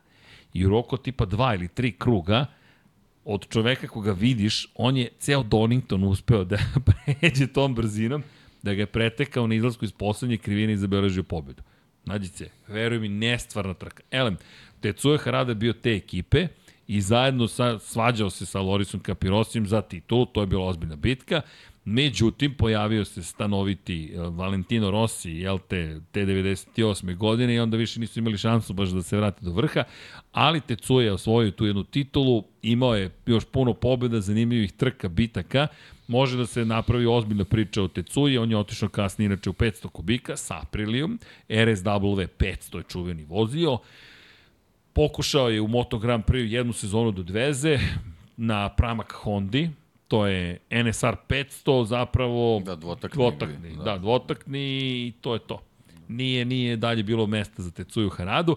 Inače, vratio se posle neuspešne dve sezone u 500 kubika u 250-ice, seo ponovo na Apriliju i bio vice šampion. Da, bio vice šampion ima je mnogo pobjede imao te godine, ali Jeste. Kato ga je Jeste, tako jeste. Daj Giro, daj Giro. Daj Giro inače dominirao te sezone 250 kubika, Marko Melandri i Tecuja Harada su pokušavali kao da. deo Aprili. Inače, najbolji Hondin vozač posle da Giro Kata bio je Emilio Zamora na sedmom mestu u šampionatu. Dakle, da Giro i onda su sve bile Aprili. Inače, da Girovi rezultati te sezone, dosta su jednostavni bili. Da Giro velika legenda. Pobeda, pobeda, pobeda, pobeda 10. mesto pobeda, 11. mesto pobeda, drugi, treći, pobeda, pobeda, odustajanje na velikoj nagradi Pacifika, gledam te, pobeda, pobeda, pobeda. Inače, na Pacifiku je podustao posle incidenta zapravo tokom trke, gde su njih dvojca, Melandri i Harada, pokušavali sve što mogu, da nešto se tu desi na tom Pacifiku. Došlo do kontakta između Melandrije i Kata i to je bilo to.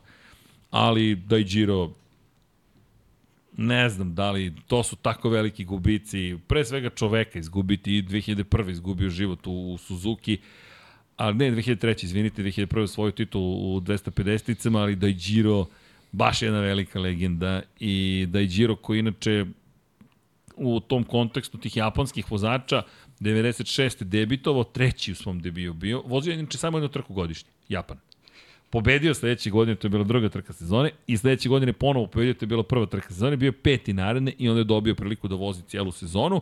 2000-te bio na poziciji broj 3 iza Olivije Žaka i Šinjena Kana.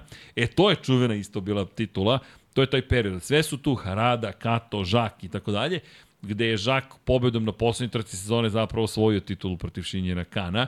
Tada je Tech 3 ekipa to bila, koju danas imamo, i tada je Tech 3 rekao vreme da idemo u Moto Grand Prix. Jer su se već menjala vremena, od 2002. su uvedeni četvorotakni motori u Moto Grand Prix. Zapravo nisu uvedeni, ne, ne. E, pravilo je važi, glasilo ovako, ti si smeo da proizvodiš Moto Grand, e, četvorotakne motore, ali nisu mogli da imaju veću kubikažu od 500 kubika. 500 dvotakna protiv 500 četvorotakne. Šta si rekao ono za 250-ice dvotakne? Ko će na to da sedne? E pa, ovi su sedali na to na od 500 kubika, ali u svakom slučaju da je Giro osvojio titulu, došao u Moto Grand Prix 2002. Bio na Hondi, bio je inače dva puta drugi te sezone. Smatralo se da on je jedini koji može u toj eri da ugrozi zaista iz trke u trku Valentina Rosija. Nažalost, nikad nismo saznali. U drugoj sezoni u Moto Grand Prix izgubio tragično, zaista, pretragično život u Suzuki i od onda Suzuka više nikada nije bila na kalendaru Moto Grand Prix. Što se tiče Tetsuje Harade, jedan zaista sjajan vozač, obeležio je eru, nije sam, nego to. Mukava, Bjađi, Žak, Nakano, Kapirosi. Da, sa Kapirosim je on imao vrlo zapravo jedan ružan moment gde je Loris Capirosi njega u Argentini bukvalno izbacio sa staze 98. godine. To je prva sezona takmičenja Rosija u 250 kubika, gde je Rossi rekao neću ni da se mešam u bitku. Međutim, takav je duel bio između Harade u tom momentu i Kapirosija da je došao u situaciju da je poveo, da bi izbegao incident između njih dvojice. Na kraju Harada, zahvaljujući tom izbacivanju, inače to je tako izgledalo što je poslednje, već pos, kraj trke, poslednja da, krivina, da, poslednje kruga, da. i on već u, praktično se sprema za kretanje i Kapirosi samo bum, Harada van staze, Kapirosi završava kao drugi. Šta je bio problem? I da su diskvalifikovali Kapirosija. Kapirosi imao četiri poena prednosti na početku te trke. Inače, inače, da su nekim čudom poništili rezultate Lorisa Kapirosija, Rossi bi bio šampion te godine. Tako da Rossi inače ima četiri pobjede za redom na kraju sezona. I dobro, imaš osmeh na licu na tu informaciju, ali, ali ne mora baš da osvoji titulu još i tako. Je. To bi bila deseta. Za sve je kriv Loris Capiro. Ne, Fim.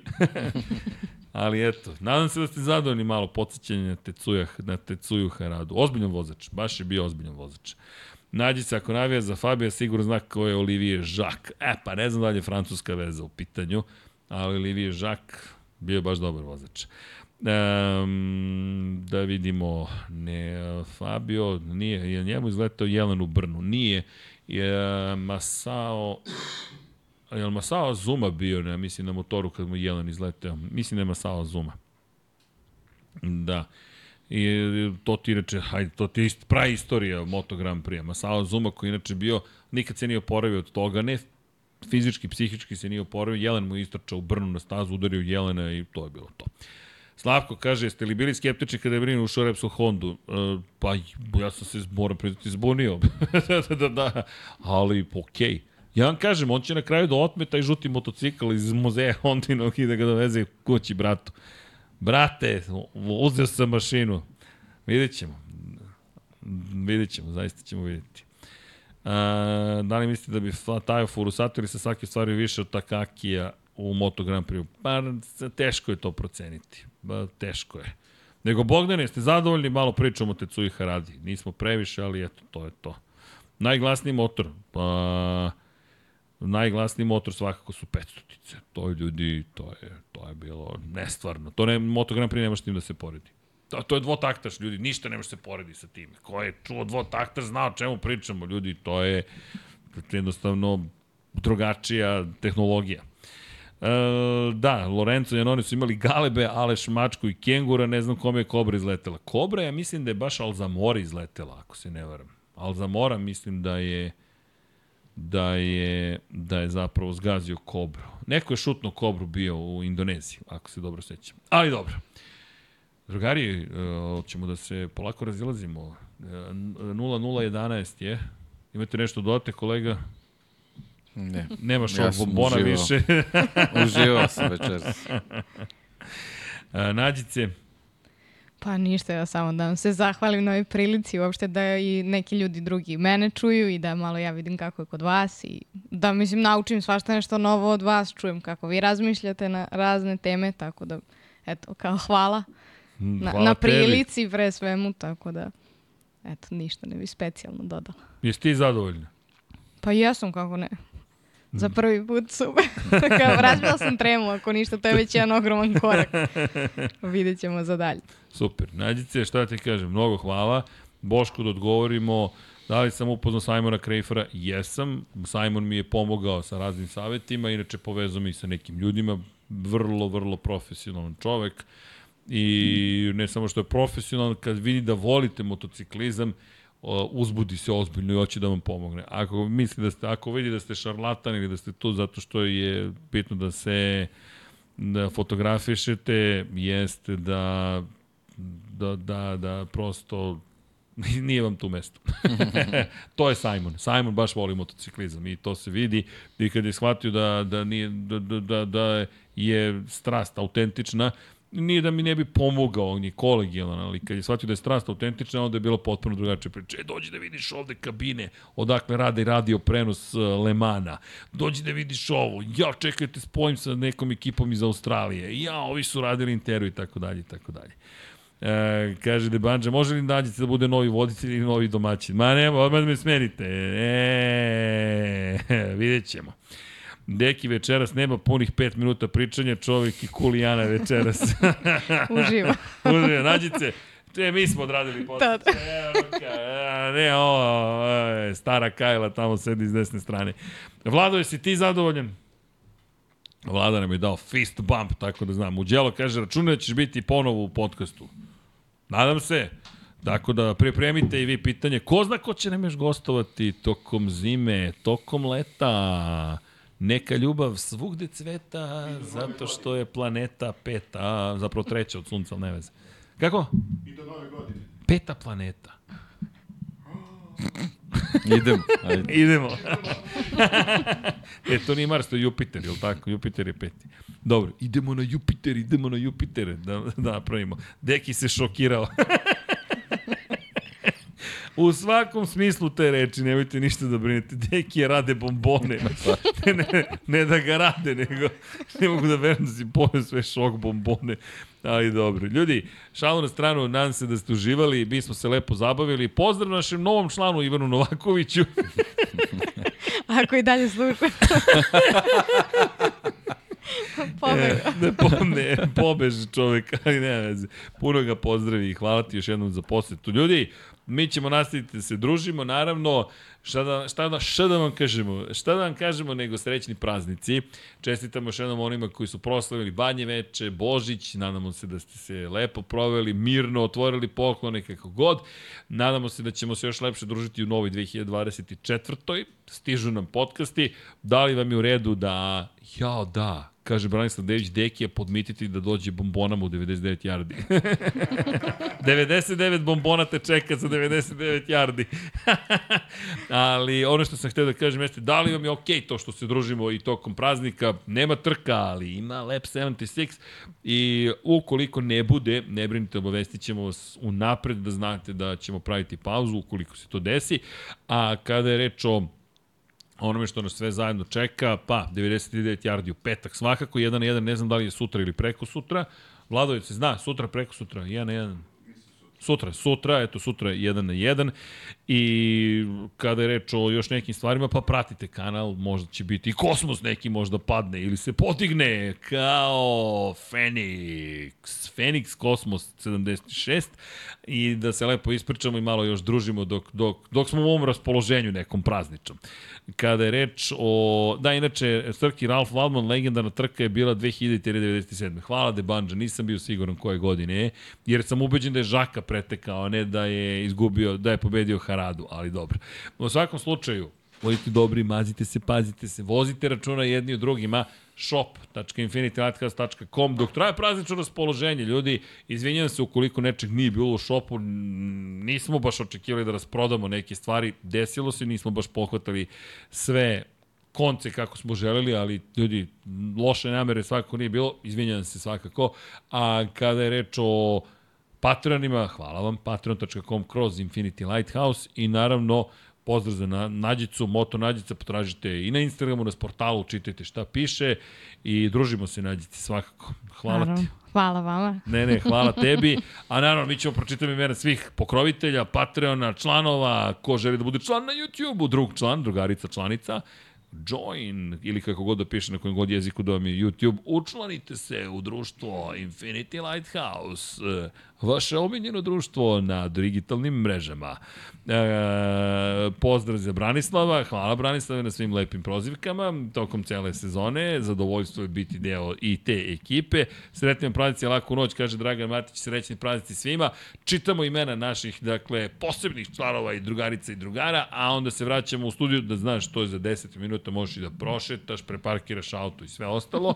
Vratiš se, pozdravimo se sa svima i idemo u novu godinu. Vlado?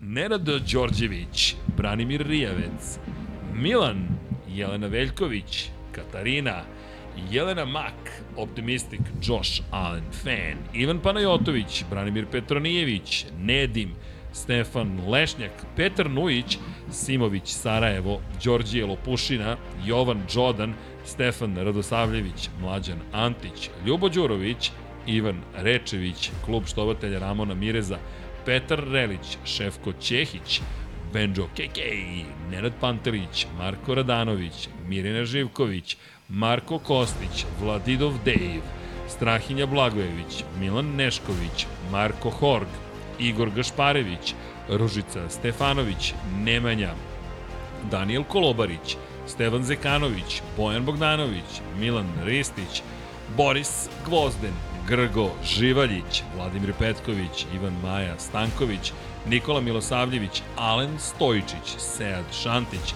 Đorđe Andrić, Laslo Boroš, Bogdan Uzelac, Ivan, Ognjen Ungurjanović, Stefan Dulić, Đorđe Đukić, Renata Neš, Vladimir Stojadinov, Mihovil Stamičar, Armin, Mario Jelena Komšić, Danka, Bojan Majstorović, Blufonac, Šmele, Davor, Goša 46, Aleksandar Milosavljević, Kovačević, Omer, Miloš Prodanović, Đorđe Milanović, Denis Špoljarić, Branimir Kovačev, Predrag Simić, Sava Dugi, Anonimus, Donatorus, Marina Mihajlović, Mladen Mladenović, Marko Ćurčić, Stefan Vuletić, Dejan Vujović, Dušan Ristić, Branislav Dević, Boris Erceg, Stefan Milošević, Vučinić Miroslav, Jugoslav Krasnić, Dušan Petrović, Marko Petrekanović, Vukašin Jekić, Ivica, Luka Martinović, Zoran Baka,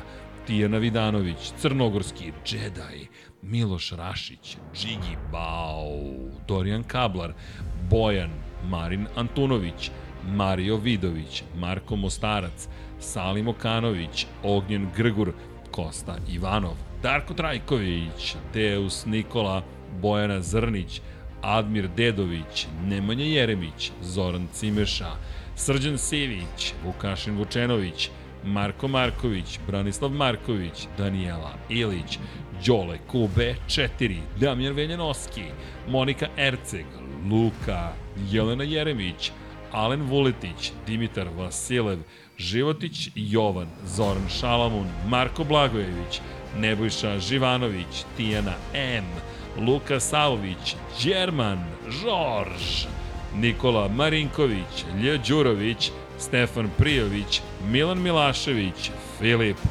Peđa Janković, Bogdan Mitrović, Matija Rajić, Miroslav Cvetić, Đole Bronkos, Ivan Čule, Matija Binotto, Antonio Novak, Nenad Simić, Tina i Ilija, Sean Hing, Jasenko Samarđić, Aleksandar Mitrović, Laslo Bolok, Jeca and Stefan, Ivan Ciger, Ferenc Laslofi, Mladen Tešić, Lazar Pejović, Veselin Vukićević, Nikola Beljić, Vladimir Uskoković, Ertan Prelić, Miloš Radosavljević, LFC, Borislav Vukojević, Robert Čolić, Dejan Avić, Andreja Branković, Mirina Kovačević, Stefan Ličina, Dragan Nikolovski, Bahtjar Abdurmanov, Predrag Pižurica, Neđo Mališić, Aleksa Lilić, Vambli Sapa, Armin Durgut, Boris Golubar, Da žena ne sazna, Ivan Maksimović, Živojin Petković, Stefan Janković, Luka Klaso,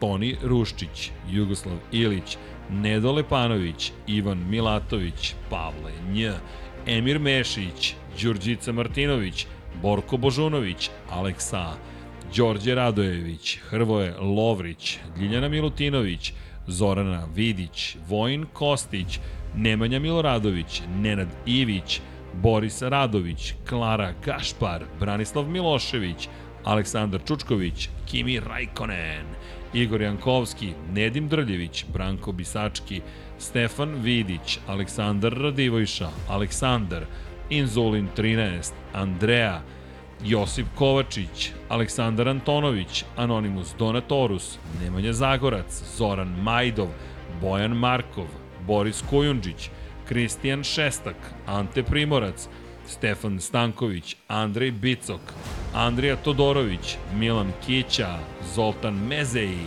Žarko Milić, Milan Paunović, Bata Brada, Miloš Banduka, Vladan Miladinović, Branislav Jovanović, Andrej Božo, Luka Manitašević, Nikola Stojanović, Miloš Vuletić, Aleksandar Banovac, Ivan Sović, Ivana, Vanja Radulović, Bojan Mijatović, Andreja Miladinović, Zlatko Vasić, Aca 43 Zla, Savifet Isljami, Dejan Avić, Milan Apro, Aleksa Jelić, Aleksandar Bobić, Marko Trkulja, Ivan Simeunović, Stefan Nedeljković, Đole Cheesehead, Gloria Edson, Vladimir Mutić, Dragan Matić, Vlada Ivanović, Marko Kozić, Ivan Rebac, Martin Gašpar, Mihajlo Krgović, Strahinja Brajanovski, Aleksandar Jurić, Aleksa Valter, Jasmina Pešić, Novak Tomić, Aleksandar Anđelić, Dušan Delić,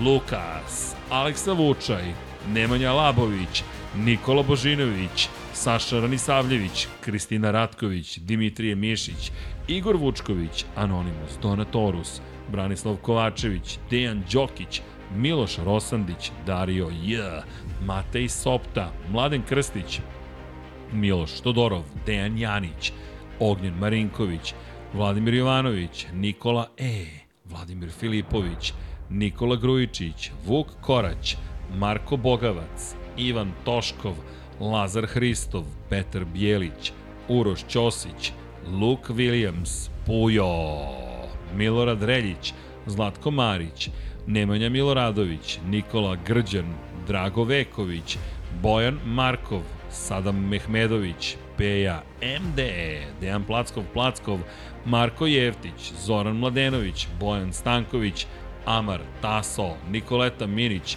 Din Stero, Aleksandar P, Omer Sarajlić, Milanka Marunić, Galeksić, Stevie G 8 MM93, Ramzes Rama, Aleksandar Jokić, Ejhel, Eldin Polovina, Predrag Zec, Igor Ninić, Marakos, Mile Supodinov Ristov, Supudanov Ristov, Blagoj Ačevski, Elinje, Elinje Sjenović, Zoran Baka, Baka Du, Mensur Kurtagić, Ertan Prelić, Ivan Vujasinović, Vukašin Vučenović, Slaven 84, Aleksandar Stojković, Marko Lučić, Đera 7, Krorobi 00, Nikola Hrnjaković, Anonimus Donatorus, Domagoj Kovač Rajkov, Mateja Nenadović, Toni Soni, 76, aktivan večeras, Ada Sokolović, Mrča, Nikola Vulović, Aleksandar Egerić, Penđer, Nikola Božović, Dejan Janić, Bojan Gitarić, Katarina Stepanović, Lunatic Soul, Kromid, Luda Duša, Saša Stevanović, Marko Bogavac,